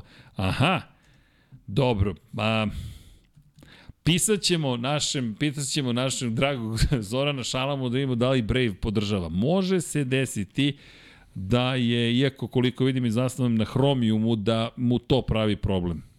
Pokušat ćemo da rešimo, ali me ne bi iznenadilo da vas pratilac svih informacija Google natera na... Probajte sa Safarijem ako ste na Macu, ako ne, ne znam, Edge na, na Microsoftu. Znam da možda ga ih ne volite, ali ajde probat ćemo da imamo kompatibilnost sa Braveom. Hvala Igore za informaciju. A, Vlado Jaman, Windows Opera. Okej. A, ovu nedelju bit će u Bristolu. Da, Bristol, da ne zaboravimo. A, Boško Desačić, da, neće Gasli biti kažnjen. A, prijatelj verovatno nije na Braveu. Da, niko od nas nije na Braveu, ali dobro. Da, verovatno koristite i DuckDuckGo, tu ste moj čovjek. Ali, da li može Kimi da tuži Ecclestona za Brazil 2003. koji je direktno uticao na šampionat?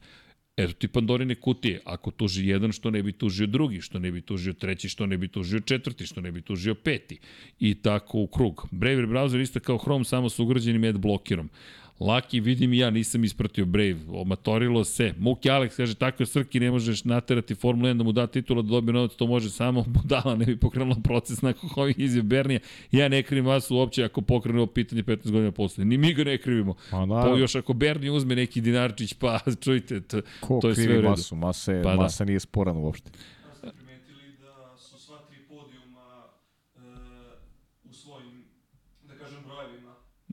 Da Sva tri podijuma A u ima, brojima 1 i 4. u brojevima 1 i 4. Nisam pohvatao, ne, ne, Pa u brojima 1 i 4 imaš, jedan je Verstappen, e, 14 je dobro. I 4 Alonso i 44 Hamilton.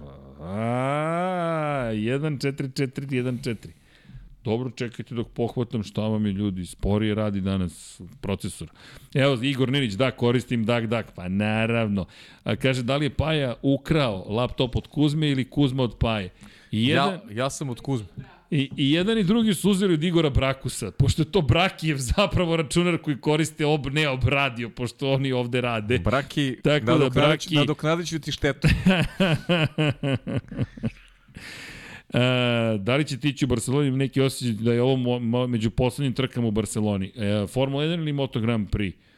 E, A ne, Formul, pa misli na, na, misli na Moto Grand Prix, verovatno, zato što obično ideš jedino na MotoGP ti. da, da, da, da, da. Pa da, e, trebalo bi, ali ne znam, evo iskreno. E, da vidimo šta je Skeops, Skeops, da li podržavaš reforme Liberty Medije? Mi ili ko? Pa ne, ne sve.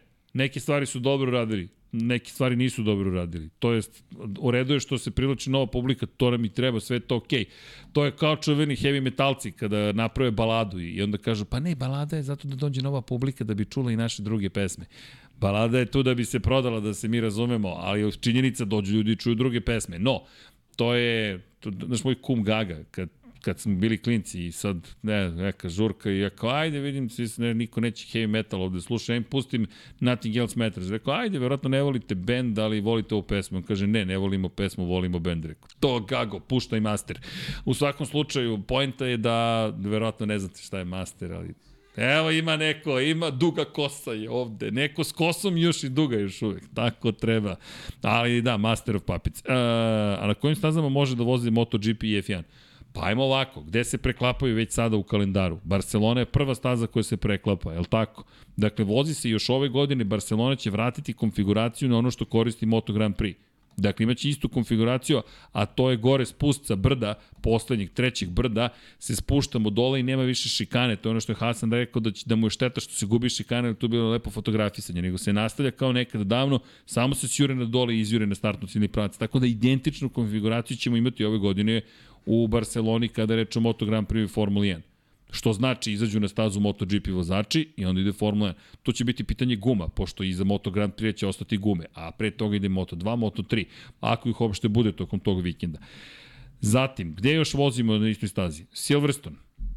Dakle, može i u Velikoj Britaniji. Velika gledanost, eto, nije nemoguće. Priča se da će Moto Grand Prix ponovo voziti veliku nagradu Belgije. To nemojte zaboraviti, nekada davno je svetski šampionat u motociklizmu posjećivao Spa. Dobro ste me čuli, kroz Oruž, kroz Radion, kroz gore na Camel pravac, sa 500 kubika dvotaknim, 250-125 se vozilo i sa 80-icama. To je druga staza koja bi eto mogla da bude. Gde Moto Grand Prix ide takođe? Katar, Lusail. Dakle, to su noćne trke u Moto Grand Prix, noćna trka u Formuli 1 nije nemoguće voziti. Možda po danju neki, neki noć. Kota ili ti staza Amerika u sred Teksasa. Verujem da bi to isto bio zanimljiv eksperiment. Inače, ne zaboravite za 10 dana velika nagrada Amerike, to jest Amerika, upravo u Koti. Šta još imamo, gde još može da se poklopi? Abu Dhabi se ne vozi u Moto Grand Prix-u, Japan ne ide se u Suzuku, ide se u Motegi, Holandija ne, Red Bull Ring, Red Bull Ring jeste konfiguracija malo promenjena sada za Moto Grand Prix, ali to se promeni za tili čas. Dakle, imate Red Bull Ring takođe.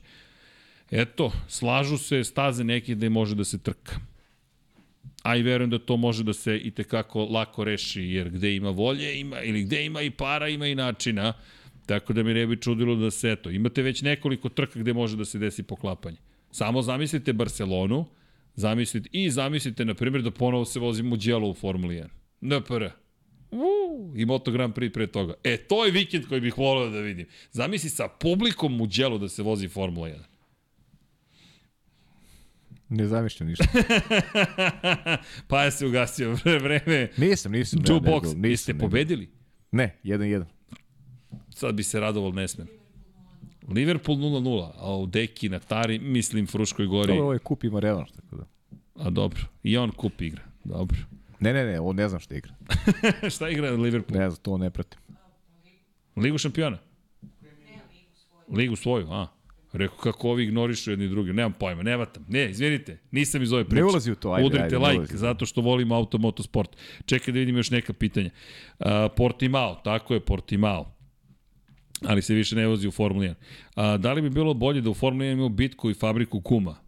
Naravno da je bilo, to pričamo da. stalno, to je da mogu da biraju timovi sa kojim ovaj proizvođači će da sarađuju i to je onda to je onda utakmica dodatna. E, čekaj da vidimo šta, evo uspeo je Igor, me neće evo i na hromu. Pa ne znam sad šta se događa. A, ovu trku imamo i podijum sa najviše zbrojenih podija, 373. Činjenica, Hamilton 192, Verstappen 80 i 101 Alonso. Nikad trofejnije pobjedničko postolje nismo imali. Nikad trofejnije. Pri čemu 11 titula između sebe imaju njih trojica. I tri najtrofejnije zvezde. Apropo i pajnih nekih komentara šta smo radili, kako smo radili, zašto smo radili, ali jeste, lepo ih je bilo videti. I bilo lepo ih je bilo čuti. I Rijektor kaže, ustajem ja ujutru i vidim tatu vidno iznerviranog. Rekao, šta je bilo, ili su Ferrarijevi poispadali, kaže on, ajde da su samo oni, nego su ceo sport propastili ovi direktori. Dakle, tatin komentar, Pozdrav, pozdravite tatu. Pozdrav za tatu, sve lepo rekao. A, da vidimo šta još ima. Mm, da, uf, čekaj, Luka, šta je tek na Monci, ne smijem ni da zamislim. Ne, u Monci nemojte, možete da gledate Superbike u Monci kako se vozi, ljudi, da ono je strašno. Samo da znate, nekad se u Hockenheimu, starom Hockenheimu su se vozile trke motocikala. Da, dobro ste čuli. Pogledajte na YouTube-u, sigurno ima snimaka. Pogledajte Hockenheim MotoGP, naći će vam kao 500 kubika ili nešto slično i pogledajte kako je to izgledalo. Stari Hockenheim, da, ono čuveno kroz šumu. A, Srđane, koji ti je omiljeni motocikl? Mislim na serijsku proizvodnju. Jedno pitanje, koji ti je omiljeni trkački motocikl? Uf, teško pitanje. Baš teško pitanje. O, omiljeni motocikl na serijsku proizvodnju. Pa s obzirom na činjenicu da trenutno sređujemo Apriliju RS 120. E, ali znate koji su mi najomiljeni? Nije jedan, ali cela ta serija Yamaha od 250 kubika, NSR 250-ica i RS 250-ica. Ta tri motocikla to je moj iskreni san. Želim da ih imamo u studiju kako ovde stoje, bukvalno 250 dvotaktne iz 97. Bukvalno ta, tu seriju želim da vidimo. U Bosni i Hercegovini sam našao Yamahu, ako uspemo da je kupimo i uvezemo, dovezemo. NSR 250 mi je neko spominjao sada na sajmu automobila da može da se nađe, a RS 250 to više ne može se kupi. Pre 10 godina sam mogao da kupim i kao pa ne, gde ću sada, šta ću? Sad je to raritet, to je kolekcionarski primjerak. Tako da su to tri motocikla koje bih ja volao da vidim. Ali ako bih mogao da izdvojim četvorotakni, SP2, VTR, nešto, ne znam, volim taj motocikl, ne mogu kažem omiljeni, ali to je stari motocikl, ko se toga pamti, dvocilindrična Honda, koja je napravljena isključivo da se takmiči sa Ducatijem u, u, u Superbajku, to su, to su neki motocikli koji, koji onako su mi ostali u sjećanju, ali eto, kao što vidite iz nekih davne, davne, davne, davne, davne priče. Ma svi su dobri, ne znam, tra, Afrika je zabavna. Mada, šalimo, zezamo se, zezamo. Šalimo se s našim prijateljem Vojom, koji vozi automatik Afriku i kažemo vozi skuter, ali nije skuter, super je Afrika. Tako da ima, sve su motori, svaki ima svoju priču. U, znate koji su super? Pa, pa Superbike KTM-ov. Jeste, jeste pogledali taj motocikl, to je sve ljub, ma, i, ma, ma ako krenem, svi će mi se dopasti. Panigale isto super zanimljiv, nema, nema rama Tako, ali ja bih ostao na tim 250-icama, nešto meni to ostalo, da ostali su mi neke lepe uspomene na te motocikle, pa eto. Pogotovo Yamaha, neki trip imam sa tom Yamahom, ono, ono je potpuno zaboravljeno, ali leto, lepi su. Inače, uh, ko je mi omiljeni trkački?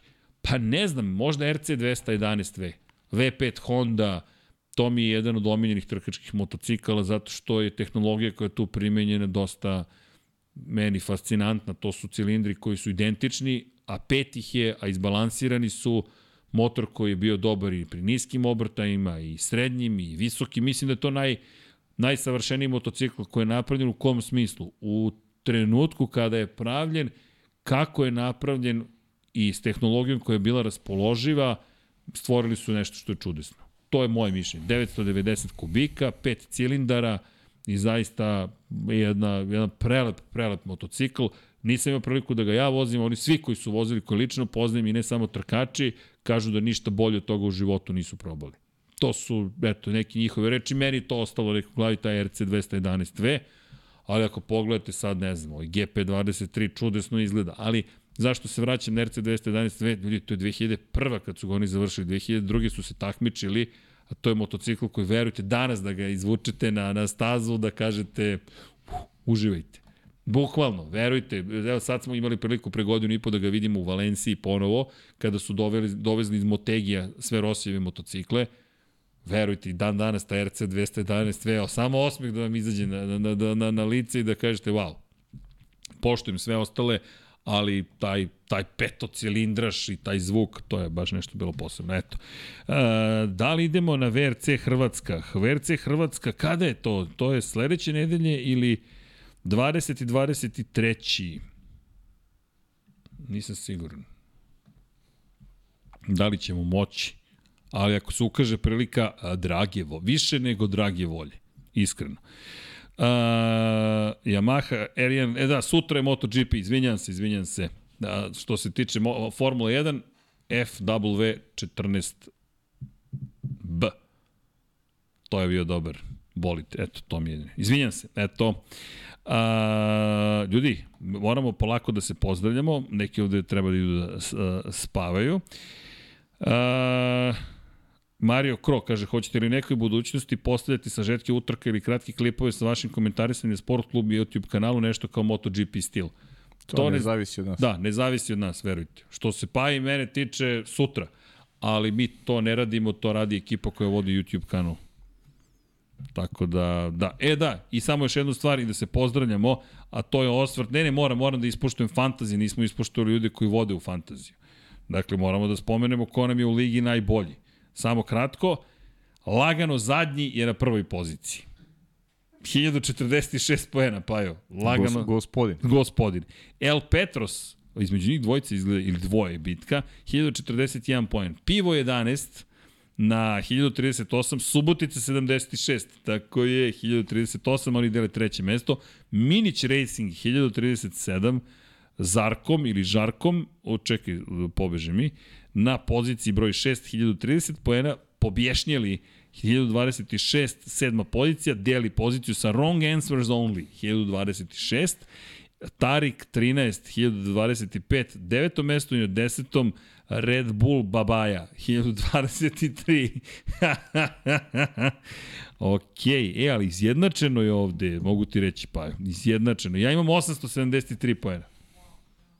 Aruba, Bahama, kako ću da osvojim titulu i onda ću ja da uzmem, samom sebi ću da dam trofej. Srđe ne izvoli, gde hvala ti. Gde si bio ti. prošle godine? Gde sam bio kad sam bio Niko? Šalim se. Uh, pa, bio sam, bio sam daleko. Ali ove godine, kažete, ove godine Šejla, je li igra Šejla? Gde je Šejla? Je se javlja Šejla? Gde je Šejla? Je li igra Šejla? Nema smisla ako ne igra Šejla. Dva pobe titula i drugo mesto, ajmo sad da vidimo. Ali sad je, nema više pretrage, to je ono što me nervira. Prošle godine sam lepo mogu da pretražim, sad ne mogu da pretražim. Pretraži sada patrone, to je jedino što ti ostalo da pretražiš. Ok, Paja me je poslao kući, dragi ljudi, i ja vam želim to je to, jednu lepu, motorima, to je, laku noć. Da, ušao si u temu koja je sutrašnja. Da, da, da, da, da, ne, dobro, Sačuvaj pitao me čovjek, sutra. Pa znam, možeš sutra mu odgovoriš. Izvinite, do, pravo ste, sutra, pridružite nam se sutra u četu i to je to. A, dragi ljudi, evo, Srki MP44 ili FE14B. Ma, kako, ko će to da odluči? McLaren. A, u svakom slučaju, uh, ajmo, uh, vreme je da, ka, evo, prozivaju me ovde, ajmo da se polako pozdravljamo, gde ste uživali, dragi ljudi, to vam kažem, ovde je zabava. Gde nam je Ferrari navijač? Idu u školu, ne može da ostane Opa, opet hoćeš u školu? A normalno. Pa, opet je pobegao. Pa, ozbiljan dečko. A nije, izbegava odmor, da ga ne zezaju drugi đaci. Ozbiljan dečko na u odmoru. Ali ne, ozbiljan dečko. Mi smo propagirali školu, školu i on je otišao spava na vreme. Pa, normalno. Otišao juče. Juče otišao. Pozdrav, pozdrav, pozdrav svima. Ljudi, udrite like, udrite subscribe ukoliko želite da pratite ove fantastične i spektakularne sadržaje koje plasira Infinity Lighthouse, tako je. To se zove sadržaj. Kad zamisli da neko da ti je rekao pred 20 godina šta si danas pripremio od sadržaja. Content creator. Ja, bio sam mali pre 20 godina. Ne, ne, to se zove samo ljubav, novinarstvo, komentarisanje kako god želite. Uh, Srki, nisi komentarisao uh, uh, uh, uh, rezultate ankete koju si sam napravio. Da li nam se dopala trka u Australiji 46%? To je to, publika je rekla, demokratija 46%, to je to, 45 sada posto, ne, 38% i ravnodušnost 17. Šokiran sam ravnodušnošću, nema ravnodušnosti, ljudi, to je jedino što je neprihvatljivo. Šalim se, naravno, šta da prokomentarišem? Ljudi, nova e, Formula 1 je stigla i to je okej, okay, idemo dalje u korak s vremenom, neke stvari nam se sviđaju, neke stvari nam se manje sviđaju, ali ćemo uvek voliti Formulu 1. Ja bih vas lagao da vam kažem sutra da imamo dve sprint trke, jednu veliku nagradu tokom vikenda da ja to ne bih gledao. Bukvalno bih vas lagao. Gledao bih, možda bih kukao i gunđao kao animatorci 50+, plus, još nisam prešao 50, ali i dalje bih gledao. Jednostavno, to bi bio komentar ceo. Ne, ne, u moje vreme, znaš kako se vozilo i tako dalje, kao što slušate.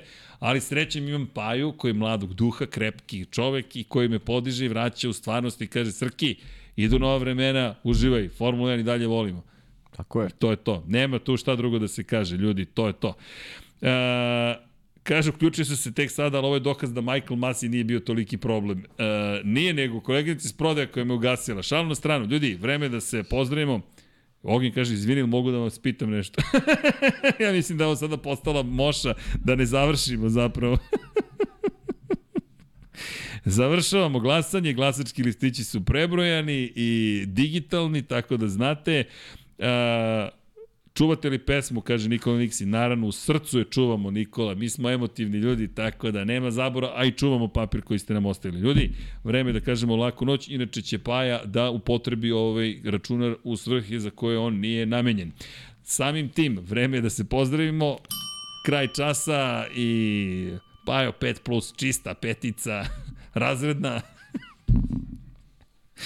Ajmo, drugari, dajte Patreone. Ne, ne, ne, ne, ne, pa nisam se spremio. Kako? Pa ne, pa nisam pročitao. Pa čekajte, spustio sam pitanje i odgovori dva minuta, sramota. Kako dva minuta, Branislave? Pa znamo koliko traje pitanje i Nije odgovor. S- Srki duže odgovor na jedno pitanje, zato. A imaš privid, znaš. Pa nemojte, Branislav, vi ste nam i Patreon i član i ne znam šta sve. Evo, su, iskupit ćemo se sledeće nedelje, jel može? Danas smo imali baš puno aktivnosti. A, I nije bilo Pajinog Instagrama ni večeras. Ne kontam, šta je s tvojim Instagramom? Što ja ne razumem. A, pitanja sa, A, Insta pitanja a, pitanja sa a. Instagrama. A.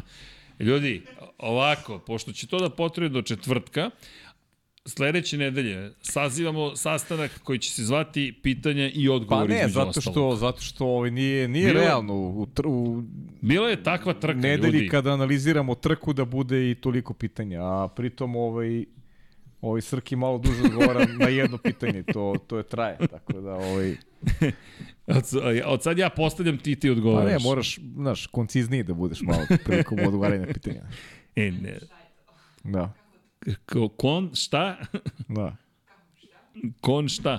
Ali ajde ovako, sledeće nedelje, drugari, drugarice, prijatelji, poznanici i svi ostali, porodice, udrite like i vidimo se sledeće nedelje.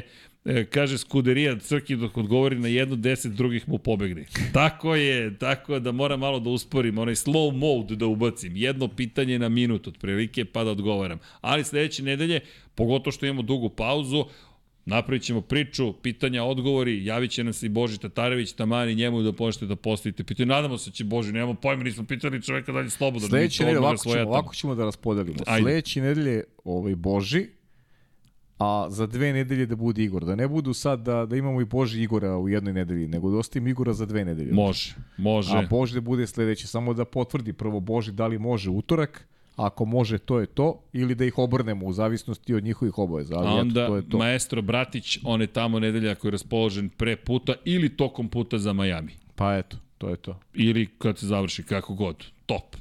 Koleginici iz prodaje, puštaj, puštajte Patreone. Infinity Joins Liberty Media. Da, puštajte Patreone. Poštajte Patreone da se pozdravim sa svima. Mirena Kovačević, Nedim Drljević, Nemanja Jeremić, Damjan Veljanoski, Vladidov Dave, Grgoš Živaljić, Đole QB4, Marko Bogavac, Vanja Radulović, Đorđe Milanović, Ivan Milatović, Šmele, Milan Kića, Jugoslav Ilić, Veselin Vukićević, Daniel Kolobarić, Josip Kovačić, Đorđe Đukić, Luka Klaso, Marin Antunović, Crnogorski džedaj, Dušan Petrović, Jelena Mak, Emir Mešić, Petar Nujić, Anonimus, Donatorus, Aleksandar Mitrović, Mlađan Antić, Miloš Vuletić, Nebojša Živanović, Blufonac, Stevan Zekanović, Zlatko Vasić, Armin, Ivan Maksimović, Nikola Božinović, Bojan Mijatović, Dimitrije Mišić, Andreja Branković, Ljubo Đurović, Ivan Ciger,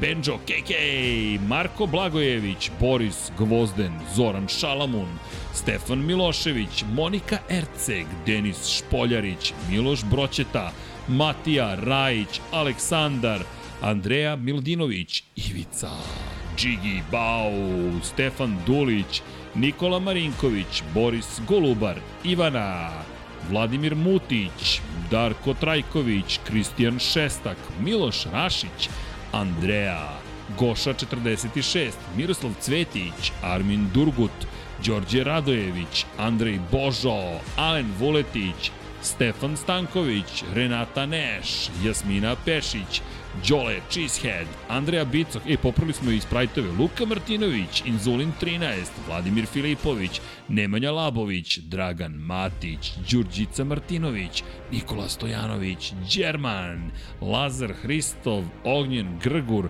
Lj. Đurović, Stefan Vidić, Stefan Nedeljković, Andrija Todorović, Aleksandar Antonović, Vojin Kostić, Mihajlo Krgović, Lazar Pejović, Branimir Kovačev, Jasenko Samarđić, Ivan Bahter Abdurmanov, Petar Relić, Dušan Delić, Vlada Ivanović, Stefan Prijović, optimistik Josh Allen Fan, Mladen Mladenović, Igor Jankovski, Nemanja, Milan Ristić, Aleksandar Anđelić, Miloš Radoslavljević, LFC, Nemanja Zagorac, Luka Savović, Vladimir Petković, Salim Okanović, Žarko Milić, Jelena Veljković, Nenad Ivić, Nenad Pantelić, Zorana Vidić, Milan Apro, Aleksandar Radivojša, Katarina, Novak Tomić, Vladimir Uskoković, Dejan Đokić, Aleksa Vučaj, Sava Dugi, Vučinić Miroslav, Bojan Bogdanović, ne mogu da idu reklame, Lukas ili Lukaš, Miloš Banduka, Laslo Boroš,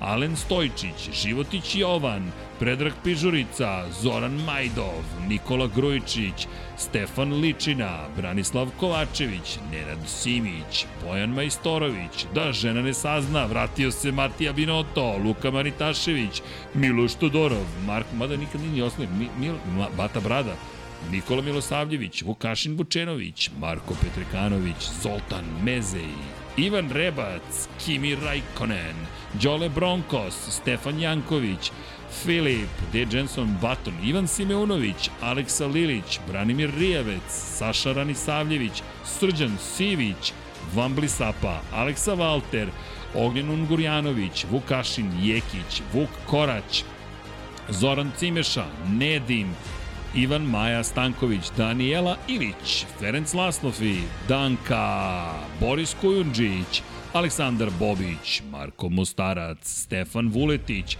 Antonio Novak, Borko Božunović, Ivan Rečević, Jugoslav Krasnić, Aleksandar Banovac, Ivan Panajotović, Vladan Miladinović, Ante Primorac, Igor Gašparević, Milan Nešković, Đorđe Andrić, Marko Horg, Kovačević Omer, Igor Vučković, Dejan Avić, Dušan Ristić, Gloria Edson, Branislav Milošević, Ružica Stefanović, Bogdan Uzelac, Živojin Petković, Borislav Jovanović, Stefan Lešnjak, Neđo Mališić, Matej Sopta, Sead Šantić, Marko Kostić, Marko Ćurčić, Marina Mihajlović, Toni Ruščić, Tijana Vidanović, Dragan Nikolovski, Luka, Milan, Milan Paunović, Anonimus, Donatorus, Marko Kozić, Nedo Lepanović, Branislav Marković, Aleksandar Jurić, Pavle Nj, Predrag Simić, Boris Erceg,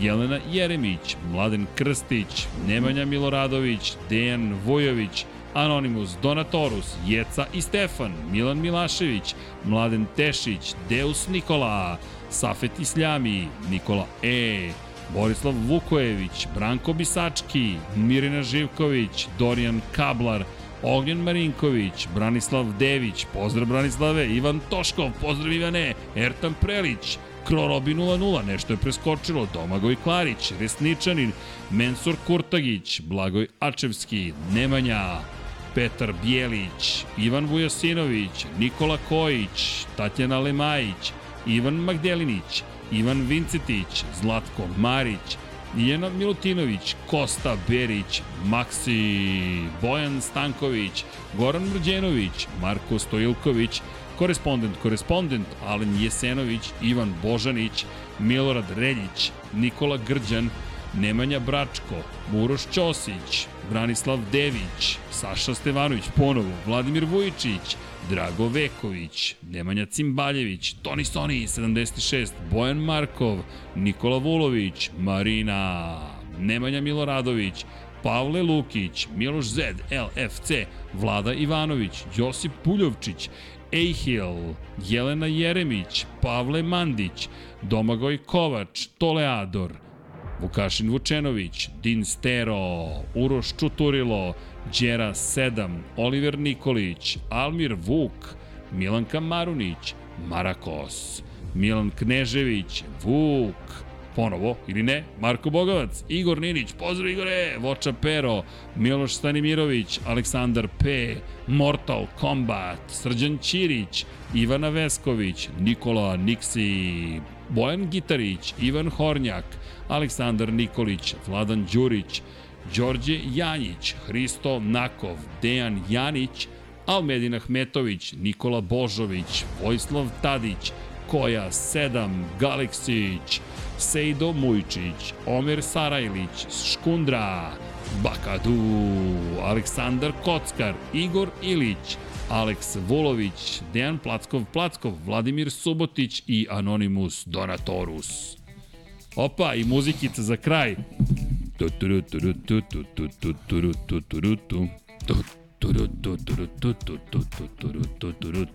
Ajmo pa jo, da te razveselim, idemo u biblioteku sada malo da čitamo knjige. Ako ništa drugo možemo da napišemo ko... Čekaj, ajde da otvaramo tu temu. Ljudi, Nadam se da ste uživali, bio je ovo Cirkus Maximus, bila je ovo zabava celovečernja, makar meni, mada mi paja malo... Ne, ne, okej. Okay, kako, mislim, koji ne, se ne, podcast završi, on vene i svene. pa ne, nego što, mislim, naš... Re, Šalim rečeno, se, bre, paja, šta ti je? Ti znaš da ja tebe volim, koleginici iz prodaje je još uvek tu, prisutna, publika je prisutna, udrite like, budite dobri. Ono što je najvažnije, Radite nešto lepo, budite dobri jedni prema drugima, mazite se i pazite se, uživajte u životu, vozite oprezno, ne znam, vozite računa jedni u drugima, ma to je najvažnija stvar. A mi, mi ćemo i dalje da se zabavljamo, gledamo Formulu 1, komentarišemo Formulu 1, volimo je, ponekad će da nas nervira, ali uvek ćemo da se vraćamo i to je prosto ljubav. To je sve što imamo da vam kažemo za večeras, nadamo se da ste uživali, mi svakako jesmo, odosmo sada na 1, 2, 3, 4, 5, 7, 6, može i 7, 6, a? 1, 2, 3, 4, 5, 7, 6. A? Ajde. 1, 2, 3, 4, 5, 7, 6. Ćao, Ćao svima! svima! Lepo spavajte. Ko kaže da sa električnim pogonom nema avanture? Ko kaže da se avantura prekida radi punjenja? Novi Nissan X-Trail sa e-Power tehnologijom. Jedinstveno elektrifikovano iskustvo koje ne zavisi od punjača. Svojim fantazijom.